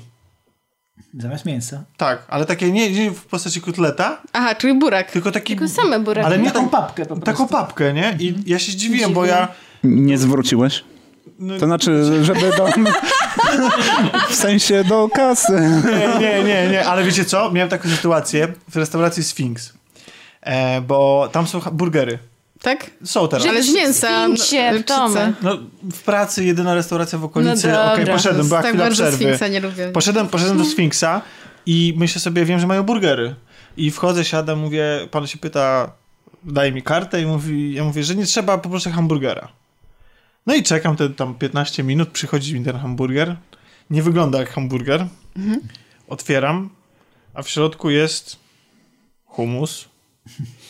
I nie ma nic, nie ma, nie ma mięsa, nie ma niczego tam, wiecie, jakieś cytrusy i tak dalej.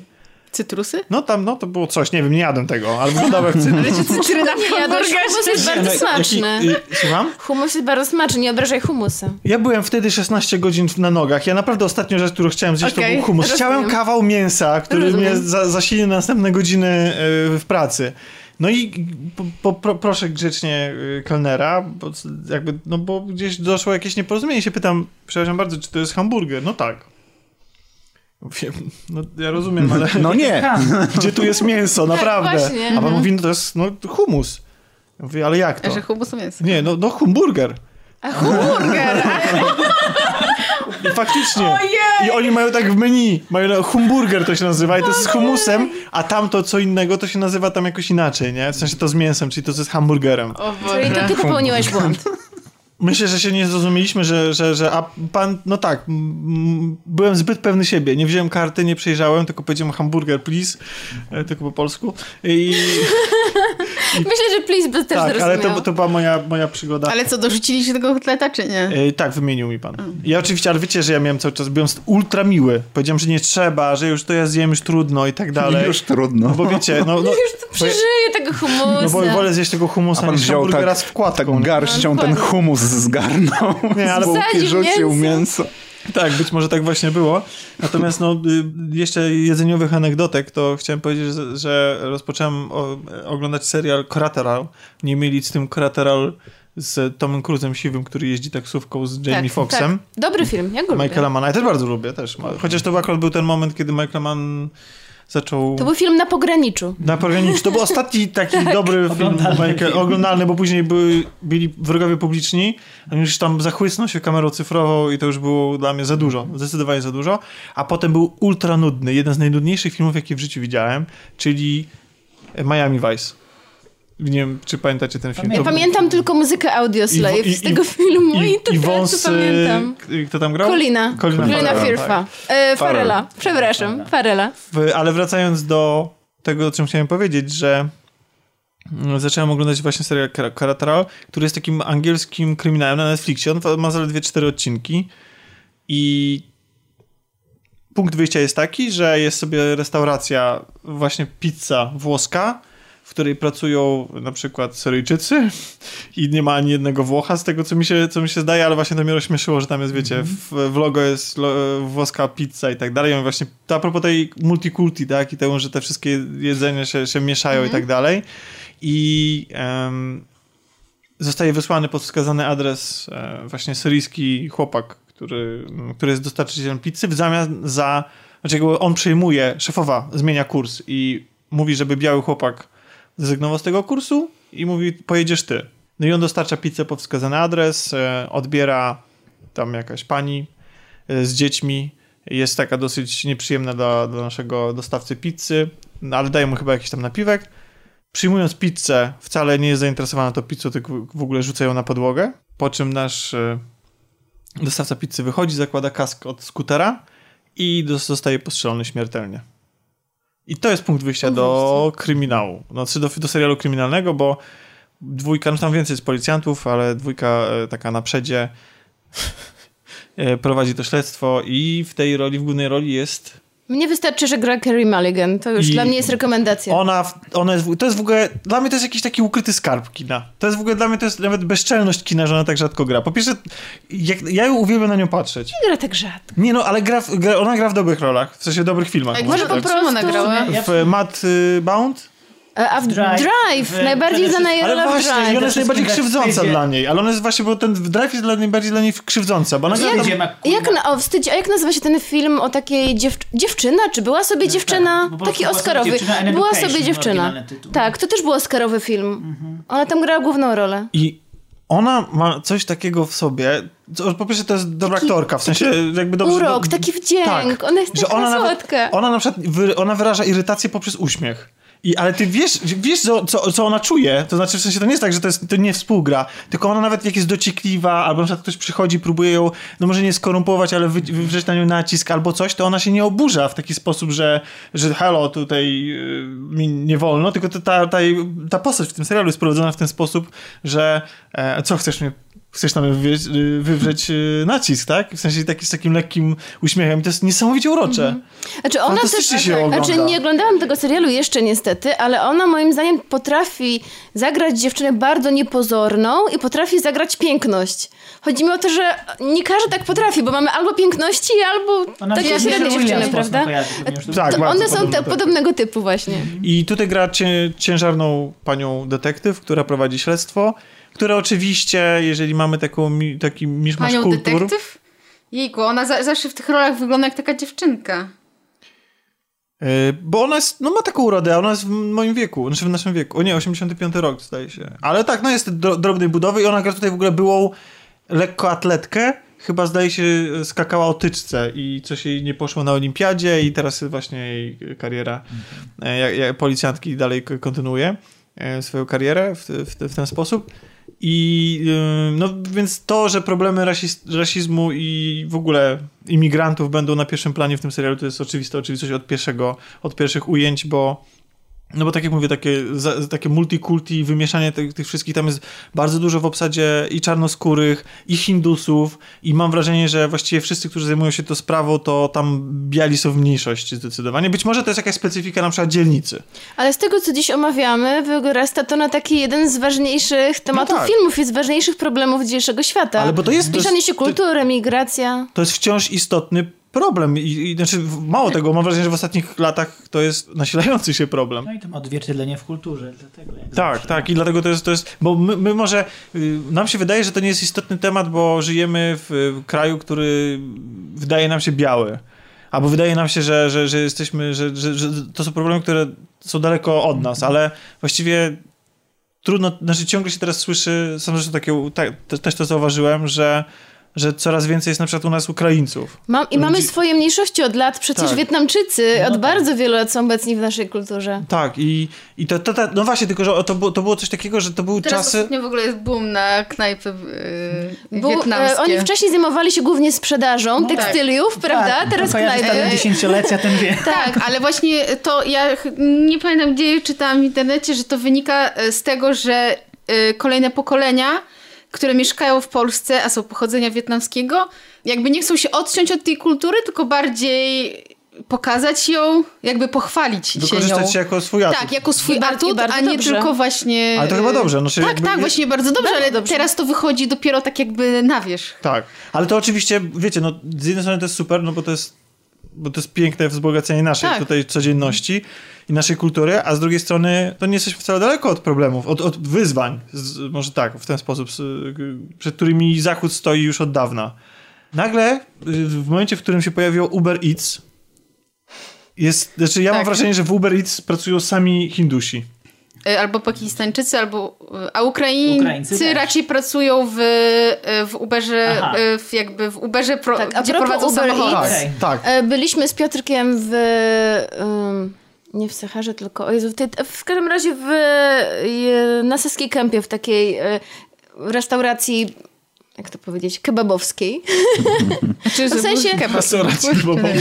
Zorientowani na kebab, ale nie tylko. Kuchnia turecka, no, prowadzona przez Turków.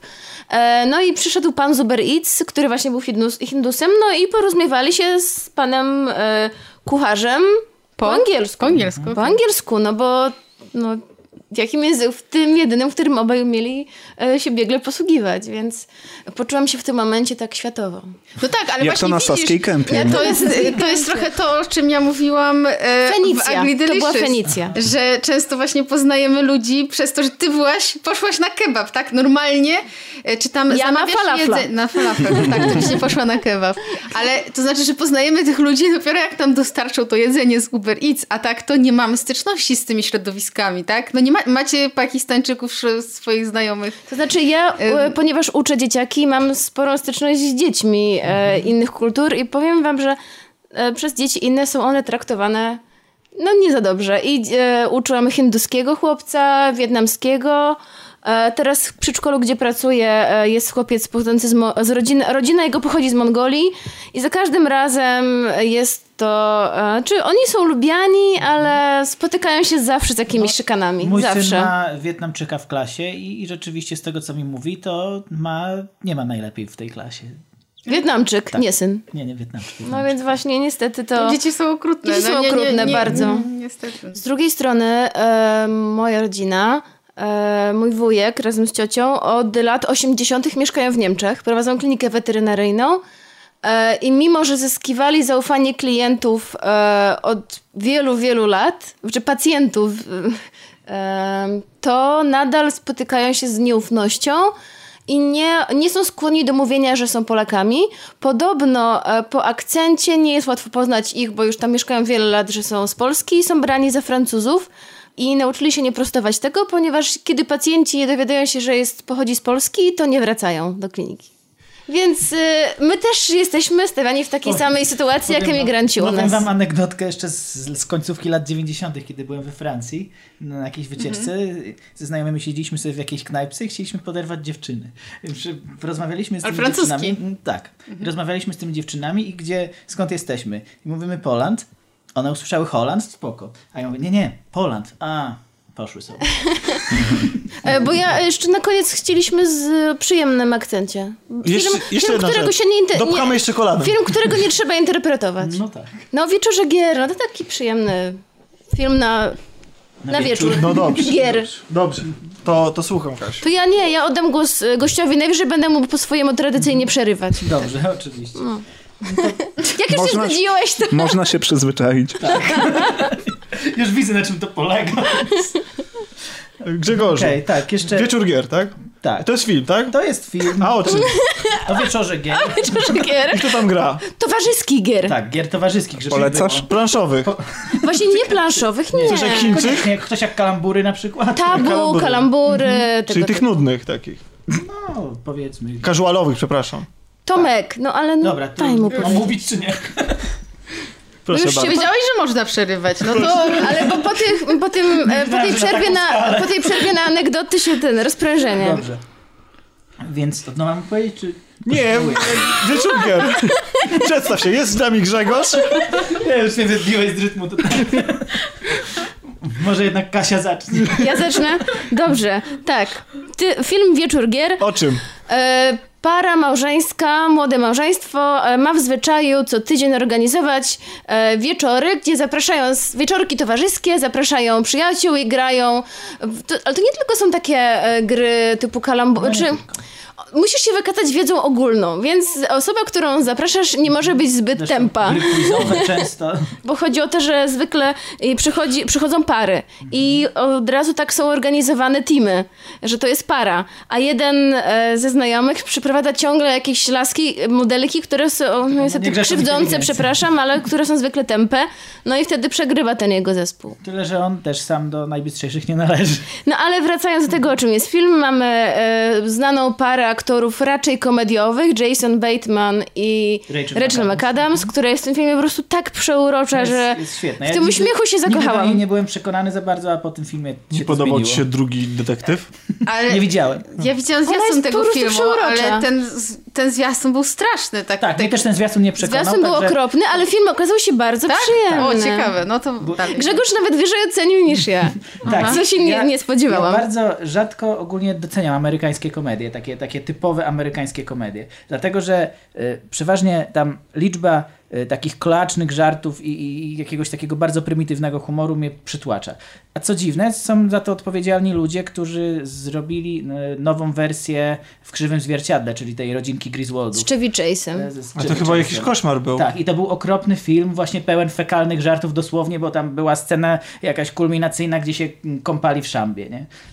Więc, y, więc po- spodziewałem się czegoś na podobnym poziomie i nie chciałem na to iść za bardzo, ale pozytywne recenzje właśnie w internecie mnie y, zachęciły. I nie żałuję, bo to, ten film praktycznie nie ma takich żartów. Ten film nie jest, nie jest na siłę Ani jednego właściwie nie ma takiego dowcipu, co mnie bardzo pozytywnie zaskoczyło. Ja nie czytałam żadnych recenzji, ale akurat film pasował mi godzinowo po pracy. Powiedziałam, dobra, idę na ten film.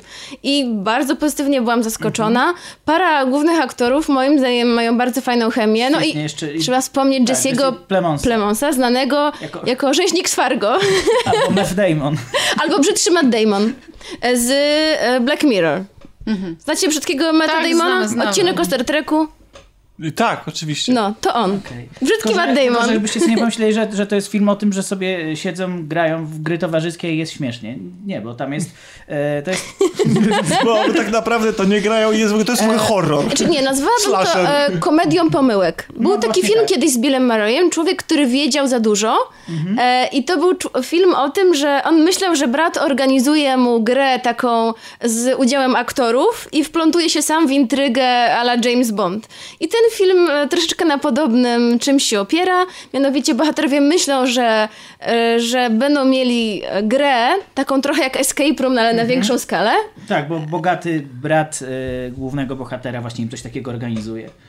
No a okazuje się, że wplątują się rzeczywiście w Aferę kryminalną. aferę To jest, kryminalną. Ale niektóre sceny, na przykład jak moment, kiedy e, bohaterka McAdams, Mhm. Rachel McAdams e, operuje swojego męża i wyciąga mu kulę, to po prostu jest scena, w której e, płakałam ze śmiechu. Naprawdę jest- jest przepiękna. nie spodziewałam się, że ona jest tak świetną aktorką komediową Mhm. i no, bardzo przyjemny, relaksujący film, co do którego jako do amerykańskiej komedii na typowo rozrywkowy seans nie mam żadnych zastrzeżeń. No ja od czasu, nie wiem kie- kiedy to było, ze dwa lata temu, bo też bardzo lubię ten film Nice Guys, nie widziałem tak dobrej amerykańskiej komedii. O, nice guys. Kurczę, to było coś. Tak, byłam na nim dwa razy. Nagraliśmy o tym, o kolaudację. Tak. która chyba nigdy się nie ukazała. No, ale jest, materiał jest, kiedyś się ukaże. Czyli polecacie tą Tak, komedię jak zdecydowanie najbardziej. polecamy jak, jako komedię, jako na, na naprawdę taki luźny wieczór. Wiecie co mi, bo mi z plakatu to się trochę kojarzy z taką nocną Nie, randką. Plakat jest okropny. Pla polski plakat to jest jeden To z znaczy największych nie, nocna- koszmarów, mówisz o jakie, tym jakie filmie? widziałem. Tak, nocna randka, to był, te, oni też tam się wplątali w jakąś aferę. Ta- tak, tam, gdzie tak. był z kolei... Tina Fey i e, Ja tam, ja tam, Steve Carell, Mark tak? Wahlberg bez, bez koszulki tam był też chyba. ale Steve Carell grał główną rolę. Tamten film nie był najgorszy. No, taki on był dobrze oceniany. Tak, to, że małżeństwo tam po porządku. 40, Tak, że idą na, na, na randkę jeszcze raz, żeby tam... Odświeżyć... E, Ja tam tego Miłość, filmu, powiedzmy. mówicie, nie widziałem. ja tamten film oglądałem jakoś w telewizji, ja nie widziałem był gdzieś jakoś tak na trzecim, trzecim okiem oglądałem. Trzecim okiem? Tak, przy pracy oglądałem teraz tą e, komedię z e, Scarlett Johansson. E, coś o wieczorze panieńskim. A, A to się niedawno na, niedawno na HBO się ukazało, ale to Tak, podobno jest ciężkie. Widziałem to na, na, na HBO to jest, właśnie. to jest ale- przedziwny ale- film. To jest, Ale podobał ci się? Ma takie niskie oceny, że się boję po no, prostu. to jest słaby film, ale to jest przedziwny film, bo z, z innej strony chciałem do niego podejść, że w którym jest Scarlett Johansson. I tak się cały film... Dlaczego ona tam jest, tak? Oglądasz ten film i się zastanawiasz, Co ona tam robi? co ona tam robi. Znaczy, bo, to, bo to nawet ta, ta, tam, się, tam się pojawiają gwiazdy. Bo ona nie ma zwyczaju grać w takich ko ko To znaczy- komedyjkach. Znaczy, y, tak jak mówię, tam są, tam są, są jakieś gwiazdy, tam w jakieś tam cameo się pojawia, ale cały film się, znaczy bo reszta składu jest tak kompletnie znikąd, jakby być może ja... Być Wydali może dla cały mnie, budżet na Scarlett. Ale, ale, znaczy, ale ja nie wiem... To tam musiał, tam musiał, to, ona musiała komuś po pijanemu coś obiecać po prostu. Bo, albo, albo, albo, się z kimś, Albo założyłeś. albo się z kimś założyła, bo po prostu oglądasz ten film i myślisz, to jest, No to jest, wiecie, wiecie to, to jest jak, jak kwiatek do kożucha, no, to jest kompletnie tak od czapy, to jest jak jakby ktoś ją nakleił, jakby ktoś ją tam komputerowo przy tej zmianie twarzy, wiesz, tak jak z tym, co ty mówiłaś o, o Ona, Margot ona tam gra tak. główną rolę? Ona tam gra główną rolę. I to jest tak jakby, to jest tak, to jest film o, ze Scarlett Johansson i resztą. I, i, Ale na wszystko- trzecie oko polecasz? Nie, nie, znaczy, tak, no gdzieś tam sobie, no wiecie, no to jest taka komedia głupia Nawet na amerykańska. czwarte, nie? No, nie, no, cz, cz, To też jest czwarte to, oko to czym już mówimy, chyba też jest teoretycznie głupia komedia amerykańska, ale jednak ja bym na pierwsze oko polecę. Czyli oglądanie dupą. No dobrze. No, no, to czwarte oko, czyli oglądanie dupą, no. Tak. To już chyba, to już, no to już ja, nie, Nie, wiem, no nawet, to- nawet, ja nawet nie wiem, czy oglądanie w autokarze to jest czwarte oko, nie? To wieczór gier polecamy na pierwsze dwa. Co Grzegorz? Zdecydowanie. Na jedno oczko. E, Ja sobie kupiłam popcorn, przyznaję się i do dobrze, się, dobrze się bawiłam. Dobrze, słuchajcie, my y, byśmy... I Tomek, wiem, że lubisz Rachel McAdams. Ma naprawdę w filmie taki Bardzo. uśmiech i jest tak czarująca, że nawet Potwierdzam. ja się zakochałam. Dobrze, Chociaż to nie w byłam takim razie, fanką. czyli na randkę idealnie. Tak. Doskonale. Słuchajcie, Tomku, chcesz jeszcze o czymś opowiedzieć? Coś widziałeś ostatnio? Jak lecimy na rekord, dla mnie te 4 E, godziny. właśnie chciałam powiedzieć ci, że w czwartym oku. e, Tomek nie zmieszczą się... Tytuły nam się nie zmieszczą pod, e, wiesz, na okładce. Tak. będzie- a Ile to będzie roboty? To będzie pierwsza okładka, która nie będzie miała żadnego... Nie, no, był 50, Żadnego tytułu nie będzie miała? 50 numer, ale tak, damy same tylko tytuły. Jak się ukazujemy już raz na 3 lata, no to... raz na 3 miesiące, no Tomku, coś, coś jeszcze wykrzesaj coś. Coś na pewno widziałeś, bo ja... e, No... Widziałem, tak, pierwsze dwa odcinki drugiego sezonu Jessica Jones. Widziałem. O, to ja widziałem trochę więcej. A widzisz. I co, znudziły cię? Y, Nie, ale z niektórymi serialami bezczeszczę Netflixa ostatnio i ustawiam sobie... Bezcześcisz? Tak, tak, prawie że tworzę standardowy program telewizyjny i na przykład Ugly Delicious, o którym dzisiaj rozmawialiśmy, oglądam tylko w niedzielę do rosołu, po jednym odcinku. Bo to jest moja taka teoria, że, znaczy to nie wynika być może z, u ciebie z tego samego, ale mi się wydaje, że Zresztą też ne- ne- Netflix Za jest... dobry był. A może jest tak jak masz czekoladę i... Czekoladę i ją zjeść. No tak, i tak jesz po trochu... A może mamy już przesyt tym binge-watchingiem i chcemy wrócić do tradycji. Oglądania raz na e, tydzień. Wiesz co, Ania chyba wrzuciła jakieś u nas ankietę na grupę e, swojego kolegi, który pytał o to, w jaki sposób oglądamy i jakie mamy przemyślenia odnośnie ofert streamingowych i w ogóle telewizji streamingowych.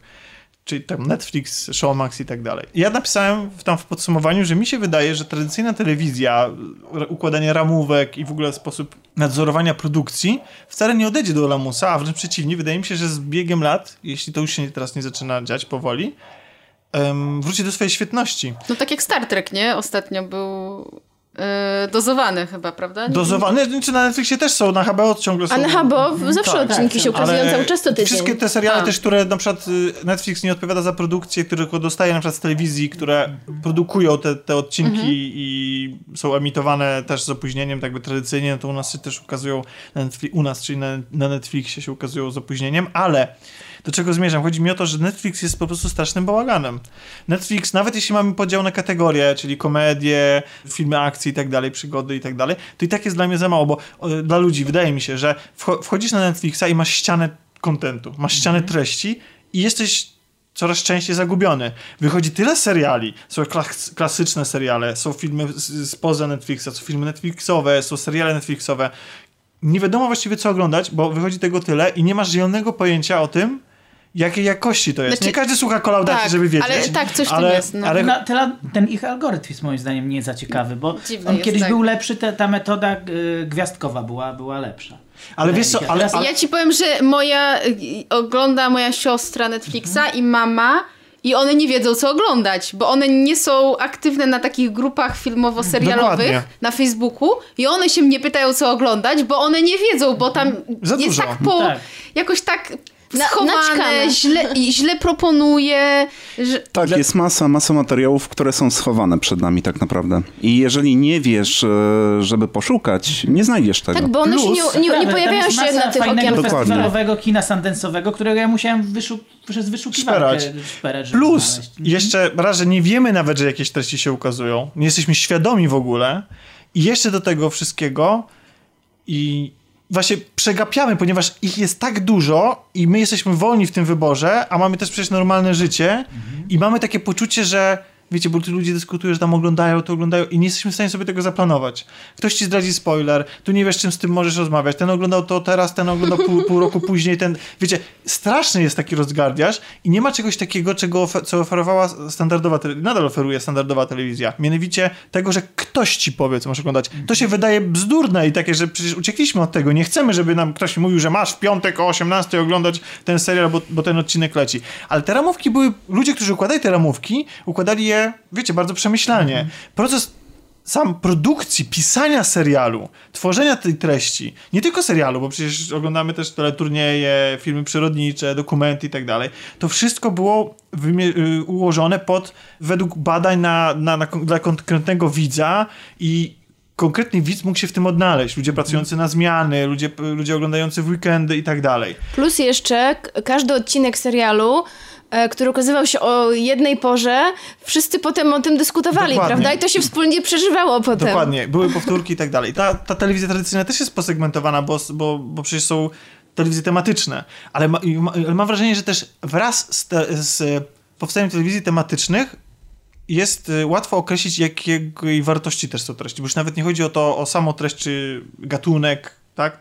Czy, czy, czy formę, ale też nawet jakość. Wiemy, że jeżeli serial jest z, ze stacji sci-fi, no, no, no, no. A- EMC, AMC, no to już takie tam już lepiej, nie? HBO już wiesz, że raczej to jest coś... Już wiesz, że będzie dużo seksu i golizny. No, na przykład.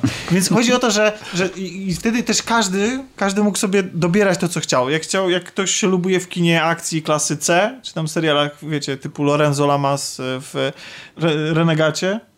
Myślałam, że Esmeralda. Co? Renegat. Ty jesteś za moda. Był gliniarzem i to dobrym gliniarzem. Jedynym jego błędem było zeznawanie przeciwko skorumpowanym kolegom z policji. Za to postanowili go zabić. Ofiarą padła jednak kobieta, którą kochał. Wrobiony w morderstwo, wyjęty spod prawa, ścigany jak zwierzę, sam stał się myśliwym, łowcą nagród i renegatem. Mściciel na Harley.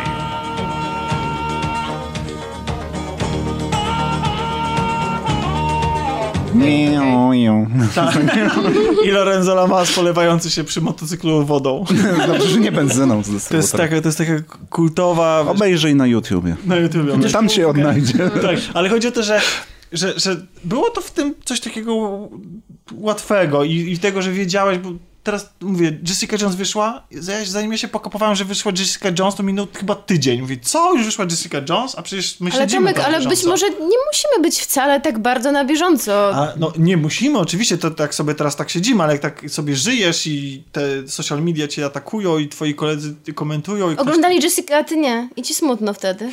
Nie, no jest, jest ta presja. Jest taka, że ucieka ci to, że jesteś do tyłu. No oczywiście są Ale ludzie ba- bardziej... Znaczy, znaczy ciebie nigdy nie dogonię, ty oglądasz tymi oczami swoimi różnymi, tyle tego wszystkiego, że nie da się ciebie dogonić. Dużo pracuję dlatego. Ale to jest zawsze niekomfortowa sytuacja, bo ja mam zawsze dylemat, czy być na bieżąco, czy nadrabiać klasykę. A to się nigdy O nie właśnie, skończy. to prawda. No, dokładnie. Dlatego warto słuchać kolaudacji, żeby wiedzieć... E... Ale to powiecie o tej Jessice coś? Oglądać czy nie oglądać? Łe? Mi się nawet podobało. To znaczy, się- bo, bo, mi bo, się on ma, bo on ma oceny gorsze od poprzedniego sezonu, a ja muszę przyznać, że jest lepszy. Jessica Jones, pierwszy sezon, Daredevil, pierwszy sezon, półtora sezonu i Punisher to są jedyne seriale Marvelowe, które warto w ogóle Okej, oglądać. bo nie widziałem jeszcze żadnego. Czyli tak? Jessica drugi już nie. Jessica drugi jest ok. Jest właśnie tuż po, tych, po, tych, po tej trójce. Uważam, że, że, to, że mm, tam nie ma Killgrave'a, cud- cudowna nazwa, cudowne nazwisko. Killgrave, nie? Tak się nazywa. Killgrave, tak. tak. Nie ma. Killgrave'a, natomiast y, jest to skupienie na przyszłości Jessiki i wydaje mi się, że z jednej strony ta fabuła jest taka męczy bularska. Ale, to jest, bo- ale powiedz, dla kogoś, kto nie widział pierwszego sezonu, nie, czyli absolutnie. Oglądać. Pierwszy sezon. To jest to, bo dlatego, że znaczy w ogóle pierwszy sezon Jessica Jones to jest naprawdę dobra telewizja. On tam od jakiegoś ósmego odcinka męczy bułkę strasznie. Ale to jest super bohaterskie typowo, czy to jest kryminalne, czy to jest, To jest, to jest wiesz co, dramatyczne? właśnie to jest, to jest właśnie akurat fajne w Jessice, że ten serial się skupia na niej, na jej emocjach, na jej... Ona, ona jest kobietą, która była seksualnie wykorzystywana przez człowieka, który jest w stanie czytać w, myślia, w myślach i znaczy w sensie w stanie programować ciebie, czyli wpływać na twoje zachowanie. I to była, i, i, on miał, i on ma na jej punkcie, ona mu uciekła i on ma na jej punkcie o- on jest chory po prostu na jej punkcie, on ją prześladuje. I, I wydaje mi się, że to jakby, no, że to jako metafora właśnie takiego stalkingu, czy, czy jakiejś takiej, czy, czy w ogóle mm, bycia ofiarą przemocy seksualnej, to jest, y, no to, to, to się sprawdza i my tę bohaterkę lubimy, współczujemy, a ona, y, współczujemy jej, a ona też nie jest, ona jest ciekawa, ona jest, ona jest taka szorstka. Mi się podoba w drugim sezonie to, bo ja już trochę zapomniałem, czy taki pierwszy jest sezon, może teraz coś, coś przekręcam, ale wydaje mi się, że to jest taki ym, serial o ludziach, którzy się potykają. Że tam jak to nie jest, jest jakaś taka kryształowa bohaterka. tam nikt nie jest kryształowy. Tam, tam ludzie, na przykład ona ma swoją przyjaciółkę, Trish, z którą się wychowała, bo to jest, ona była adoptowana i wychowała się w, w, w rodzinie zastępczej i, i tam właśnie to jest jakby jej siostra, tak? Adop... I przyrodnia, tak, tak można powiedzieć, przyrodnia to jest, tak? I, I one na przykład nie mają super relacji. To one, one się nie poklepują po plecach. Tam jest, bo dlatego, że Trish ma swoje y, za uszami, a no, mm, stan psychiczny samej Jessica jest taki, że ona po prostu non-stop kleje. A Trish y, lubi z kolei uciekać w, w, inne, w inne używki. I tam nawet tam fakt, że to jest brzydkie. Ten serial jest brzydki. Tam nie ma, wiecie, wystylizowanych pięknych ujęć. Lokacje są biedne. Jessica ma biuro, bo jest niby prywatnym detektywem, chociaż tej, de, tej, de, de, detektywowanie jest takie. E, I ona, no, że wiecie, tam, to, że ona ma rozwalone drzwi, to jest w ogóle... Że jest prywatnym detektywem, dużo chleje, brzmi jak coś noiroowego. Bo to, to jest bardzo noirowe w, w wersji muzycznej, e, bo jest tam, jest tam, jest tam, jest, po- pobrzmiewają takie, w, w odpowiednich momentach pobrzmiewają takie nuty klasycznego, e, noirowego, ja w ogóle uwielbiam czarne kryminały, to jest mój ulubiony gatunek chyba. I, i, i kocham to, jak, jak rozbrzmiewają te nuty tego pianina takiego, wiecie, czy tam saksofonu, coś, to się idealnie po prostu wtapia e, w ten serial i też takie właśnie fajne wibracje daje, więc tak jest tam trochę tego detektywowania, ale ona jest właśnie taka, tak, to jest taki taki, taki noirowy trochę detektyw, taki wiecie, no i ta, tam nawet jak, on, jak jej się zbije szybka w telefonie, to ona ma zbitą szybkę w telefonie ona korzysta z, wie, wie, tam, tam jakby nikt tego nie naprawia, to, to jest osoba, która, tak jak mówię, pije, ona uprawia szybki seks w kabinach y, łazienkowych, w jakichś podrzędnych barach. I to jest takie, że no to jest w tym coś ładnego, w sensie takiego atrakcyjnego, że, że to jest takie Ale brzydkie. zachęciłeś. Więc Nie tak, chciałem tego oglądać, ale zachęciłeś. więc tak, więc tak, tak, no tak, dla mnie, dla mnie... Dla... Ale z tego, co mówisz, bo ja też nie oglądałam Jessica, przyznam się, e, to brzmi jak taki właśnie detektyw z e, kina noir, tyle Tak. tylko, że w ko- jako konwencji kobieta. super, super, no, i to, Super no i to jest bohaterka. Mhm. super bohater, bo dlatego, że Jessica ma moce, ale w pierwszym sezonie jakbyś chciał powiedzieć, jakie ona ma moce i dlaczego, to nie ma żadnego pojęcia. Ona po prostu Mhm. nagle skacze, jest super silna, robi coś, ale ty nie wiesz, to Ale jest, czy ona sama ma pojęcie? Może to nie supermoc, tylko ten alkohol. to jest później w drugim Po sezonie... alkoholu to każdy myśli, że ma supermoc. Dokładnie, dlatego W mówię. drugim, w drugim sezonie jest to, jest to bardziej Dobra, a można to oglądać, y, nie oglądać Daredevila wcześniej? Tak. Ale co, nie ma jakiegoś takiego konfliktów interesów, jak ona ma to biuro i Daredevil też? Daredevil jest prawnikiem. A, okej, myślałam, że on ma też biuro Poza detektywne. tym, Now, poza tym Nowy Jork jest całkiem spory. Bo Daredevil zdaje się, że w Hell's Kitchen rezyduje, więc nawet gdyby był Czyli prywatnym... jest tam wystarczające miejsce dla kilku Tak, superbohaterów. poza tym y, jest y, widocznie, będąc blondynką atrakcyjną w Nowym Jorku, jakby najpewniejsza twoja praca to jest bycie dziennikarką. Bo, bo mam wrażenie, że właściwie blondynki w serialach superbohaterskich Netflixa zazwyczaj kończą jako dziennikarki. Bo i Trish jest dziennikarką i... I tak Karen Page też Karen skończyła Page, jako tak. dziennikarka. Swoją drogą, kurde, ja bym chciał... Lepiej skończyła niż w komiksach. K- Karen? Tak. Ojej. No. A co się stało w komiksach? E, A bo właśnie, bo na początku podejrzewałem, że mogą pójść w tę stronę, bo nie wiem, czy pamiętacie, w pierwszym sezonie Daredevila była taka scena, gdy Karen zastrzeliła kogoś. Tego, Człowieku, to było jakieś 6 milionów lat temu. powiedzmy, takiego asystenta Kingpina. No i z tym mogłaby się wiązać jakaś trauma, która mogłaby doprowadzić do pewnych wydarzeń, które miały miejsce w komiksach. No ale tak się nie stało, bo tam się trochę, trochę pozmieniało. Bo podobno zabili e, kogoś przez przypadek, nie tak jak sobie scenarzysta wymyślił. No ale dobra. I, Naprawdę? i, i zmie- tak, bo ten Ben Urich to jest, którego Kingpin zabił w pierwszym sezonie, to jest bardzo ważna postać w komiksach. I I o- scenarzyści... Nie, no i chodziło o to, że- postać, którą nie, której nie chciano? To No nikt i- tego nie sprawdzał, tego scenariusza? Nie, nie, no to, to jakieś takie po prostu przez przypadek, to znaczy może nie przez przypadek wyszło. wierzę. Ale, ale, ale mówię ci, bo, bo, to, bo, to mi, bo to mi przypomina, bo dużo seriali ma, ma z tym, Nie z te, wierzę. z, z, te, te motywy, gdzie nagle się okazuje, że wiecie, jest napisany scenariusz, w ogóle wszystko jest przygotowane, po czym wchodzą ludzie na plan i się okazuje, że między tymi postaciami jest taka chemia, że, się, że, że absolutnie nie możemy cię puścić. Tak? Ja skończyłem oglądać Gilm, y, Gilmore Girls, tak? Mhm. Czyli jak to było? Kochane Kochane Kochane kłopoty. I tam jest y, główny wątek romansowy, to jest pomiędzy Luke'iem, czyli właścicielem kawiarni, a główną bohaterką, matką córki. jak, ona ma, jak ona ma na imię? Nie Ja nie. Loreline. L- L- Loreline. No więc i mm, on występuje w pilocie. W ogóle pilot y, jest tak nakręcony, że nie ma nic wspólnego z resztą serialu. To znaczy w sensie mm, nawet lokalizacja e, lokalu. Jest, jego lokalu jest gdzie indziej, bo on później ląduje na rogu, ale wcześniej jest jakby na, z Jak boku ściany. Tam też w pilocie tak było. No bo być, tak. Że było... Że, zupełnie, I tak samo jak rozkład pomieszczeń w ogóle się zmienia totalnie. Nawet w domu głównych bohaterek y, jest totalnie inny w, ram, w różnych odcinkach. Nie wiadomo dlaczego, bo to jest w końcu ten sam plan, ale okej. E, I, i, I Luke z kawiarni miał być gościem w, ka w kawiarni. Tam w ogóle miała być babka, ale uznano, że nie, to pilot ma za mało testosteronu, bo to tylko są same kobiety, trzeba dać jakiegoś fajnego, przystojnego kolesia. I po prostu posadzono za, za ladą Luka. I to miał być koleś, który występuje tylko w pilocie, nalewa kawę, do widzenia. Ale jednak się spodobał. Okazało się, że, że na planie, że relacja między tym Luke'iem a Loreline, czy między tymi aktorami jest tak fajna. Ja nie widziałem tego wprawdzie mówiąc na, na ekranie, ale być może jakby mm, na, na, na, w rzeczywistości tam na planie było to czuć, że stwierdzono, że, że przemodelowano cały serial. No ale przecież tak samo było w drugim sezonie Stranger Things. Mówiliśmy o tym. Nie pamiętam e, prawdziwego nazwiska aktora, który zawsze pozostanie dla mnie samym Gamgee z mhm. Władcy Pierścieni. E, Jego relacja z, No tak. z postacią Winony Ryder oraz z dziećmi. On miał wystąpić w jednym odcinku, miał tam gdzieś przemknąć Ale to tylko jest, to jest jako partner. No właśnie więc, z, tych, z tamtych lat. no więc nie? właśnie o to chodzi i, i, i pojawiły się skojarzenia z Goonies i tak dalej. Aha, okej. A okazało się, że jest tak super Nie, i że to on sam rozbudował też tę rolę. A, no po prostu on podpowiedział braciom Duffer, jak można by to rozbudować. On sam wymyślił sekwencję z tymi kanałami, jak on to rozpracowuje i, i okazało się, że świetna rola. I, e, I też e, to położyło właśnie taka, ta decyzja położyła How I Met Your Mother. Ale bo czytałam niedawno jakiś artykuł, że minęła w ogóle moda na sitcomy. Że teraz już ten gatunek umarł i że już nie bardzo właśnie, nawet się wiesz jest- to jest- jeszcze ciągną, czy nie ciągną już? Tak, Co? tak, Big ciągną. A właśnie... Naprawdę? No cały Co czas to jest? Nie wiem, nie, nie oglądam Tomek już chciał jakiegoś coś o sitcomach powiedzieć. Bo wracają seriale te najbardziej kultowe z lat 90.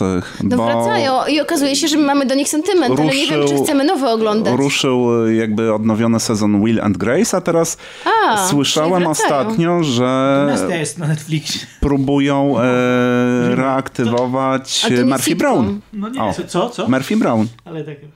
Ale, Ale to, z te, nią? to też nie Tak, sitcom. z nią Przecież ona nawet. jakieś Ona będzie 234 babcią? lata. Ja sobie pomyśleliśmy, babcia? Tak, ale dokładnie. Może będzie miała wnuczkę detektyw na przykład. Nie, bo już tam nawet jej, jej syn jest dorosły i gra go ten, już nie pamiętam nazwiska, Wow. grał w Limitless. A pełna chata wróciła Jake przecież, nie? McDorman, chyba coś takiego. Fuller, tak? House to się Tak. nazywa. Tak, i też No z tymi samymi aktorami.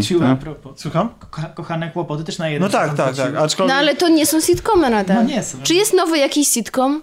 Nowy, nowy? No jest, który nie jest kontynuacją ten, e, jakiegoś starego? Farma, Rancho, Rancho, ta z tym, z y, mężem Demi Moore byłem. Ten, co grał przygłupa w różowych latach. Kaczerem, tak. Tak, z Kaczerem. Kaczy, Nie. okej. Nie, To no jest na, oczywiście, Okej, że czyli są. powstają, ale jest co sezon jakieś nowe mniej. tytuły się pojawiają, ale ile przetrwa, to E, Ciężko powiedzieć. No, y, fajnie było, ale idźcie do domu. Właśnie nie chcemy tego robić, ale musimy się skończyć. musimy się skończyć. Słuchajcie, kolaudacja się kończy. Skończyliśmy się na... po- na Malwina już pusnęła dwa Tak. razy. Nie, bo zaczęliście mówić o rzeczach, o których nie mam pojęcia. Z lat 80. O, i z lat 90. 90. Retro. E, tak, kolaudacja się kończy. Skończyliśmy się na, po czarnej płycie, tak? Na Kilemon. Killemall. Na Kilemol. Tak, skończyliśmy się na Killemall. No dzisiaj nie było za bardzo Killemall. Było tak y, bardzo ambitnie nawet. I tak chwaliliśmy wszystko Tak, właściwie. Nie możemy już y, zapraszać więcej Grzegorza. Dlatego u nas już Grzegorza nie będzie. No jak chwaliliśmy wieczór gier. No tak. Żadna tak, ambicja. No właśnie, ja najbardziej No chwaliłem ale film, a wiem, ale jednak było tam jakieś, wiesz, tam jakieś Hong Kong. mądre rzeczy, a, a, a, anihilacja No i, tak, kto to będzie słuchał? i jakieś... To będzie te słowa Jakiś kluczowe e, wpisywał. Anderson i... Dokładnie, nie ty wpisujesz te słowa Jakieś kluczowe? nudy. E, Jak rozumiem, to tak. Tak, więc y, Grzegorza już u nas nie będzie, już się nie przejmujcie, już do tej pory będzie tylko ciekawiej. Tak jest. A, jakby, a, a jakbyście chcieli posłuchać Grzegorza, to możecie też go znaleźć na Cinema Postcast. Bardzo dobrze.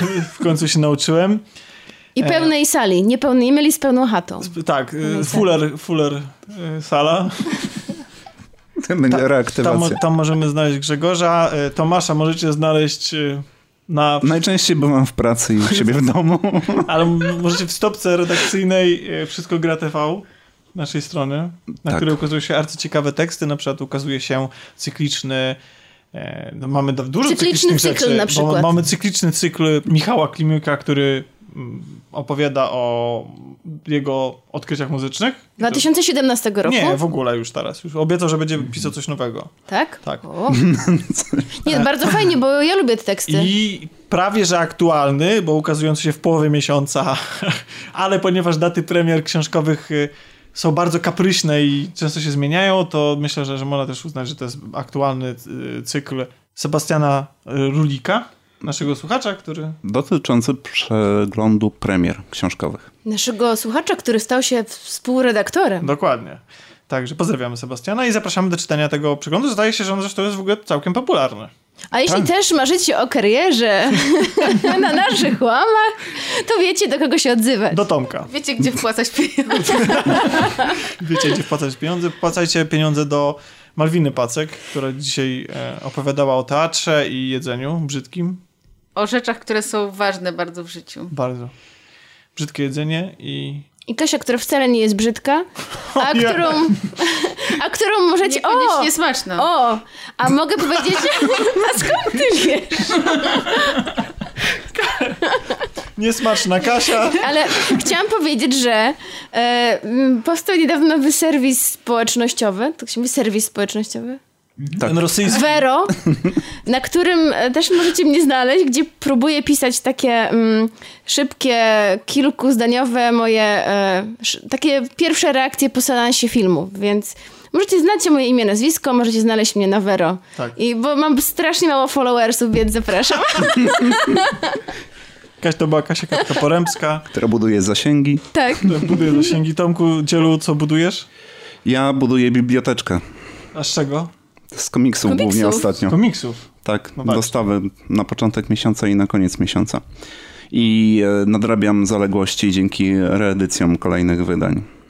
Nasze wydawnictwa e, zobaczyły, że jednak istnieje takie zapotrzebowanie dla zapóźnionych czytaczy, aby sobie A, a uzupełnili. wiecie, ale to do, właśnie mi przypomniałeś o, znowu o tej fantasmagorię, tej, tym wydawnictwie, bo powiem To jest szczerze, biedne wydawnictwo. powiem szczerze, lubię zaczynać podcast od kontrowersji i lubię go kończyć na kontrowersjach, ale, ale tym razem chyba sobie odłożymy to na następny odcinek. No, jest o czym mówić. Porozmawiamy o żółwiach ninja i o... O kolejnych zagraniach tego co chodzi. wydawnictwa. Słucham? Mówię i o kolejnych e, ciekawych komunikatach, które wydało to wydawnictwo. To ja posłucham, bo już mnie nie będzie, ale posłucham. Dobrze, skończmy to. E, Zapraszamy na naszą stronę i oczywiście na Tomku, naszą ale to jeszcze ty coś mm, powiedz, gdzie cię znaleźć, albo co gromadzisz, no tak. Może jak ja bym powiedział, co ja bym, co ja gromadzę, to nie chciałbym, żeby, mnie, żeby było wiadomo, gdzie mnie znaleźć. A, o, tak, mnie można znaleźć oczywiście wszędzie. w internetach. W internetach bywam. Do usłyszenia mam nadzieję za krócej niż... Pa, pa. Postaramy się, żeby było częściej. Tak. Pa, pa, pa, pa, pa, pa. Do następnego.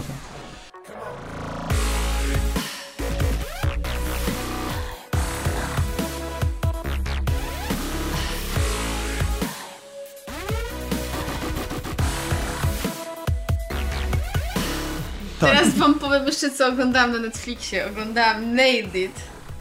Nie, ale to nie jest tak, bo to jest bardzo głupi serial. No to to jest co? serial o tym, że oni Jak się biorą nazywa jeszcze raz? nailed, tak jak e, Paznokcie. nailed it, że, Czyli zaliczyć. A tak jak że tak, coś okej. zrobiłeś, że Że super yeah, w ogóle, nail nie? it. Aha. I to jest coś takiego, to jest serial też o gotowaniu, że oni mają takie, e, nie wiem czy ty słyszałeś o tym, e, dostają takie super torty wypasione A. i biorą ludzi, którzy nic nie potrafią i oni robią, mają skopiować te torty Widziałam na przykład. zajawkę. I tak. to jest Jest jeden odcinek. cały motyw serialu? Tak. Robienie tortów? Znaczy tam są jest dwie dokument? rundy. Nie, no to jest taki teleturniej, jak, Aha. znaczy taki, nie wiem jak to nazwać, ale w jednym odcinku jest tort głowa Trumpa i oni muszą skopiować i robią takie koszmary, że to jest piękne.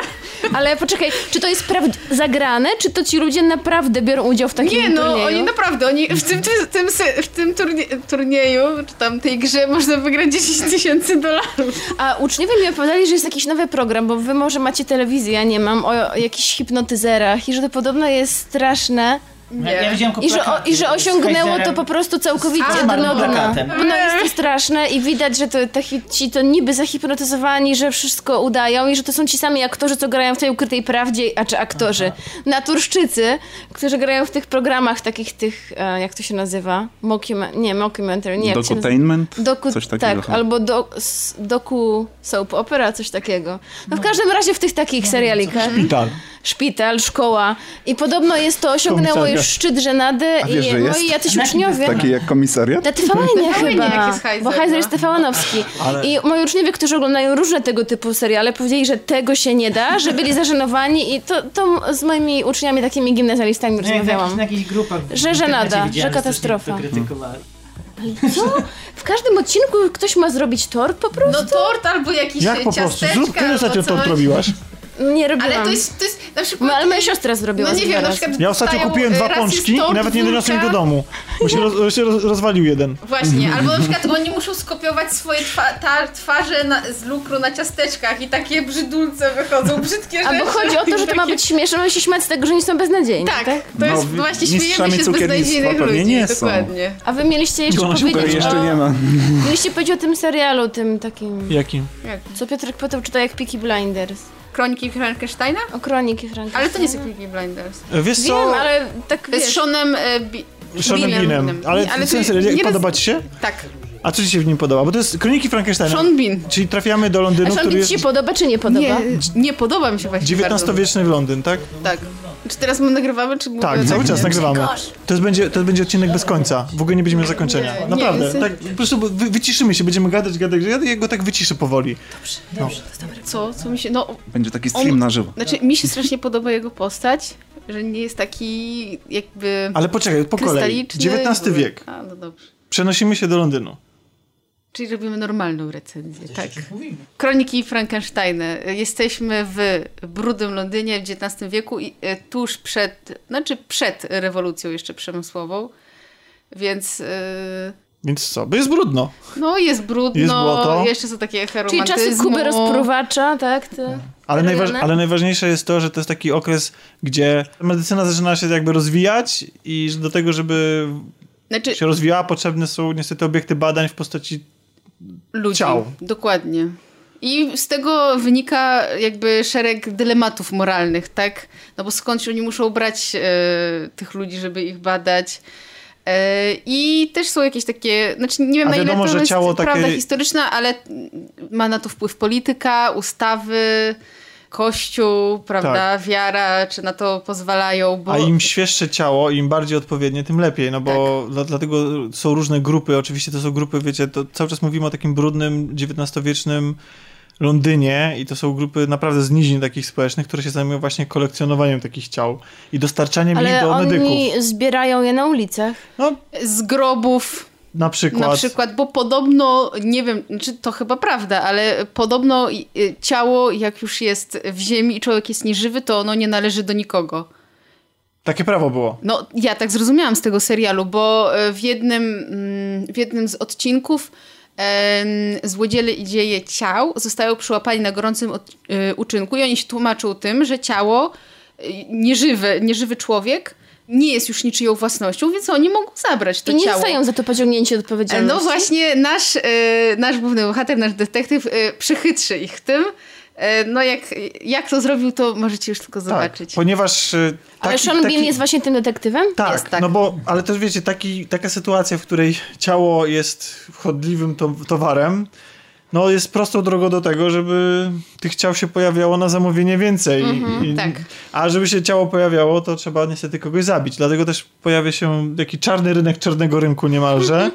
I pojawiają się też intrygi i kryminalne po prostu, No sprawy i- kryminalne, które rozwiązuje nasz główny bohater, grany jak, przez y, Shona Pena. Tak, a y, co Bina nam- czy Pena? Y, Shona Bina. Oczywiście. E, poznajemy, poznajemy go w chwili, kiedy po przypływie e, pojawia się ciało i nie jest to zwykłe ciało e, dziecka, tylko jest to ciało poszywane z różnych części ciała. I e, sprawa jest o tyle delikatna, że mm, pojawia się nowa ustawa. Ma być przegłosowane właśnie, czy chirurdzy mają mieć więcej wolności, czy mniej.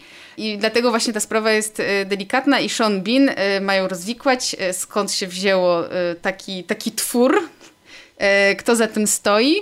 No i e, jest to właśnie bardzo ciekawie poprowadzone, ponieważ e, nasz główny bohater e, no, jest w, niby z dobrym człowiekiem, ale czasami e, e, dochodzi do celu różnymi No jest, metodami. takim, jest takim brudnym harem XIX-wiecznego Trochę Londynu. tak, trochę tak, tak, więc y, nie zawsze Prawy, ale- w, w, tak, w odpowiedni sposób dochodzi do celu. E, Poza tym też ma swoje jakieś tam e, trudności związane z przeszłością, e, z rodziną. Oczywiście, jak. E, Więc dowiadujemy się dużo o tym. Jest też, e, nie wiem czy to nie będzie spoiler jak powiem, ale jest też chory, więc zmaga się jednocześnie z chorobą. Bo to jest okres, kiedy te choroby były śmiertelne i były prawdziwe plagi, prawda? Tak, e, i to był też okres tego, że, e, że tak powiem, lekarstwa, na, y, które były podawane osobom, które były chore, no niekoniecznie ich leczyły. Więc y, też są różne efekty ty, tych kuracji. I to jest, i to, to, czym ten serial ujmuje, to przede wszystkim strona wizualna, bo to jest naprawdę bardzo klimatyczne, ale też właśnie... Tak, jest taki bardzo podobny do takich romantycznych obrazów, szczególnie te e, sceny, jak jest morze na przykład. Ale też jest, no cóż, no mamy tutaj Frankensteina doktora. I mamy też e, właśnie te eksperymenty na ludziach, co zresztą jest tematem zawsze aktualnym, zwłaszcza w dobie rozważań na temat klonowania i, i, i tego posuwania tej medycyny coraz dalej. A tam mamy właśnie takie rzeczy, które są aktualne zawsze, czyli próbę wskrzeszenia, czy tam stworzenia sztucznego człowieka, czy wskrzeszenia zmarłego. No, i- tak, tylko właśnie to jest ciekawie pokazane, bo to nie jest w taki sposób, y, co bardzo często klasyczne filmy typu właśnie nawiązujące do Frankensteina nam pokazywały, czyli stworzenie potwora, tylko bardziej to jest o... O tym- społeczeństwie. O społeczeństwie, ale też o tym, czy, czy Bóg może, czy, czy jakby człowiek może się równać Bogu, czy może mieć władzę nad ludzkim życiem. Tak. Bardziej o tym jest powiedziane. To. I to jest pierwszy sezon. Pierwszy sezon jest, ja bardzo polecam. Naprawdę. Mi się oglądało Jak to to się dokładnie nazywa? kro- kroniki Frankensteina. Frankensteina, tak. I poznajemy też e, postaci e, historyczne, czyli Williama Blake'a i poznajemy Mary Sh- Shelley, czyli autorkę Frankensteina. Frankensteina. Tak. Współczesnego Eee, Prometeusza, jak to tu książkę Sprawdziłam według. Netflixa e, 1827, czyli Tak. XIX wiek. E, no, tylko niestety podobno drugi sezon się psuje. Ja zacząłem oglądać, nie dokończyłem. Ale czyli pierwszy polecacie? Tak, Tak. bardzo, bardzo. Zwłaszcza, że on się, zwłaszcza, że on się kończy w, tak, w taki sposób, że można sobie chyba Tak, skończyć. ale widzę, w że ogóle- to coś świeżego jest? E, słucham? Ten drugi sezon to jest coś świeżego? E, tak, to jest, tak, tak, to niedawno miało premierę. To znaczy, e, o, Sześć chyba Netflix to- dosyć niedawno dostał prawa w ogóle, żeby opublikować Aha, okej, i bo- chyba opublikował dwa sezony, A, okej. tak? Myślałem, że to E, na Netflixie jest dwa, e, są dwie serie po sześć odcinków. Tak, bo on jest krótki. Lubię krótkie seriale. Ale, ale jest fajny, ale jest fajny, także polecam. Tak, w ogóle aktorsko jest świetnie. Naprawdę, obsada aktorska moim zdaniem to robi tutaj y, robotę najbardziej. No i oprócz tego jest też przepięknie zrobiony y, tak wizualnie, scenografia, właśnie ten brudny Londyn, ale też poznajemy ludzi z wyższych sfer, bo dochodzi Czyli na pierwsze oko czy na drugie? Na dwa. Na dwa oka. O! Na dwa oka. Na dwa oka. No. Na dwa oka. To Dobra. obejrzę. A nawet trzy. Dobrze, to już dodaję do listy. Jestem Dobrze. tutaj dzisiaj też multimedialna. Pyk, dodałam. Co, Grzegorz, dzwoniłeś do żony? No, żona do mnie dzwoniła. No i nic, powiedziałem, że jeszcze nagrywam. Nie, ale ja w ogóle jestem strasznie zaskoczona. Dziękujemy. e, Strasznie zaskoczona jestem tym serialem, że nikt o nim nie mówi, nikt go nie ogląda, nie poleca, bo, bo jest bardzo dobry, no. Dobre, tak. Tak. I aktorski. Coś tak. jak Belepok. Tak, znaczy to jest coś, co byle Fok chciałoby być bardzo. Ale to jest, ale Malwina potrzebowała aż, aż tak gdzieś z pięciu sekund, żeby... Przypomniało mi się, co A to było. właśnie, ja to zapomniałam, a koledzy, jak co tam w Koronie Królów, bo wiem, że wy oglądacie. O, O, to się właśnie. Ostatnio pojawił się news. Ilona Łebkowska musi odpocząć od Korony Królów. Jaram się. Ale niestety to jest, to jest bo ja na przykład y, powiem szczerze... Bo nie wiem, czy słuchacze pamiętają, ale Tomek e, oraz Tomasz oglądają cały czas e, No, ostatnio zapałem. idzie trochę ciężej, ale staram się. Ale ja też, ja siedzę na bieżąco, muszę powiedzieć, że to jest, no i, i powiem tak, oglądamy to już tak długo, znaczy ja przynajmniej, i tak intensywnie, że tłumaczenie tego guilty pleasure, czy że oglądam to ironicznie, to już nie działa, nie? Już nie będę się oszukiwał. Słuchajcie, to jest złe. To Już jest, ba- ciągnęło. to jest bardzo złe. To jest po prostu to To ale- jest coś jak The Room, tak? Najgorsze- Czerpiesz przyjemność z tego, że to jest złe. No, chyba nie aż taką nie, przyjemność. nie zawsze to jest tak, bo to jest tak, że, że, że faktycznie są takie rzeczy, że nadal potrafią... No był twist. Było zaskoczenie. Ale- Mało twist? twistów tam, Tożsamość zdrajcy. ta, ale tam, tam, tam się dzieją rzeczy. I tam, A do jakich czasów już to doszło? No nie, Do wtorku. spokojnie. Ale nie, no serio, jaki teraz jest rok mniej więcej w tym serialu? To się Cały czas tam... ten sam chyba. Tak, tak. Ja myślałam, że się szybciej przesuwa. No nie jest taki sam, bo tam dzieci dorastają, coś tam. Wie. Najbardziej mi się podoba, jak oni wrzucają zdjęcie na przykład z planu i tam jest na przykład widoczna jakaś korona, że jest jakiś król w jakiejś koronie, jakiś inny król, po czym ktoś mówi, ale wiecie, że ta korona zupełnie inaczej wyglądała i wstawia, wstawia prawdziwą koronę i ona zupełnie inaczej wyglądała, nie? Więc po prostu najlepsze są uwagi tego typu, bo po prostu społeczność tego serialu jest naprawdę bardzo żywa i, i w ogóle. Jak są na przykład takie, że, że jak widać, że coś nie jest chamską, chińską podróbką zrobione na szybko, tylko jest autentycznie jakimś starym strojem albo coś takiego, to się tak bardzo wybija na tle, że, wygląda, że ci, ci ludzie wyglądają naprawdę tak dostojnie, nie? Po prostu to jest tak sklecone na gumie do rzucia yy, i i lasotaśmę. Lasotaśma to jest taka czarna taśma, co możecie kupić na przykład na stacji benzynowej. Em, muzycy nazywają to zupełnie inaczej, bo oni to nazywają gaffer. Więc to jest taka... Taka izolacyjna? Nie, to jest taka, wiesz, jest taka teoria, jest takie prawo nawet, że film możesz nakręcić bez kamery, ale nie jesteś w stanie nakręcić filmu bez lasotaśmy. Jeszcze nie byłem nigdy w życiu na planie, na którym się lasotaśma nie przydała. To jest taka taśma, która się bardzo łatwo drze, to znaczy w sensie takim, że jesteś w stanie urwać sobie bez niczego, bez żadnych nożyczek i tak dalej kawałek. Jest w miarę wytrzymała, łatwo się zakleja i do odkleja i dlatego jest bardzo Ale do czego? przydatna. Do... Ona, służy do, czy ona służy do wszystkiego. To jest, to jest autentycznie rzecz do Czy wszystkiego. jak komuś się peruka zsuwa, to też... Nie, no aż tak to nie, ale, na ale nie, ma, czy- nie ma takiego planu, na którym nie musisz czegoś przyczepić, przytrzymać, zaznaczyć komuś na przykład miejsce na... na, na Gdzie ma no, stanąć? Chociaż tak akurat są, są też i bardziej róż- różnokolorowe, to już ci specjaliści, którzy są dyżurnymi planu i tak dalej, to są, oni mają, już mają całe, całe naręcze tych różnych rozmaitych takich taśm, ale autentycznie laso taśma, szara albo czarna, to jest absolutnie, nie ma planu bez laso taśmy. I, ale muzycy też nie ma, uważają, że nie ma koncertu bez lasu taśmy, tylko tyle, że nie nazywają tego lasu taśma, tylko gafer. No to taki smaczek. Na koniec. A ty dlaczego A oglądasz, dlaczego Tomasz? mówiliśmy o tej taśmie w ko- kontekście, No bo, y, e, w Korona Królów. Korony Królów? Bo mi pasuje do planu dnia. Od, o, pasuje Po prostu robię coś przy włączonym telewizorze o tej godzinie. Ale wiecie, najgorsze jest to, No do wyboru jest powtórka kuchennych rewolucji. bo to jest, bo, bo najgorsze jest to, bo to jest też, bo to jest ten moment u mnie też w ciągu dnia, gdzie tam, wiecie, kolacje, jakieś tam rzeczy i tak człowiek sobie włączy ten telewizor, nie? To jest właśnie to, że Netflix ci tego nie zapewni, bo nie wiesz, co tam masz kliknąć, bo klikniesz jakiś fajny serial, to sobie myślisz, no kurde, przecież nie będę stał tyłem i oglądał czwartym okiem tego serialu, jak jest fajny, a klikniesz jakiś kiepski serial, to myślisz, że szkoda czasu na, na, na kiepski serial i tak tego nie śledzę. A w telewizji to, co ci dadzą, jest okej. I najgorsze jest to, że to się rozszerza. Na początku była tylko sama ko- Korona Królów, 18.30.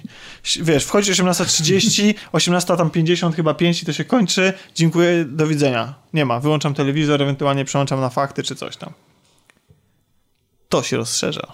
Na początku było tak, że mijał serial, a ja nie wyłączałem tego No telewizora. tam Następnego cię wkręciło. Jeden z dziesięciu.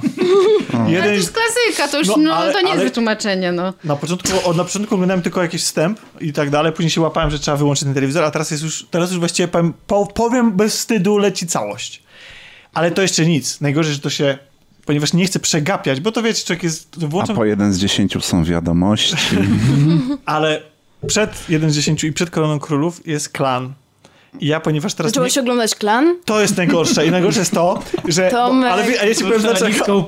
Bo, bo chodzi o to, że ja się bałem... Czyli widziałeś, widziałeś tą scenę z Kają Paskalską i z tą grą komputerową? A co tam było? Nie, to jest jakieś nazywa? starocie, to jest sprzed kilku To lat, no proszę cię. Znaczy ona jest dorosła. Ja nawet nie wiedziałam, że to jest Kaja Paskalska, ona taka co, dorosła co jest. No, Kaja Paskalska chyba pracuje jako psycholog i wchodzi do pokoju e, nie wiem, czy to była pacjentka, czy jakaś dziewczyna, która uzależniona jest od gier i e, siedzi przy wyłączonym komputerze i nic nie robi. I, I ona do niej mówi, że Kaja Paskalska, a ta nie reaguje i wygląda tak trochę emo wampirzo, ma taki makijaż, jest Burdel w biała. pokoju oczywiście. E, Oczy podkrążone. Ale najlepsze jest to, że ona w ogóle na przykład nie, nie, e, nie, nie rozmawia, nie, nie kontaktuje i nie gra. Ona ma wyłączony jakby monitor i jest i jedyne co to jest tak, już jest, to jest taki odpał, wiesz, to jest taka Nie, skrajność. jeszcze, nie, jeszcze, jeszcze w międzyczasie e, matka odsłania chyba e, Rolety. rolety, Czy tam, że wpuszcza słońce tak. i ona wtedy jak wampir. tak. E, I chyba na końcu, na końcu klika enter. Tak, ale to jest, oni się wszyscy wychodzą z tego pokoju i, i koniec, koniec tej sceny jest taki, że tak się patrzy tempo w ten monitor, bum, enter. I, Muszę zobaczyć tą i to jest, scenę. znaczy, klan Nasze- ma, naszą grupę ma, Piotr ma boskie sceny, naprawdę, tam są takie kultowe, y, tam z siekierą Z i tak Maćkiem, dalej. tak, z Maćkiem. Przyznam, to e, znam. przyznam że oglądałam kiedyś też klan. Oglądałam kiedyś klan, oglądałam na dobre i na złe. I, a co jest na TVN jeszcze taki serial? Na wspólnej. Na wspólnej, tak. E, dlatego, przez, dlatego sceny- stwierdziłam, że koniec z telewizją, bo nie będę się już dłużej Ale to, ogłupiać, bo naprawdę. nie ma sensu. Ale miałam to takie skróty oglądaj. W... Ale miałam, wiesz co, miałam tak jak Tomek, że na początku tylko to, a potem to, potem to, a potem był włączony telewizor cały dzień. Odkąd nie mam telewizji, włączam tylko jak chcę sobie coś obejrzeć na VOD i koniec. Ja zlikwidowałem w domu telewizję, nie telewizor, bo myślałem, że moja żona przestanie oglądać na wspólnej, ale zaczęła oglądać na playerze. To jest, to Tak, jest, silna, chciałem się przechytrzyć, ale... to jest silna więź, naprawdę. Ale to jest, y, to, to jest, no to jest coś takiego, bo, to jest, bo ja się boję po prostu, że przegapię tą koronę królów i coraz więcej tego klanu oglądam i coraz więcej teraz będę, bo tam jest bardzo interesujący wątek y, po prostu sklepu z, z preslami, tak. nie, nie będę się Ale ja się, ja się To- przyznam, ja oglądam Kuchenne Rewolucje i bardzo lubię. No to się to mnie wcale nie dziwi. Jak A ja oglądałam wszystkie reality show ze śpiewaniem, jak jeszcze miałam telewizję. I też nie między innymi dlatego chciałam, chciałam się od tego odciąć, bo po prostu stwierdziłam, że już e, zlasuje mi się mózg niedługo. No ale Magda Gessler to jest tak zabawna Nie, postać. wiem dlaczego. Przyszedł taki moment, kiedy ktoś powiedział mi, że to jest wszystko ustawione i że te Tak, wszystkie ja też łzawe, hi- słyszałam. i że te łzawe historyjki, które są te filmiki wyświetlane, że to wszystko jest, wiecie, wyreżyserowane. E, jakiś mój znajomy pracuje właśnie przy tych programach, e, tylko w telewizji polskiej, przy e, właśnie tych realizowaniu tych muzycznych programów i jak mi on mi to wszystko opowiedział, że kiedy ludzie klaszczą, tupią, płaczą, że wszystko jest wyreżyserowane oczywiście i plus kto ma wygrać, przegrać, to stwierdziłam, nie no, dałam się oszukać. Koniec z telewizją. I zaczęłaś oglądać youtuberów. Nie. Właśnie youtuberów też nie znam. Czasami mówicie o jakichś ludziach i ja w ogóle o nich nie Twoi wiem. uczniowie też nie mówią? Mówią, ale ja wtedy nie wiem kto to. Ale oni mówią o innych niż wy mówicie. A w ogóle to sobie zrobiłem właśnie wieczór z muzyką em, taką numerową. E, Po tym, po Jessica Jones i, i akurat jechałem taksówką i po prostu to jest niesamowite, nie? To są no, miasto nocą i właśnie taksa i, i czy tam samochód. Ale powiedziałeś taksówkę, żeby, żeby coś konkretnego włączył? Nie, no, mam słuchawki, ale powiedziałem, żeby wolniej jechał. Tak, tak. To jest, to jest, jest, jest, Jaki romantyk, No, no. je- jest- Więcej zapłacił. no ale jest coś takiego, nie wiem, no fajnego w tym. Bardzo no. lubię jeździć e, nocą też, Taksówką. prawda. Taksówką, nawet autobusem. I tak przeglądam sobie przez okno. To jest fajne. Kończymy, nie? Tak, kończmy. Dosyć długie te bloopersy. Tak. Oj,